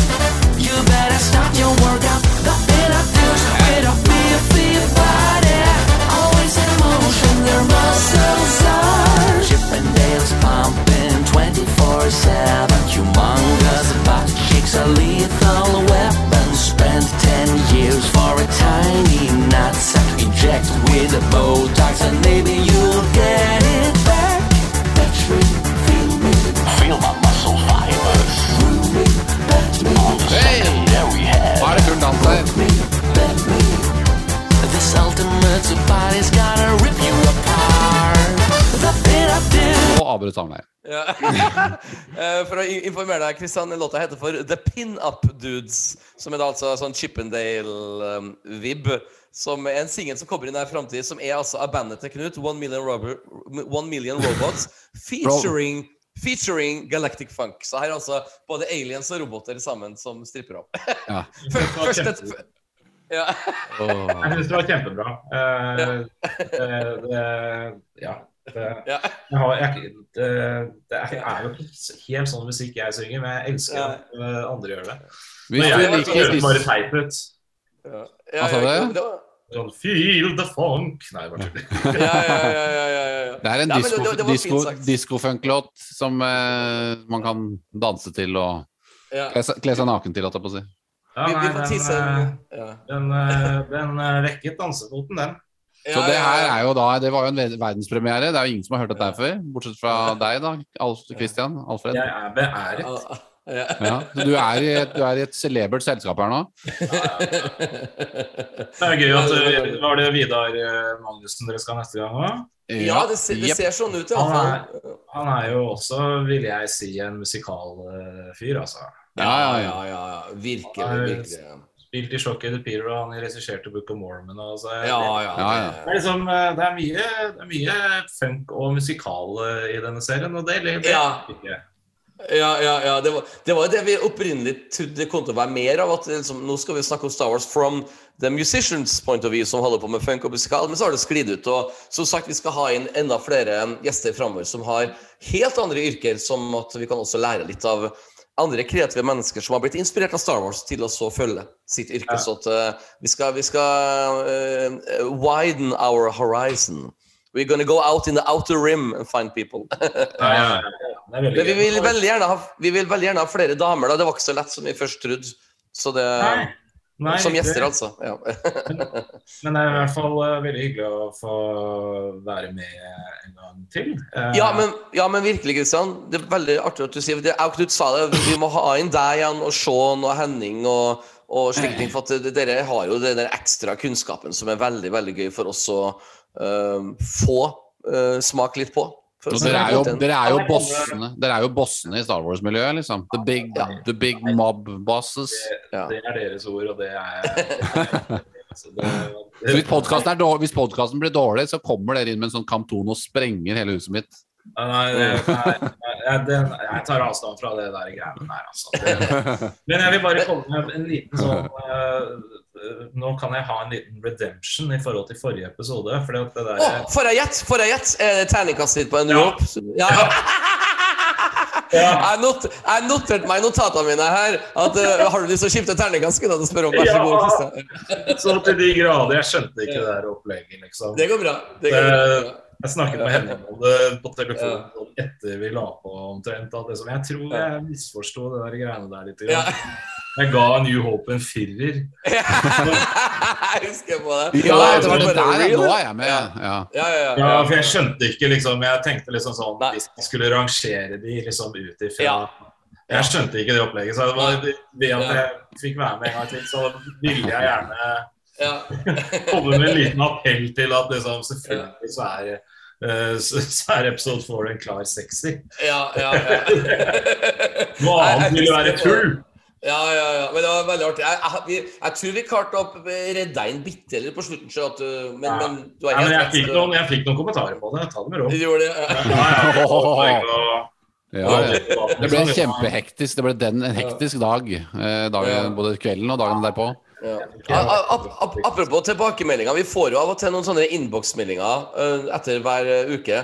Og det er uh, Nå skal jeg passe på å ikke nevne noen navn, for her kan man kanskje være pinlig for de personene. Men det, det er flere som ennå ikke skjønner the timeline i uh, The Book of Bobofet. Og mange tror at Grogu er Yoda og sånne ting. Og det syns jeg er interessant. For jeg, jeg personlig føler at det er veldig tydelig, men det er kanskje ikke så tydelig. Du må kanskje være litt inn i Star Wars for å Ja. skjønne. Og så var det jo, og Var var det en lytter som sendte den? Du, for jeg så jo den meldingen. eh, Var det Ja. en lytter som, eh, som sendte inn den? Det var en lytter, ja. Som eh, Ja. ja. det var, det, var en, det var ikke en seer, i hvert fall. Nei, også er seer. det hadde vært litt creepy. Ja, Nei, hadde men, men, eh, ja. men den, den som jeg syns var, den som jeg syns, den som jeg syns var litt interessant, det var at eh, det var jo en som hadde sendt inn en spørsmål Eller sagt, eh, sendt inn en eh, slags faktagreie som jeg nå har skjønt er feil. Og det var at han, at han mente at porten til Jabba's Palace åpnet seg feil vei. Men ikke sant, det er jo forskjellige innganger. Eh, Så altså, Det er jo bakinngangen som går oppover, og den, eh, fordi han trodde at de hadde gjort om på sånn som den var i Return of the Jedi. Og det var jo et legitimt eh, spørsmål, for at, det er ikke så lett å se det alltid og skjønne det alltid. i Alt er lett, alt er lett å ta feil av. Vi må Så, ikke men der har du altså, kjære lytter, forklaringen på det. At dette, Ja. det er to innganger, og de går forskjellige veier. Den som er nede bak eh, Ja. palasset, Ja. det er, der, det er der romskipene kan fly inn. ja, ikke sant. Den Og det er kanskje en logisk greie at den går Altså, hvorfor da For man kan jo undre seg hvorfor ikke gjøre det enkelt å bygge dørene likt, så du på en måte kan spare litt tid og kostnader når du da Nei, den ene skal gå opp, den andre skal gå Det er ned. jo, det er jo noen som er, det er jo noen som har vært kreative her, da. Ja, Ja, ja. ja, det det. nei, nå tar vi den andre veien, for at det, det har Ja. Altså, du, du sier at skaperne av showet liksom, Nå skal vi gjøre narr av de som er veldig fan av den døra, Vi legger ut til disse Ja, som, som, og forvirre dem. Ja, disse som skal være flisespikkere og henge seg opp i Så det liksom gikk eh, varmt på Jabba's Palace-forumet, liksom. Men du, det, det minner meg om eh, et eh, Her er skikkelig digresjon, men TV Norge på 90-tallet hadde sånn debattprogram hvor han Tor Erling Staff var en av programlederne, sammen med en annen eh, en, en bergenser, husker jeg. Og, dem Takk. Ja, Nei, nei, nei, men, eh, men jeg vet ikke Lønning. Lønning. Takk, takk. Lønning og Staff hadde du, helt, helt rett. De hadde et kjempe Jeg tror det er et klart svar eller noe sånt. Det var sånn type Og Ja. da hadde han stafta på seg en lyseblå skjorte hvor han svetta jævlig med unna armene. Og, fikk, og så hadde han ved en feil hadde med seg samme skjorta på andre sendinger. Og da svetta han like mye, og da fikk de så mye klagebrev fra TV-seere. Og da sa Ja. produsenten Vet du hva, Staff? Ha på deg en skjorte her hver sending, for her er dritbra. Du, du, du. Hvis du kan provosere med en skjorte Da har du gjort noe riktig, liksom. Ja. Ja, ja, ja, ikke sant? Ja, stemmer. stemmer. Og jeg, jeg, jeg husker jeg, jeg ble litt fascinert over det, for han TV-produsenten hadde helt rett. Hvis man kan til og med produsere med en liten skjorte, da er man eh, på rett spor til å skape eh, politisk debatt. Og kanskje det de kreative folket bak Lukas Film også gjør av og til. Det, hadde vært trist, eh, det hadde vært trist hvis ingenting av det som skjer i disse tingene de gir ut av Star Wars, ikke Ja. skaper eh, og, og, og, og, Ja. Sist så spurte du meg hva jeg gledet meg mest til. Eh, Ja. ja. eh, I eh, det som kommer av Star Wars, som vi vet kommer. Mm. Eh, og der har jeg faktisk endret litt mening. Eh, Oi, oi, oi. Det, det jeg gleder meg med Ikke at det er uh, Det er ikke det at oh, Christian Ranke har endret mening. Det gjør jeg hele tiden. Ja, nei, Jeg skal ikke sette meg selv på en sånn høy pidestall her, liksom. Men det er bare at jeg har Altså, for det første, jeg er veldig engstelig for Obi-Wan-serien. Det må jeg innrømme. Oh. Eh, jeg er liksom uh, den, den er jeg redd for at blir den neste sånn store polariserende greia i Star Wars Uh, så d- d- altså, jo, men altså Eller den kan bli den som redder alt og samler Det både pre prequel og Jeg, jeg, jeg tror det. Jeg tror det. jeg, jeg, er ikke, jeg, altså, liksom, jeg er ikke skeptisk til serien, jeg er bare veldig redd for hva de kommer med. For allerede Ja, ja. det de sier med at det kommer en ny duell, det gjør jo veldig mye med tids... eh, igjen med tidslinjen her som kan bli litt sånn vanskelig. Ja, men da er det du, du kommer jo svevende world between worlds, Christian, og henter Nei. inn du, Jeg tror ikke den, jeg tror ikke den vil eh, komme inn i Nei, bildet nei, nei. Nei, jeg bare tuller. Men- Jeg bare men- tuller. Men jeg gleder meg faktisk mer og mer til Andor-serien. Liksom, Ah. den, for at, liksom, fordi at der er jeg mer på liksom OK, Mon Mathma vi, altså, Kanskje litt uh, uh, Jimmy Smith med The Aging. Ja, ja. Eh, og, Han, han, jeg tror ikke han trenger noe de-engine. Han, så- han ser så bra ut. Da kan Nei, du ja, bare få en da- D'An- D'Angelo, kanskje. Oh. jo, jo, men altså, jeg, altså selv, om, selv om liksom uh, eh, eh, Andor var liksom en karakter som vi egentlig ikke visste at vi liksom trengte, så så, så er jeg allikevel sånn at liksom Der vet jeg så lite, og der vet jeg Der aner jeg ikke hvilken retning de går, og det syns jeg er litt spennende. Det er liksom, jeg Mm. er veldig spent på den serien. Jeg syns det er så rart at de liksom ikke annonserer noen ting. De har liksom Serien har vært produsert oh, ja. Jeg tror de venter til etter Bobafett, så ikke de skal ta fokus vekk fra Bobafett. Sånn, Jo, sånn tror jeg igjen- de gjør. Men igjen, jeg, bare, jeg syns det er så rar markedsstrategi. For at liksom, altså, jeg ville jo hatt eh, Jeg ville jo liksom vekket interessen Når du først har seerne, så ville jeg liksom liksom, Ja, vi har dette, men dette kommer også. Ikke sant? Altså, jeg jeg syns det er rart når de har en serie de har annonsert for over et liksom, snart to år siden. Så Ja, det er sant. Men Christian, hvis du, hvis du ser på din Zoom-skjerm nå, så har Knut en liten eh, leke foran skjermen ja, sin. ja, Som han har mala sjøl. Han har Ja, la- ja, laget ja, den har jeg malt selv, ja. Altså, du ser bak meg til høyre her, så er jeg Jeg har holdt på litt i Kan pandemien. jeg, få, kan jeg få deg i fullscreen? Uh, Ja, det er litt vanskelig å få fokuset der, bare. For at jeg er i på en og du driver sånn øh, og maler sånne små figurer? Ja, det er til et spill. Jeg har, du ser bak meg her, jeg har sikkert 200 figurer som er malt. Ja, det er kjempekult, da. Ja, det er veldig kult. Nå- Det er veldig kult. Nå har jeg faktisk blitt så geekete at jeg har rett og slett tatt eh, For eksempel her, da. Jeg har limt på gress og Gress og steiner på, eh, på, eh, på basene, sånn at det ser liksom litt mer realistisk ut, da. Nydelig. Det er, det, det, nå banker Star Wars Ja. litt, øh. Ja, det er helt fantastisk. Hvis du ser her Hvis du ser på Boss, da, han er malt av Han er malt av eh, fetteren min. Han er helt sinnssyk til å male. Når du ser på de detaljene på den figuren der. Wow. Da har jeg fått på litt gress og blomster der. Jeg skjønner ikke altså Jeg vet dere bruker sånn der eh, lupe, holdt jeg på å si, sånn at dere sånn eh, forstørrelsesglass når dere sitter og holder på, ikke sant? Ja, jeg har ikke det, men han har det, tror jeg. Eh, Jeg er bare fascinert av hvordan dere klarer å male så Ja. ja, det, er, det, det er ekstremt tidkrevende. Altså, det, er, altså, det tar så lang tid å holde på med det at du blir jo ti år eldre hver, hvert strøk du legger på en sånn liten figur. Jeg har litt sånn uh, altså faktisk litt sånn OCD på at hvis jeg gjør en liten feil uh, For at jeg Mm. tegner jo mye, ikke sant. Og hvis jeg gjør en liten feil, så kaster jeg arket og begynner på nytt. Åh, Istedenfor å rekke opp. Ja, Jeg er veldig glad for at jeg kan tegne på iPad nå, for at da kan Ja. jeg ja det er en sånn tilbake og prøve på nytt. ja, anti-OCD-pad. Nydelig. Ja, ja, ja, men altså, jeg var sånn eh, Jeg var så eh, jeg, had, jeg har det så ille på det at når liksom sånn Den gangen vi, vi samlet fysisk media på filmer og sånn, ikke sant, så og det kom filmer ut fra en serie, og så plutselig i film fire så endret de design på coveret. Da måtte jeg Ah. Da er jeg glad at jeg har den jobben jeg har, for da kunne jeg gå inn og faktisk redesigne og printe ut og legge inn i coveret, sånn at de fikk riktig på ryggen. Det, Men, er, er Vet du hva, Kristian? Da, da skal jeg fortelle en sånn musikerhumorgreie. At uh, du skal være glad du ikke er band, du, du skal være glad du ikke er fan av bandet Chicago.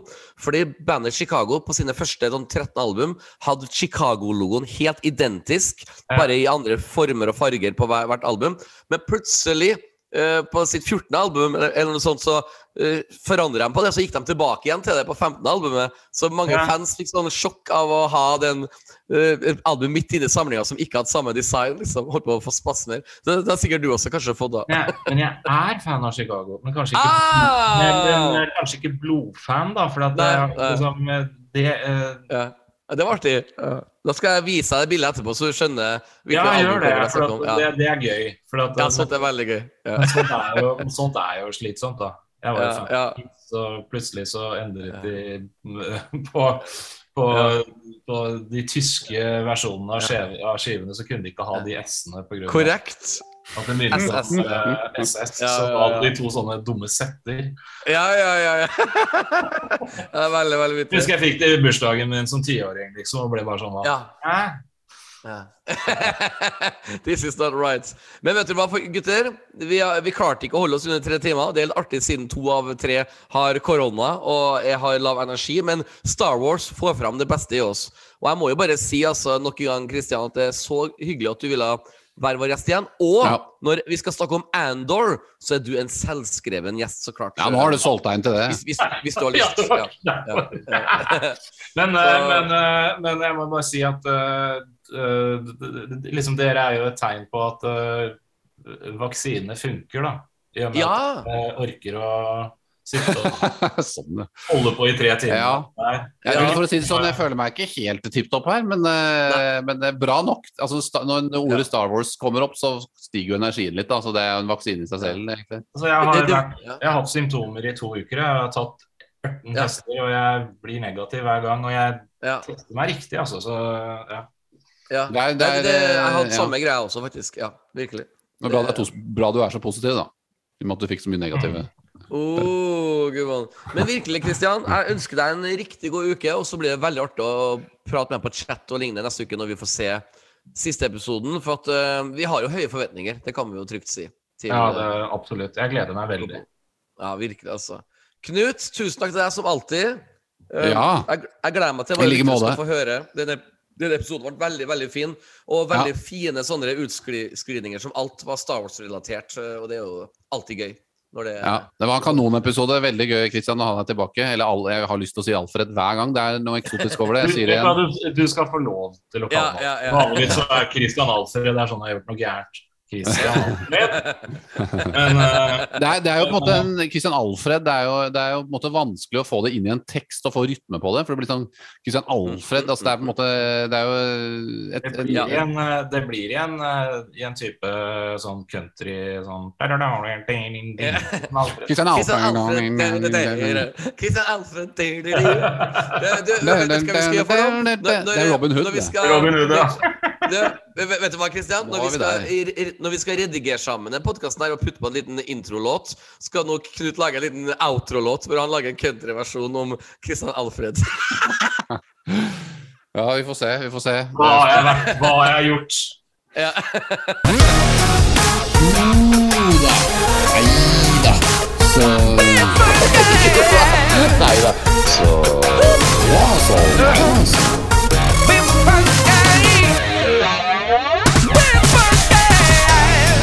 Jo da. Nei da. Så Jo da. Nei da. Så Jo da. Nei da. Så Jo da.